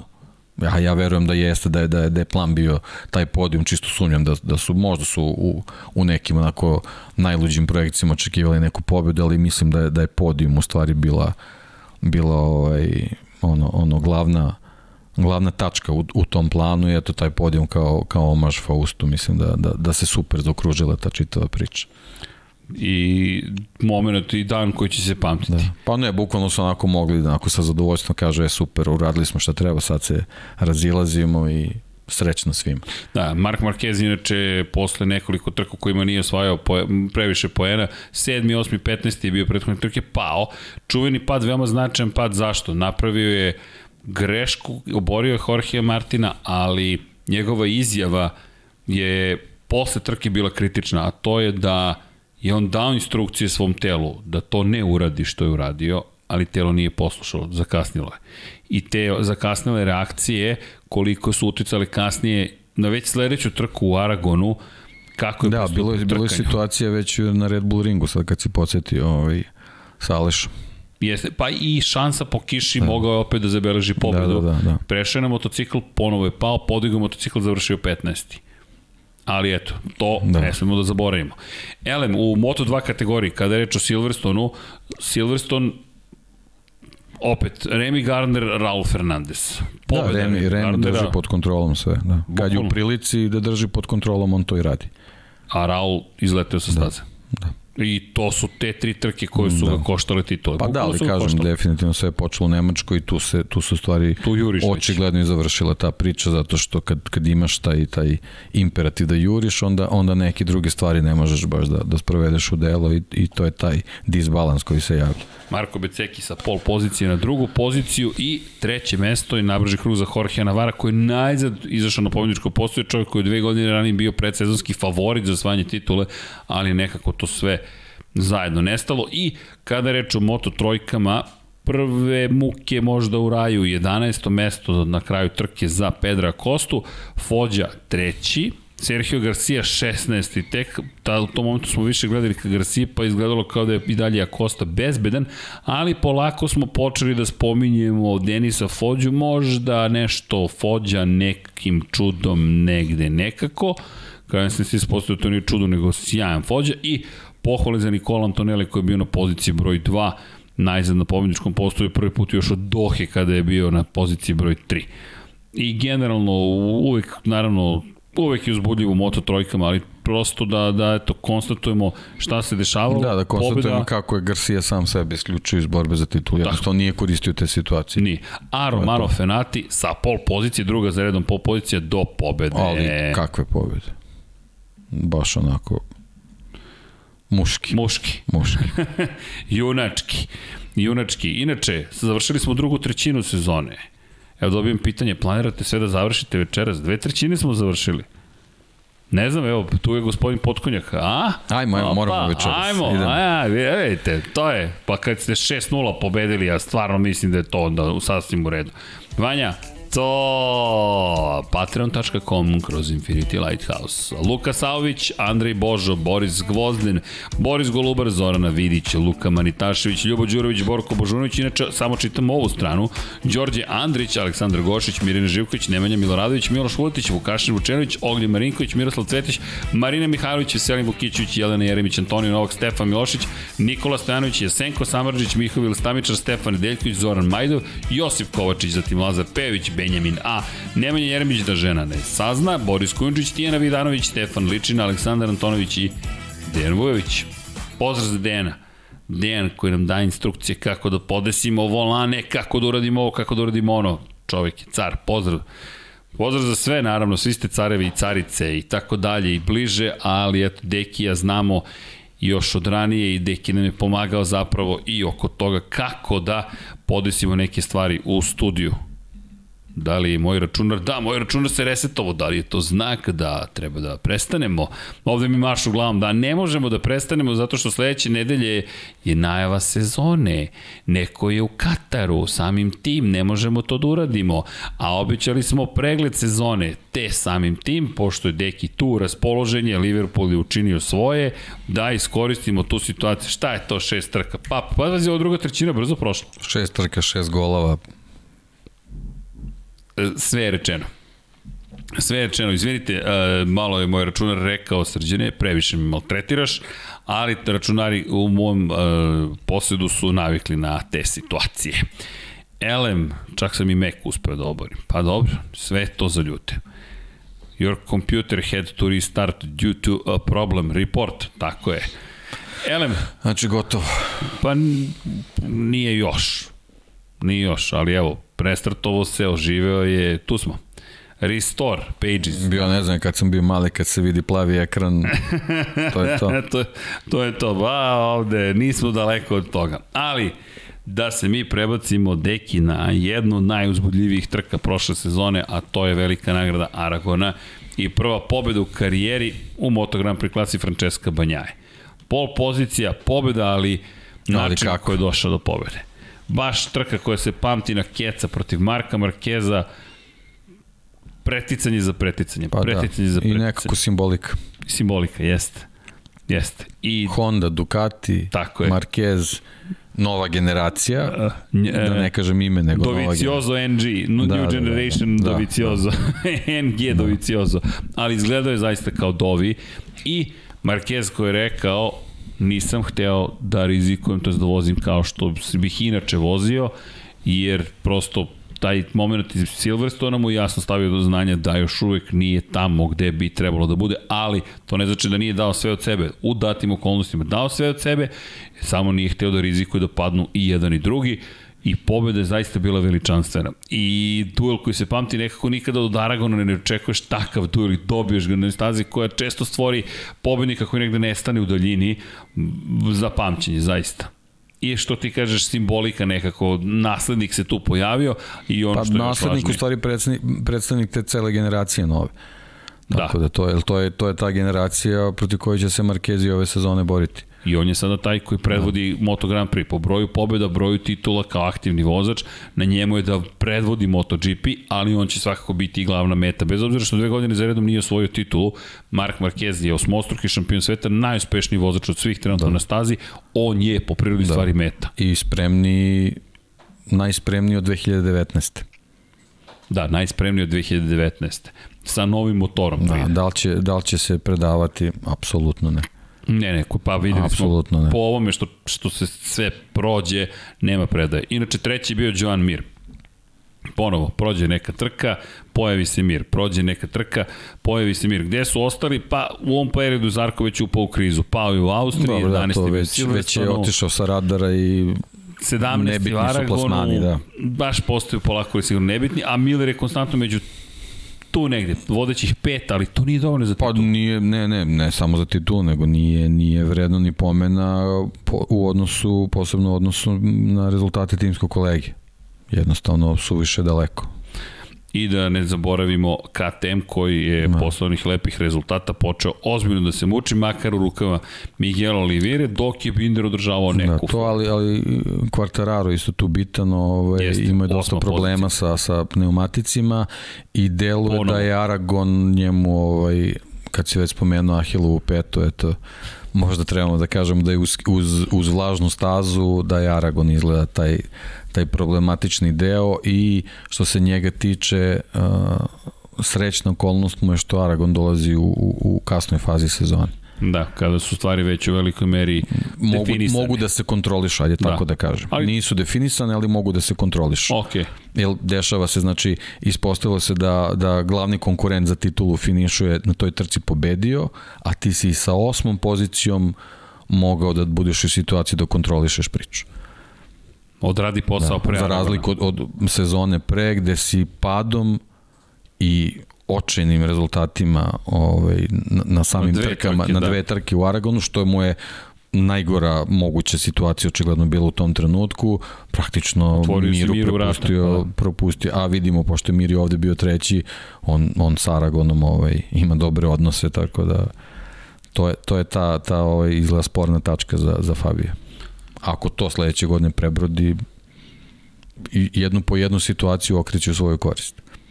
Dobro, deluje dobro, deluje Fabio. Da. Od, meni ne, ne, ne, mnogo, dobro. mnogo bolji nego, nego u prethodne godine, što znači da, da sazreva, da napreduje, brzina ostaje i to je ono što je jako važno. Titula učinila svoje. Tako, tako deluje. Tako je. Raul Fernandez učinio svoje u Aragonu. Pobjeda ispred Remija Gardnera. Da, jednostavno ponovo. takva je staza da njegova priroda odgovara Aragonu, Aragon odgovara njemu i nije, nije bilo ovaj, mogućnosti za, za, za Remija da uradi ne, bilo šta. Ne, ništa, bukvalno ništa. Da, da. I Augusto Fernandez koji se vratio na treće mesto. Samo konstantno. Marko Beceki. Opet sve, sve okej. Okay. Kad Aragon. je neko ispred njega. Da. A i Ali opet dobro, nije, nije pao. To je, to je bitno. Ja sam se plašio da... da. Kada? U da. Aragonu? Da, za, za, aha, za da, da, ne, ne, da, da, Aragon, da, čekaj, da, da. pa, pa, pa, pa to, to, da, to, to, to, okej, okej, okej, sad si mi, bio si mi zbunio, da. tiltovo sam za trenutak, da, ali Aragon, njegov prvi pat, da, da, njegov, njegov, isto ovaj, kao 2020. I njegova slaba tačka, pa da. Isto, da. sve isto. A dobro, pamtimo Aragon. Izgleda za Aragon za, za njega, za Diđu, za, za, za ovaj Fabija. Za Sema Lousa. Da, dobro, Sam Lous, nije... Sam Lous ne bira gde će da padne. Dobro, imao je, imao je završnicu da. makar pristojno, a kad je pritisak prestao, onda je počeo ponovno da vozi kako da, treba. Pa da, ali kad, kad, Pre, premalo kad ostaneš prekasno. bez mnogo bodova, onda... Mm. I mega dramatična, izvini, trka za Pedra Kostu i u, u Moto3 kategoriji. Pa da, meni deluje da je to vrata. prvi, možda jedini put u sezoni gde se zapitao da li će doći do cilja. Denis Vođa pobedio, i delovalo je da, da u tom nizu rezultata koji sad već počinju da bivaju prosečni, Fođa se izdvoja kao neko ko će da završi posao, ko je započeo posao sa Leopardom, sa Kotorom, sa celom tom ekipom, mnogo da, ozbiljna ekipa. Pri tom staza koja Leopardu definitivno odgovara. Da, Masija je Masija, prošle to pokazao, pre, pretprošle, pretprošle, izvinite, da, da, pretprošle da, da. sezonu pre, a Garcia inače nastavio niz loših rezultata posle da. 16. pozicije u Britaniji i ovde pada, i umesto Acosta da završi da. posao, a Acosta pada posle Garcije. I Fođa to koristi, beleži pobedu, inače treća pobeda te sezone. Da, sad sam već zaboravio, to bio neki duel sa Fođom kad je kad Jeste. je Garcia pao. E, e, kad je da, ali tamo Acosta pao, da, pokušavao da, da. je na silu u osmoj krivini. Baš je bilo da na silu, da, da, da, da. I, Dobro, i to je, to je deo učenja. Pa jeste. Pa jeste. Mada... Stvarno, stvarno je redke situacije ovaj, rešavao pod navodima to ko, ko što kažeš na silu, ali ovo mu je baš bio onako eksplicitan primjer da nije takav kalibar vozača i taj profil da to jednostavno ne treba da radi.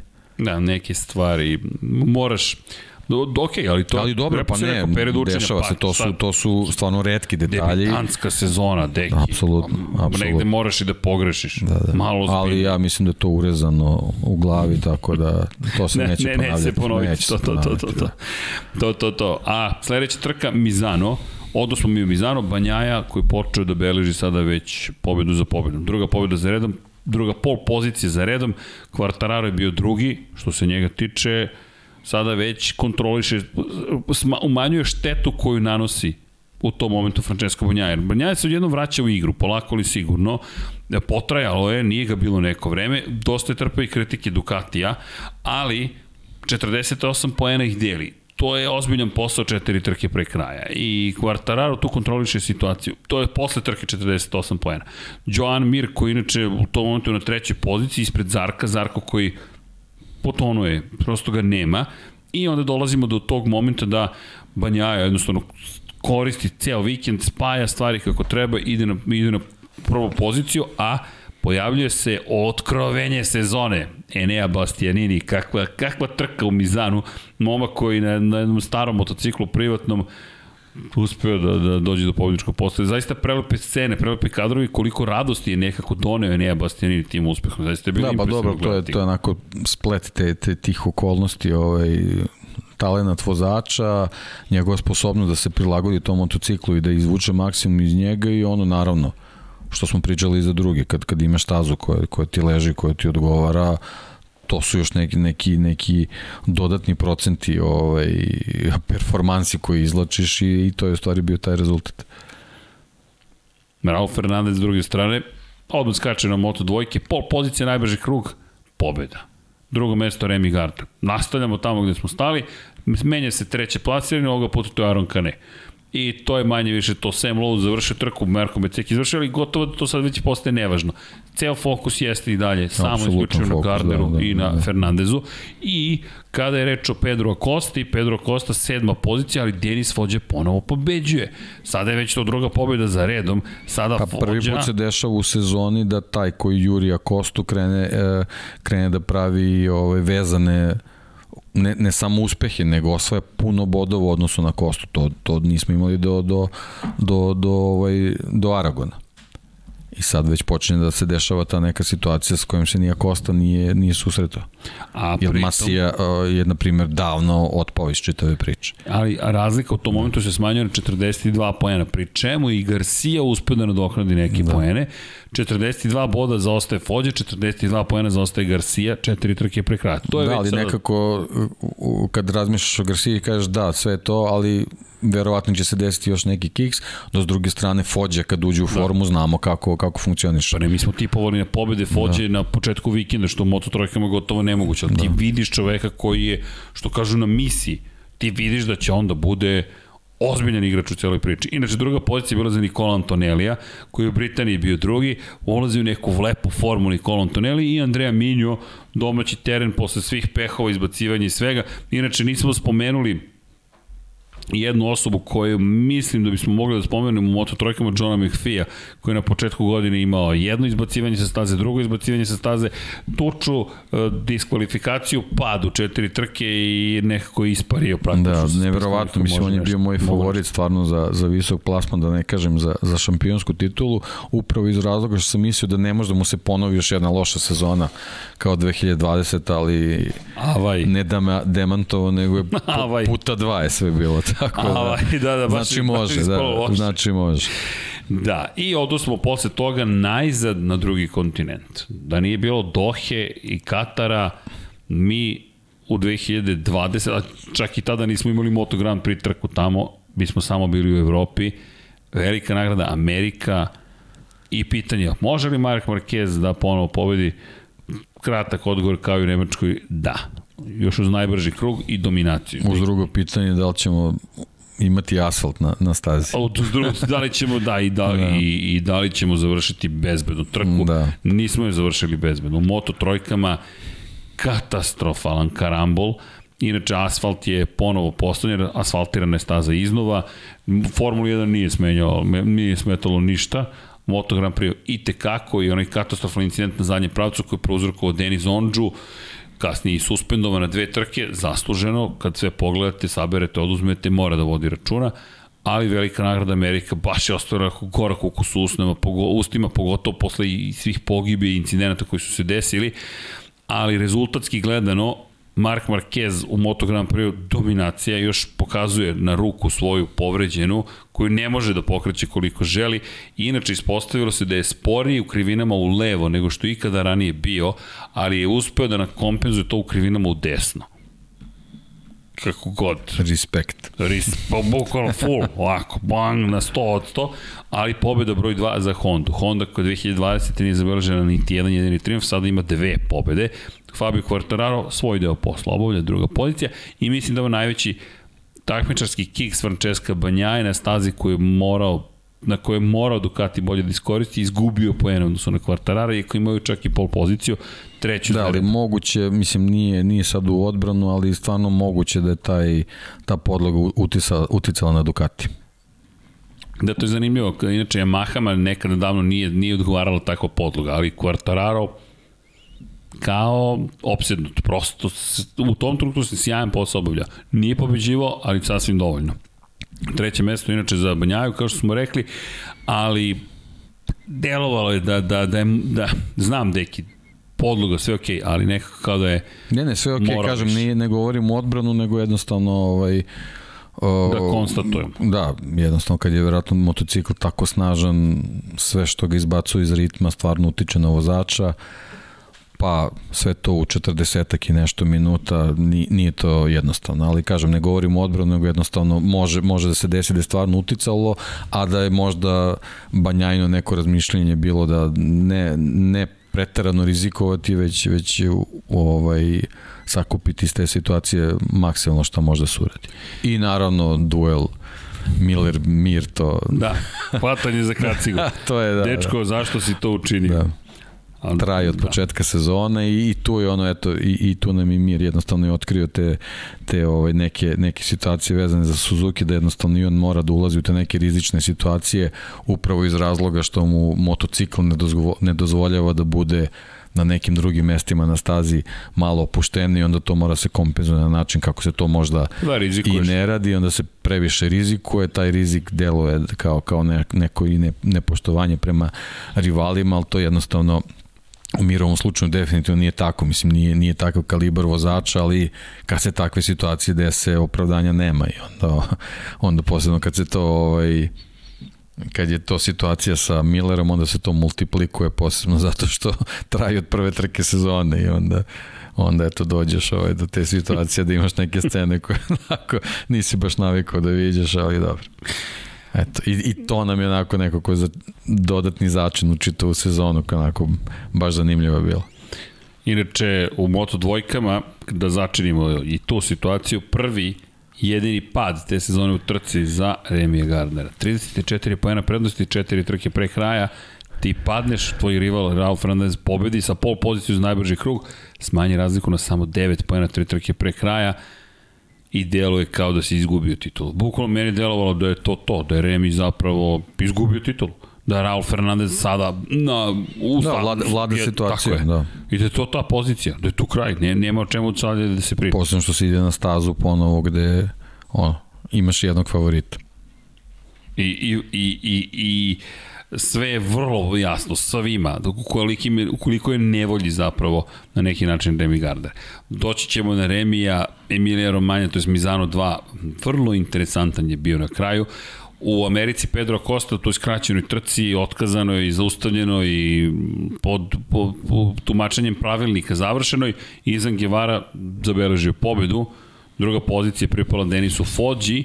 Sergio Garcia nažalost ima ružan pad u treninzima nije ni započeo trku i zapravo propustio je i veliku nagradu Amerike, veliku nagradu Emilije Romanje, pre nego što je stigao u Algarve, ali tu izgubio praktičnu titulu. Pedro Costa bio osmi, ali Denis Vođa drugom pozicijom opet smanjio razliku, bio veoma srećan i John McPhee došao do prvog i jedinog pobjedničkog postoja da. te sezone. Da, eto, ako ostavi šestuko srećen, eto, uze, uze bodove ovaj, u trci koja onako, eto, čudno se to sve odvijelo i završilo, ali, ali pre svega utisak je taj pad ovaj, stravičan, stravičan incident ovaj, koji je izazvao Onžu i gde onako glavni strah je bio ovaj, gde će se Pedro Costa prizemljiti posle, posle tog leta, ali eto i tu je pokazao ovaj, neverovatnu psihičku stabilnost da već ovaj, na sledećoj trci ovaj, jednostavno u nju uđe gotovo bez, bez nekih psihičkih problema ili mi to barem nismo mogli da primetimo. Pa delova je kao opet veteran. Kao opet da se radi o nekome koji je mnogo stariji nego što jeste. Ne 17-godišnji momak, nego neko da, s druge strane, moramo i to spomenuti, Guevara se onako ponašao baš kao razmaženo derište i na kraju je eto, dobio tu poklon pobedu, što je dokaz da nikad nije gotovo dok, dok se ne svira kraj i da, da, da stvarno trebaš da obuzdavaš malo neke svoje emocije. A i Naravno, deca ekipi. su, mislim, ne treba, Naravno, nije, nije ne treba to, ali, ali generalno kad se nalaziš u tom šampionatu, te, takve stvari su ipak onako nisu baš dozvoljene. Ali, ali samo bih napomenuo u cijeloj toj priči da smo imali situaciju u kojoj Guevara bez obzira na reakcije ima u sebe ekipu koja vrlo dobro tumači pravila i ko odlazi kaže vidi, ovo piše u pravilima, stvarno po pravilima su dobili pobedu. Svaka čast menadžmentu ekipe. To da pohvalimo, ne kaže da mi se dopada da tako se završava, ali to je njihov posao pa, bio da, da. se obezbede najviše Pravila što moraju da se paze. Tako je, za svoju I da se ekipu. prate. Tako je, i da se E, to je posao menadžmenta. Elem, polako ulazimo u završnicu sezone, samo tri trkevanja. Blizu smo, velika nagrada Emilije Romanje. Vrati smo se mi u Mizano, u Moto Grand Prix klasi, jedna od uzbudljivijih trka repriza Aragona, Francesco Banjaja protiv Marka Markeza, Banjaja koji gotovo ne zaustavljaju četvrta pol pozicija za redom, najbrži krug trke. I tačno u momentu kada se završava, kada ulazimo u posljednjih nekoliko krugova i deluje da Banjaja kontroliše stvari, odvaja se na sekund prednost odnosno Marka Markeza, pada u krivini broj 15, Marquez nasleđuje pobedu, ali Francesco Banjaja koji, koji ne može da veruje šta je uradio u tom trenutku, a u tom momentu je Marquez zapravo odustao daljeg praćenja. Da, da je otišao još dve krivine i video tablu plus jedan, verujem da bi rekao to je to. Ali nije se desilo. Druga pobjeda za redom za Marka Marqueza. Da, Banjaja kao da je prethodnom pobedom ovaj, i oni i, i svi smo pomislili da, da je razbijen taj maler ovaj, neuspaha na, na italijanskim stazama ovaj, verovatno ga to malo i ponelo a, i moguće da je, da je sa, sa tim nekim ovaj, finišem ovaj, te trke želeo da, da, da, da pošle neku, neku poruku i, i, i kvartararu i, i, i, i čitao je toj nekoj moto zajednici da je on u stvari taj koji, koji zaslužuje da, da, da stigne do titule i onda naravno kad imaš uh, za sobom Marka Markeza, osjećaš se toliko sigurnim u, u, u svoj uspeh, greška vrlo lako može da dođe i došle u tom baš najnezgodnijem trenutku kad je verovatno i Mark pomišljao da, da odustane od, od Jurnjave i eto taj neki splet okolnosti dove do toga da, da, da dođe do, do pada, ali veli, veliko je pitanje šta bi se desilo, možda da i to nije uradio, jer, jer znamo koliko mač sa dve oštrice može da bude neko ovaj spuštanje tempa, on je možda baš želeo održavanjem tog tempa da da da ovaj izgura trku do kraja, tako da to je sad onako lako je sad pričati o tome, ovaj ali ali je činjenica da je, da je to bio neki presudan trenutak koji je bukvalno mogao u, u, u, u milisekundama da se, da se reši drugačije i ko zna kako bismo završnicu sezone onda imali, ali nekako taj moment je sad iz ove perspektive delo je bio ključan za, za odlučivanje šampionata kao što je Nemačka bila ključna za, za, za Moto dvojke.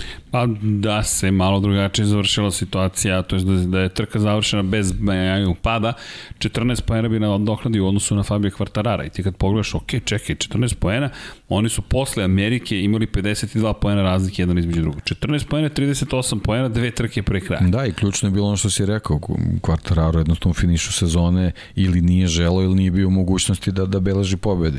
I sve je bilo na, na Pekovoj strani. Imao je priliku propuštena prilika, vidjet ćemo, i lepo, mislim da si lepo rekao, da je naučio. Bukvalno da je iz ovoga naučio. Što se tiče Honda, s druge strane, Paul Espargaro bio drugi, dvostruka pobjeda za Hondu, prvo pobjedničko postoje za Paul Espargara na Hondi, još uvek i jedino, ali delo da će se to popraviti ove godine. I treće mesto, Ko drugi? Enea Bastianini. Nema, nema druge osobe koja može to da uradi ovde. Inače, Joan Mir nije završio, Jack Miller nije završio. Odustajanje praktično svih rivala u borbi za titulu potencijalnih koji su mogli nešto da urade, ali Banja je bio suštinski jedini Fabio Quartarara koji, koji realno može da najzad odahne i da kaže ok, titula je moja. Jer taj pad kruniše Fabio Quartarara i bukvalno u tom momentu je dobio zlatnu kacigu u Mizanu i moram pristati da smo bili baš srećni, bili smo u Mizanu u tom momentu i dobiješ svetskog šampiona, fenomenalne scene, buka koja je mogla da se čuje iz garaže, proslava Yamahe, olakšanje, to je prva titula za Yamahu od da, 2015. Prvi Francuz, godine. Prvi Francuz koji je uzu titulu i prvi ne Španac posle Casey Stoner. To da. su sve jako velike, jako velika dostignuća. Da, Mark Marquez, Jorge Lorenzo, to je to. Oni su, oni su delili titule između sebe praktično i, i nije bilo... 10 godina. 10 godina. 10 godina. Casey Stoner je jedini ko je tu nešto uradio i nešto. Svoju titulu 2011. 2010. Jorge Lorenzo. 11. Casey Stoner. 12. Jorge Lorenzo.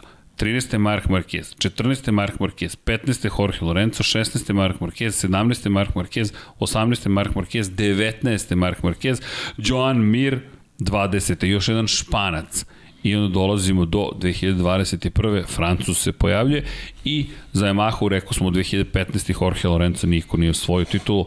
Dan proslave, ozbiljne proslave za Fabio Quartarara. Pad koji mu je... I za Yamahu. I za Yamahu. Ozbiljna proslava za Yamahu. Apsolutno. Da. Apsolutno. E sad, s druge strane, proslava. Ko je slavio u Moto2 klasi? Slavio je zvanično je slavio Sam Lowe's. Pobjeda, međutim slavio je Remy Gardner sedma pozicija u trci, ali Raul Fernandez koji je bio prvi, ubedljivo prvi, deki ja i dan danas ne razumijem kako je pao. Je samo pao. Pao. Na prilasku kočenju samo je pao. Da, na mestu gde, gde se takve stvari ne dešavaju generalno. To je, to je u stvari najveći, najveća misterija te, te situacije. Niko ne zna. Da. Niko ne zna, samo znamo da je pao, Ostao bez poena, Remy Gardner osvojio 9 bodova. Koji je balansirao na toj poziciji, dobro, imao je, imao je ok tempo, generalno deluje da je držao situaciju pod kontrolom, ali ovaj, mislim da je on odahnuo u tom trenutku, jer, jer Raul je bio toliko nadmoćan da završnica sezone bi bila baš čupava. Bilo bi gotovo nemoguće, ali Remi je najveći potez došao na sledećoj trci, no doći ćemo do nje. U svakom slučaju, Raul Fernandez treći put te sezone pada, bilo ko od tih padova da izbjegao titule, go to sigurno u njegovim rukama. No, opet, nije se desilo. Druga pozicija, inače, čovjek koji je ušao u formu, Augusto Fernandez, uz najbrži krug i treće mesto za Arona Kane, koja to isto sve češće na pobjedničkim postavima. Očekujte ponovo od njih žestoku bitku. Ono što si rekao na početku, Fernandez, Kane, apsolutno mora Kosta da upadne u tu celu priču i vidjet ćemo da li će se pojaviti povremeno Sam Lowe's i naravno... Sad sam baš teo da izustim, da, da, li, da li uopšte moguće uvrštavati ga u, u, u, kandidata za titulu posle ove dve, dve sezone? Ja mislim da ne. Za pobednika da, ali ne za titulu. Tu su i godine i mnogo povreda i, i praktično propušteno ova, ovaj pripremni deo sezone, tako da stvarno ne znam. Ali dobro, ajde, pričat ćemo o tome. Pričat ćemo, bukvalno ćemo pričati, ali u svakom slučaju velika trka iz, iz, iz, iz dosta perspektiva, makar ja mislim da je velika trka, jer ne samo to što je Gardner odjednom otvorila vrata otvaranja osvajanja šampionske titule, već i taj pad Fernandeza koji je postao trend. Znaš, da li će se to ponavljati u budućnosti? Ili, ne, ili, ili, ili ćemo vidjeti neku novu verziju Raula Fernandeza i naravno Fernandez, Augusto i Aron Kane koji su se pojavili na pobjedničkom postu. Neko, Pa dobro, Raul, Raul sad jednostavno treba će prođe nekog vremena da dođe ponovo u tu situaciju da, da može se boriti za titulu, a sledeća godina je godina rasterećenja, mislim da ćemo tu u stvari videti koliki je talent zaista.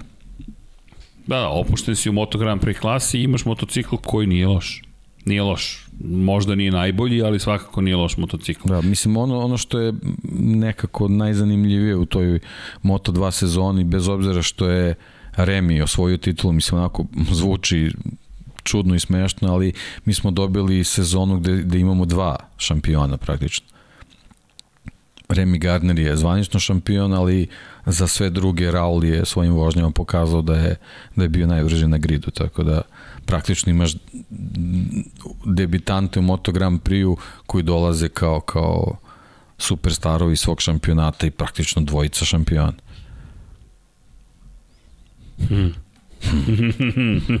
ok, vidim, dobro, što je čekam da najavimo novu sezonu. O, još 10 dana ljudi, mada je sad prošla je ponoć, još 9 dana. Da ne, 10 dana, ipak ne, 11 dana je bilo malo pre. Dobro, sad je 10. Ok, danas mi nešto ne ide zbrojimo, sve je u redu. Elem, Pedro Acosta, njegova bitka, treća pozicija u Emiliji Romanji, Denis vođe još jedna pobjeda. Jako važna treća pozicija. Jeste. Pa, Baš se borio za nju. I žestoko se borio. I bio je zadovoljan. Bio je zadovoljan kako da ne bude, kako da ne bude, mislim baš onako nekako razbio taj maler koji ga je pratio, mislim posebno posle tog pada u, u Americi ja sam mislio da, da, da može se desiti da ga izgubimo. Da jednostavno potone, ali, ali on, on se baš žestoko borio, tako da... Pravi način. Još jedan kvalitet koji je pokazao. I zanimljiva poruka na tablan, zanimljiva ekipe za Jaume Masiju koje je trebalo da ga pusti, pošto je Masija bio na poziciji 2, a Jaume je rekao nema šanse. I meni to fascinantno u Moto Grand Prix, to je kako funkcionišu stvari u Formuli 1, bi to bilo nezamislivo. Mislim da bi otkaz neko dobio. U ovoj situaciji Masija je rekao ne, Sam je rekao ne, a inače to smo videli zahvaljujući tome što smo imali dve table zapravo koje je pisalo, pošto su postali timski šampioni, proslava timskog šampionata, s druge strane nisu obratili pažnju, donali su zatvoreno parkište, tablu piše propusti za poziciju broj 2. I bio je ljut, prilično Pedro Costa, tad se videlo ih koliko znači, prvi put da vidimo emocije da dolaze do izražaja, ali prosto Jaume Masi je svoj deo posla rekao, ne, ja ću to drugačije dodati. Masija, pratite ga i ove sezone, ko, ko zna šta može Masija, ali da ne otvaramo još 2022. Elem, da se prebacimo mi na poslednje dve trke. Algarve, ajmo moto trojke. Šampion da, jedino, jedino, jedino zanimljivo u principu. Pa da. da. da ovo ostalo je bilo revijalno. Pobjeda Pedra Koste, pa jeste, baš si lepo rekao. Denis Vođa nije završio kako? Derin Binder poveća greška, da se ne izrazim drugačije, udara u Fođu, a Kosta, ono što smo rekli, namjerisao je opasnost i rekao, ljudi, ja bežim iz ovoga napao u pravom trenutku, izbegao incident i postao šampion sveta, inače na poziciji broj 2 Andreja Minjo bio i Nikola Antonelli na poziciji broj 3, ali prava stvar jeste bilo to što je da. zapravo osvojena šampionska titula. Da, Fođe je bio u naletu, a, a Kosta kao da se spremao za finiš trke i delovalo stvarno da ćemo imati onako uzbudljivu, uzbudljivu završnicu, ali eto, nažalost, ovaj, Da, Derin Binder napravio baš veliki da. greška. Ali srce parajući s druge strane za Denisa Fođu, toliko truda si uložio. Mnogo truda, da, stvarno oh. mnogo truda. Da. Ako nije, da. meseci da. truda, da. ovako nestali. Ali opet, početak sezone, da si tamo osvojio bilo koje poene. Ne, ono dokaz mora konstantna sezona da bude da bi Jeste. da bi u finišu mogo nešto da da očekuješ. Pa, mnogo, mnogo dalje. nula je bilo na na početku na tabeli, previše. tako da to je to je to. Pa u prve četiri trke ti imaš ukupno jednu trku koju si osvojio poene. Da, druga da. pozicija da. 20 bodova, ali nije dovoljno. Nekoliko Banjajinih loših rezultata, nekoliko Raulovih loših rezultata, nekoliko Fođinih loših rezultata i ti praktično eto, u, iz tih situacija iskristališe šampione koji je postao da. Pedro Costa baš u Portugalu. Tada je da. postao šampion sveta i mogao najzad da odahne. U Moto dvojkama važna trka. Važna trka, pobeda Remija Gardnera. Na pol poziciji jeste bio Raul Fernandez. Ovo je mesto na kojem je prvi put u karijeri slavio pobedu 12 meseci ranije. Remy Gardner i videlo se da mu odgovara Algarve, sjajna trka. Način na koji... Pa Algarve nekako o, staza gde je skrenuo pažnju na sebe. I ovaj, eto, ovaj, definitivno mi odgovara i u situaciji kad već ovaj, kad već to nije toliko ni, ni važno, opušten, to je to. Da, i pobjeda koja je baš mnogo iznačila na kraju, da, da tu nije pobedio, da, da. ne bi osvojio titulu šampiona. Da, ali ja mislim da, da, da, da je Mizano ne, što se tiče te neke psihološke stabilnosti jednostavno pa vratio ga u igru. Da, da, jednostavno bio došao je tamo sam uveren i to I to se, se videlo, videlo da. baš se videlo da je sam uveren. Ali pol pozicija za Fernandeza i treće mesto za Sema Lousa koji odjednom rešio da vozi, manje više. Bukvalno rešio da vozi i naravno Moto Grand Prix kategorija Algarve, Francesco Banjaja. Pol pozicija, najbrži krug, dosta jasno je bilo od početka, Joan Mir je bio drugi i treći bio Jack Miller. Ducati počeo da funkcioniše onako kako samo mogu da požele i pre Algarvea dosta velik problem, Mark Marquez imao ružan pad u treningu, van staze, treniranje je loše pošlo i nažalost vratila, vratila mu se boljka stara skoro 10 godina u kojoj ima dvostruku viziju diplopija je pitanju i stara povreda koju, zbog koje je operisan na početku sezone 2012. u Moto2 klasi, ne bi li mu se vratio vid, duplo je video, bukvalno Mark Marquez, pored povrede koje je zadobio ruke, sada stara povreda što se tiče očiju i bilo veliko pitanje šta će biti s Markezom. Nismo ga videli do ove sezone, do predsezonskih testiranja, propustio je trku u Algarve, propustio je završnu trku u Valenciji. Bukvalno ih je samo propustio jer je morao da se povuče i da kaže, ok, ja ovo moram da popravim. Da, uz obavezno onako opasku da su mnogi ovaj, mislili da, da je sve to izmišljeno da bi propustio poslednju trku Valentina Rosija. Do koje upravo dolazimo. I gledaju ovde, smeju mi se, zevam, Vanja mi ovde sakriva. Nema veze što sam sputa, podcast se mora ispoštovati. Sinoć, izvinjam se još jednom, nisam stvarno fizički bio u mogućnosti, a nije bilo Dobro, ni mini, paja. mini jet lag nije strašno, 3 sata Ču- razlike. Da, Pa, da, ali šta je sad tek, koliko je? Pola četiri. mm, da. Evo i Sad- TV se gasi.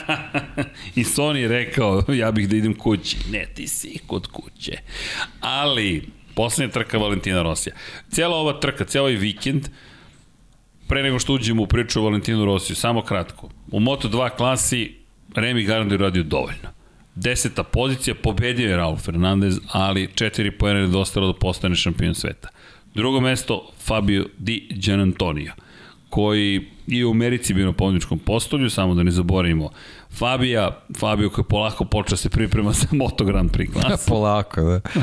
I Augusto Fernandez koji Dugo je trećem mestu. postepeno. Da, da, dugo i postepeno, zaista. Remy Gardner, treći šampion kog smo dobili. Dugo i postepeno se pripremaš i onda sa stomačnim problemima ne, ne, ne odradiš prvi zimski test. Fenomenal. na sve misli osim na to. Nemojte dobro. jesti školjke pre zimskog testa.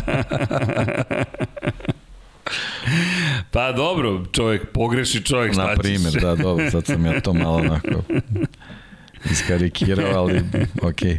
Da, nevjerojatno od svih ljudi on je propustio da jedan od dana testiranja, ali zar to ne liči na Diđu? Zar to ne liči tipično na Diđu? Baš je njegov potpis autentičan. Kako god pogledamo, bit će zabavno sa Diđom u Moto Grand Prix.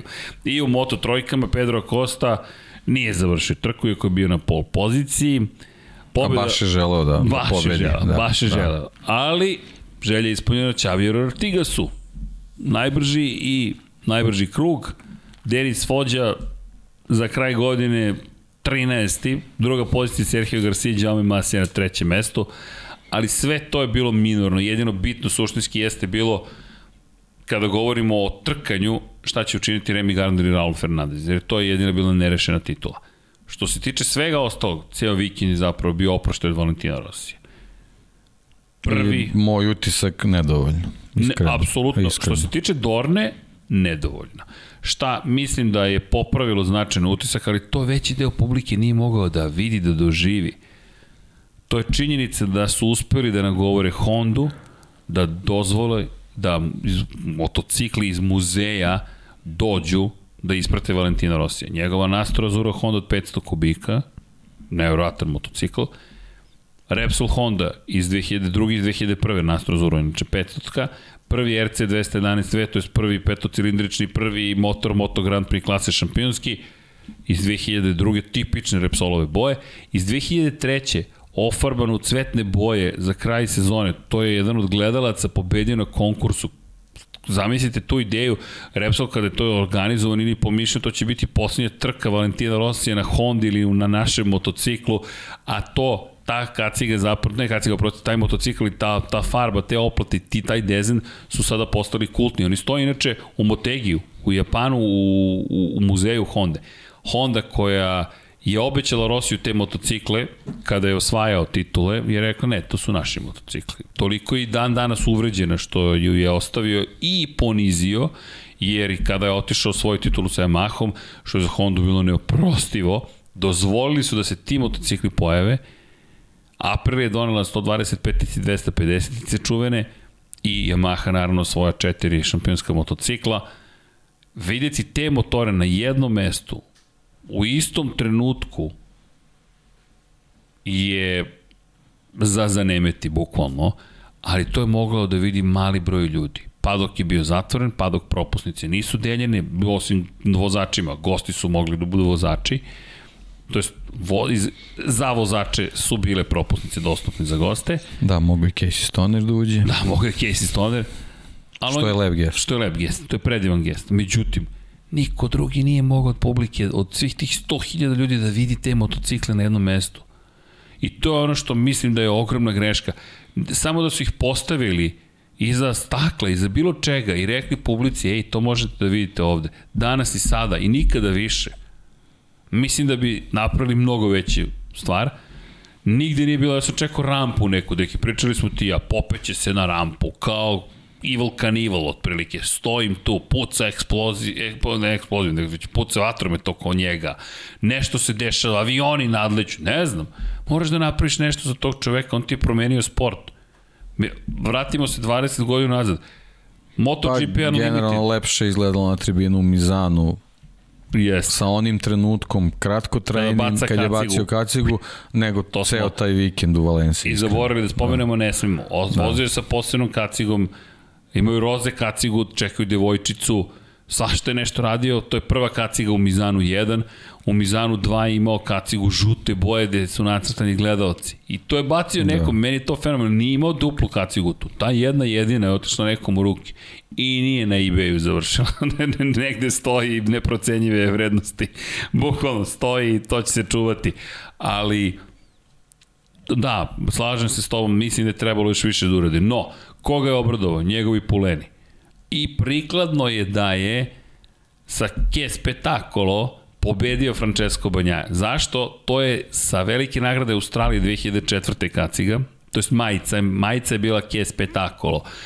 Tada je pobedio Sete Gibernaua, inače trku pre je takođe pobedio velika nagrada Japana, mislim da je bila, a pre toga na velikoj nagradi Katara je pomeren na začelje zato što je četkala njegova ekipa startnu poziciju i navodno su ga iz Gresinija za kog je vozio Cete Gibernau prijavili, nazvao ga je Cinkarošem, nazvao ga je, to jest, i upotrebio još jedan termin za celu ekipu Gresinija i zakleo se Sete Gibernau nikada pobediti više neće i nije nikada više pobedio. I ta jurnjeva u Australiji gde je Sete dao sve od sebe ne bili pobedio je dovela do, do majice je spetakolo, jer je to godine kada je svoju titulu sa Yamahom, što niko nije očekivao. Svi su mu govorili zapravo da, da će tek da vidi koliko je nemoguće s Yamahom nešto postići, postigao je. I ta kaciga, je spetakolo, taj natpis bude na glavi Francesca Banjaje. Kakav spektakl. I mislim da to prikladna poruka. Kakav? Pa jedinstven spektakl. Da. Svako od njih je imao neku kaciku, neku kaciku sa nekim ovaj, motivom Rosijevih istorijskih kaciga i ono što si već rekao, imao je Morbidelijev štit, tako da... Mo, bukvalno Morbidelijev, baš to je, to je, to je onako da baš, baš da lep, lep deo, deset najbolji. Lep deo čitave priče, jeste. da. Jeste, jeste, baš je, zaista je bilo lepo i ceo taj doživlja i, i ljudi koji, meni je nevjerojatno to koliko su ljudi to lično doživjeli, kao prijatelj da ih napušta. Da. I nekako moj utisak, onako, eto, gledao sam preko ekrana, jako je umoran jako je umorno delovao, jer sad sam, skoro sam ovaj, gledao neke snimke vezane za testiranje Audija, preporođen čovjek. Ma nov potpuno, čovjek. Da, potpuno. Naspavo se. Da, da, da, da. pa vidi, meni je scena iz Mizana 2 naj, najbolnija na neki način. Ti vidiš da je on umoran, ispijen, da svako hoće komad mesa. Dolazi, mislim da je iz lokalnog gradića, gradonačelnik. I pričamo nešto i dovode koluc sira bukvalno dovoze ne znam da li ste to priču, izvini, ako jesam, prikolicu na kojem je ogroman kolut sira i mole Rosija da se fotografiše s kolutom sira. I sada kako gledaš, Valentino Rossi, 115 pobjeda, gde je titula šampiona sveta? Čovjek vredi jedno 200 to, miliona evra. 26 godina. 26 godina vozi čovjek, ima 42. I ti ovako gledaš kako dovlače... Ispuni uslove za starostnu penziju. Treba u Nemanjinu dole da podnese ove... Ali ne.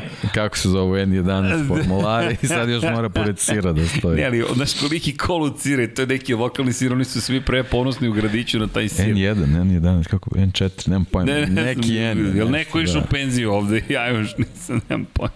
Deki? So, bliži se. Deki. Uh. Ali, Valentino Rossi, koji stane pored tog sira i fotografiše se i razmišljam koliko je čovjek dao sebe. Ne, ne, ali verovatno već gore dobro još malo. Ajde, ajde još i ovaj sir ću Znaš da, da sam mu rekao, kad je, kad je trebalo da ga intervjušemo, u subotu sam ja razgovarao s njim, pa je pa dolazi i penje se u stepenice, na gornjem delu smo bili tog dela za, za televiziju i ovako ga gledamo i ja, ja kažem two more days. I ovako, two more days. Samo još dva dana i ovo do kući da spavam. Bukvalno two more days. I sa svima se fotografisao, ali taj moment, meni je jedna scena čovek koji stoji na, na brdu, pokraj staze, trka se završila, ovako, sto, ovako bukvalno stoji. Nema, nema gde da ide. Znaš, ti gledaš čoveka koji nije... Da, Trumanov show se završi. Nema, nemaš gde, nemaš šta, šta ću sad ja? Otišao moj prijatelj. Da. Pa eto, reality od 26 godina. 26 godina, bukvalno, zabavljaju ljudi 26 godina. Sad zabavlja sebe pre svega, ali ti gledaš čoveka koji je promenio svet. Šta sam htio da kažem, premijera u Madridu i Parizu MotoGP Unlimited, o čemu mi pričamo? Odjednom su vozači motocikala trkačkih zvezde show biznisa. Jack Miller, e, čao, ve, uhau, rogovi. Zamisli pre 26 godina Aleksa Krivija i Mika Duana kako se pojavljaju u Madridu ili Parizu da gledaju ili da učestvuju u snimanju filma iza kulisa. Pa ne, pojavljuju se, ali niko ne zna ko ne znam, pa to, to, to, ko su ova gospoda, nemam pojma. Sada 20 fotoreportera, društvene mreže, svi su tu. To je sve direktno posledica uopšte pojave postojanja Valentina Rosija. I ceo taj vikend zapravo nije ni bilo bitno šta će se događati. Mural, itd., itd., itd. Sve je posvećeno praktično bilo Valentinu Rosiju. I na taj način jeste, mislim da je na adekvatan način završena sezona, jer ta trka je morala da mu pripadne i bilo lepo što je publika bilo prisutna preko 100.000 ljudi. I, i Valencija zaista ima amfiteatr koji je predivno, ako sve oko staze. Zaista fenomenalno. I sama ideja, meni je bilo dalje nejasno. Poslednji metri Valentina Rosija. Ma nemoguće. Ma, pojavit će se u Muđelu. Ne, nema šanse, neće se pojaviti, ali, ali, ok, hvala mu. Ne znam šta drugo da kažem, baš mu hvala. I bez obzira što je bio nevidljiv cele godine takmičarski, ti trenuci, ti momenti u vremenu, Mizano, pa i te kvalifikacije na početku, četvrti, šta je ovo sada, će nešto se desi, pa i taj moment kada sedi na, na, na, na barskoj stolici u, u Austriji, Evo da vam kažem, vreme je da se, vreme je da idemo u penziju. u Jordankama. u Jordankama. Aj, to je jako. 23 pogrešno. plus 23. e da, to, da. da I bilo da. je 15, 11, 21 i yes. Vali u Valenciji, super. 46. Da, nedelja Dosta godine. simbolike, da, da. Yes. da. Samo što eto nije, Lepo. nije nekako spektaklom sve zaokruženo, ali nema veze. Nije Da, to se Nije to slažem. najvažnije, Dorna je da, mogla da. još više da uradi, ali ja mislim da ni ne zna kako da uradi još više, iskreno, još uvek. Čak ni danas mislim da još uvek ne zna. I nije da nisu hteli, oni su uvek hteli da, da, da, da Rossi uspe još nešto, jer Rossi je taj koji privlači svu tu publiku i sve to ljude. Meni je fascinantno da danas reklame za MotoGP imaš Rossijevu sliku ne vozi više, ali tu je negde Rosijeva fotografija. Prosto takva pojava. Ali ono što je meni lepo jeste što je, eto, otišao, a omogućio da Moto Grand Prix preživi i posle njega i da naraste ovo što je Da, ali narastao. evo ti vidiš ovde dokaz već. Pa da. Da, ok, tu, je, tu ga nema. Ali nekako kad pogledaš evo da vidimo šta će ovde biti. Ne, ovde su već počeli da, da pokušavaju, ej, više nema ovo veze sa Rosim. Ali zaovek će imati veze sa, sa njim. Apsolutno. Kao i sa prethodnim šampionima. Pa evo, Venjina Renija mi danas spominjemo. Ali u svakom slučaju jedan, jedan, lep vikend. Jedan lep Lepa sezona. događaj. Lepa sezona, jeste. Osam pobednika i 15 vozača na podiju. Hoćemo li imati više? To ćete saznati sledeće nedelje, kada budemo najavili 2022. godinu. Ja mislim da to sasvim u redu. Deki, To je valja, to. to je to. To je to. Čekaj da vidimo, full screen sam ovde upalio, top chat, čekaj da bacim pogled samo da pozdravimo ljude. Jeste preživjeli ljudi? Nadam se da jeste. Keanu Reeves rekao, čao, vale dosta. Vale, vale, goat. U, pa ovo još traje Anđelina Vasilić, Anđelina. Kako? U, pokrovitelj na patron.com kroz Infinity Lighthouse. Nemanja Zagorod, Đole Bronkos, Aleksa Jelić, Aca, Vizla, Igor Vučković, Milan Ristić, Branko Bisački, Nenad Đorđević, Vukašin Jekić, Ivan Cegi, Cigir, Katarina Boris, Erceg, Jovan Đodan, Pavle Njemec, Vladimir Petković, Dušan Ristić, Stefan Stanković, Emir Mesić, Žarko Milić, Miloš Todorov, Đorđe Đukić, Vanja Radulović, Branislav Marković, Vladimir Filipović, Aleksandar Jurić, Strahinja Gavlagović, Aleksandar M. Žarko Milić, Dejan Đokić, Bojan Markov, Ertan Prelić, Igor Gašparić, Alen Stojčić i Depressed Cody Garbrandt fan. Ili ima još nešto, Vanja? Još ima. Udri Vanja. Ajmo. Ihaj, Andrej Bicok, Mladen Mladerović, Dmitri Mišić, Bahtjar Abdurmanov, Andrej Branković, Nebojša Živanović, Jugoslav Krasnić, Nenad Pantelić, Vlada Ivanović, Stefan Janković, Aleksandar Banovac i da spomenem ponovo 13 tajnih pokrovitelja. Ima neko neko pitanje? Ne, hvala. drugari, nadam se i drugarice i svi ostali, nadam se da, da ćete uživati. Ajde da vidimo Šta će to biti sledeće nedelje? Samo da znate, da li je trka na SK1 sledeće nedelje? Nemam predstavu, ljudi, saznaću otprilike kada i vi. To urednici samo znaju gde će šta, ko, kada biti. Ali znam da će ekipa biti u Kataru, tako da znate. Idemo za sada sigurno Jelena, snimatelj Dragan i ja.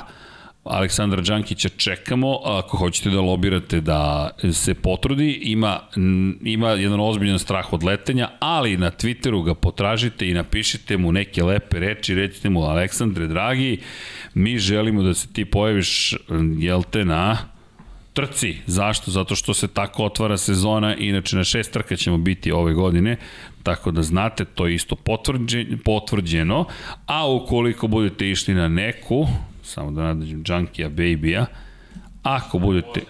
Kako? Do. Pa kako bi vozio? Vanja bi vozi do Katara. To bi bio ozbiljan put. Vanja, još u COVID eri, CPR, CPR, CPR, pa trebalo bi ti jedno 17 dana da dobiješ sve te rezultate. Ali čekaj da ja pošaljem poruku. Evo ga gospodin Đankić. Evo dobili smo i donaciju. Edo, Edo. Bravo, Edo. Hvala Edo za evo zakvarim. da. Eto, pa ja se nadam da ja se nadam da ste zadovoljni. Jesmo obavili pregled sezone. Čekaj, obavili smo pregled se... Deki. Deki, još smo i složili i Lego ove godine i da postavimo, evo i Instagram za gospodina Junkija Baby-a. Pa, eto, držite palče da ćemo svi zajedno da idemo u Katar, a umeđu vremenu imam još jednu obavezu da, da uradim zadovoljstvo pre svega, jer sam i tu obećao da ćemo neke stvari da uradimo, a to je samo sekund, a to je, uf, čekajte, pobeže mi ovo. Ajmo ovako. Iskreno sa... E, samo sekund.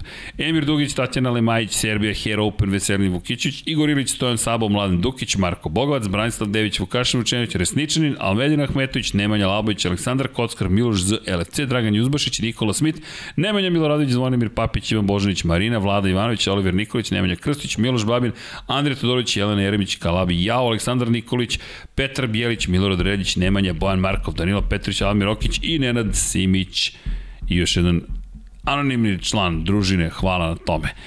Očekujte još neke tako novitete. Već smo vam najavili neke, tako da bit će zabavno. I čekaj da nađem, u Instagram izgleda da je pao.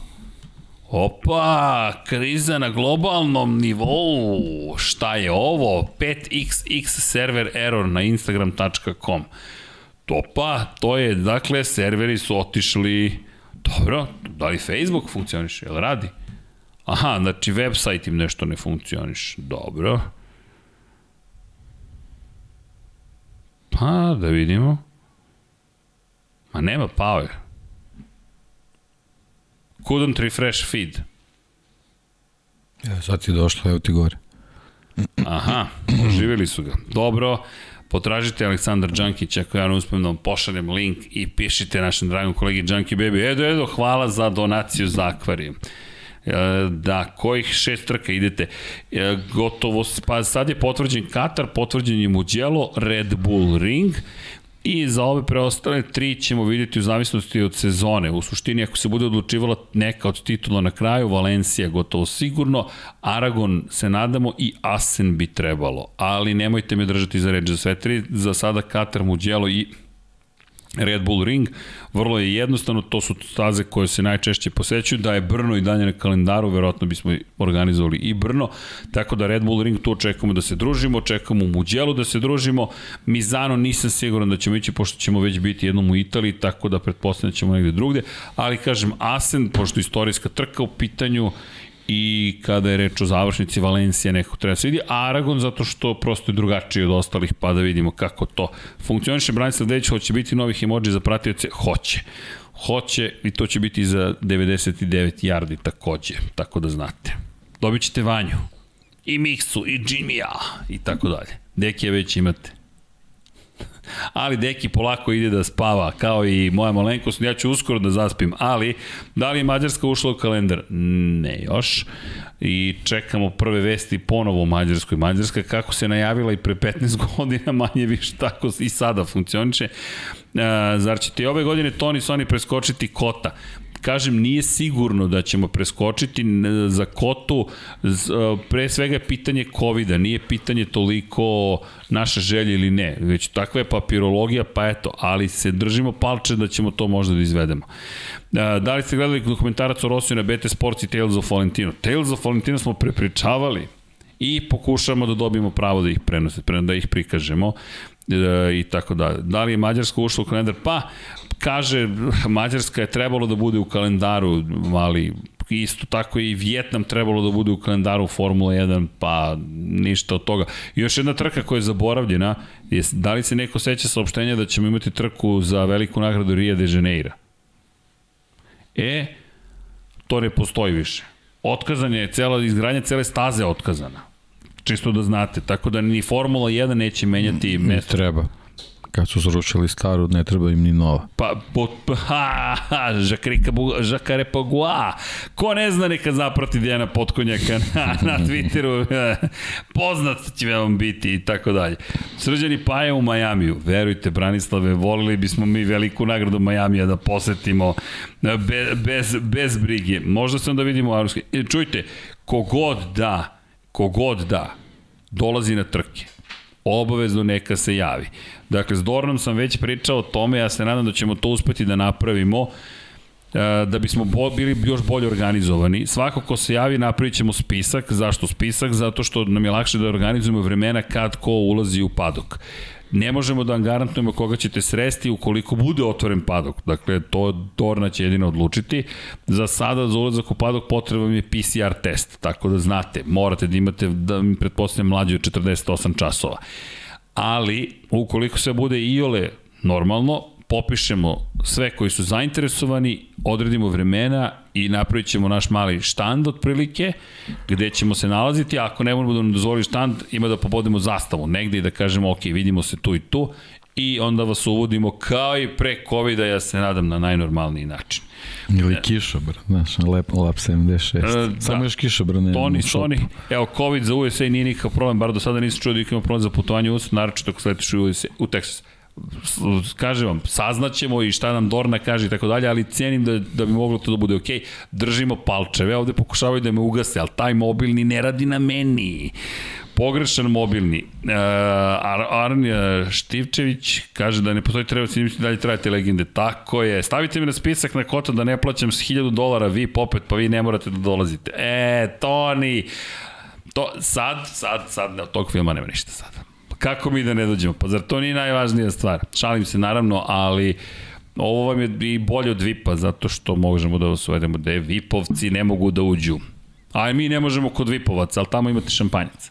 To je Prosecco, izvinjavam se. Mi ne nudimo Prosecco. Možda da uđete u komentatorske kabine. Ha! U garaže ne možemo da vas uvedemo. I tako dalje.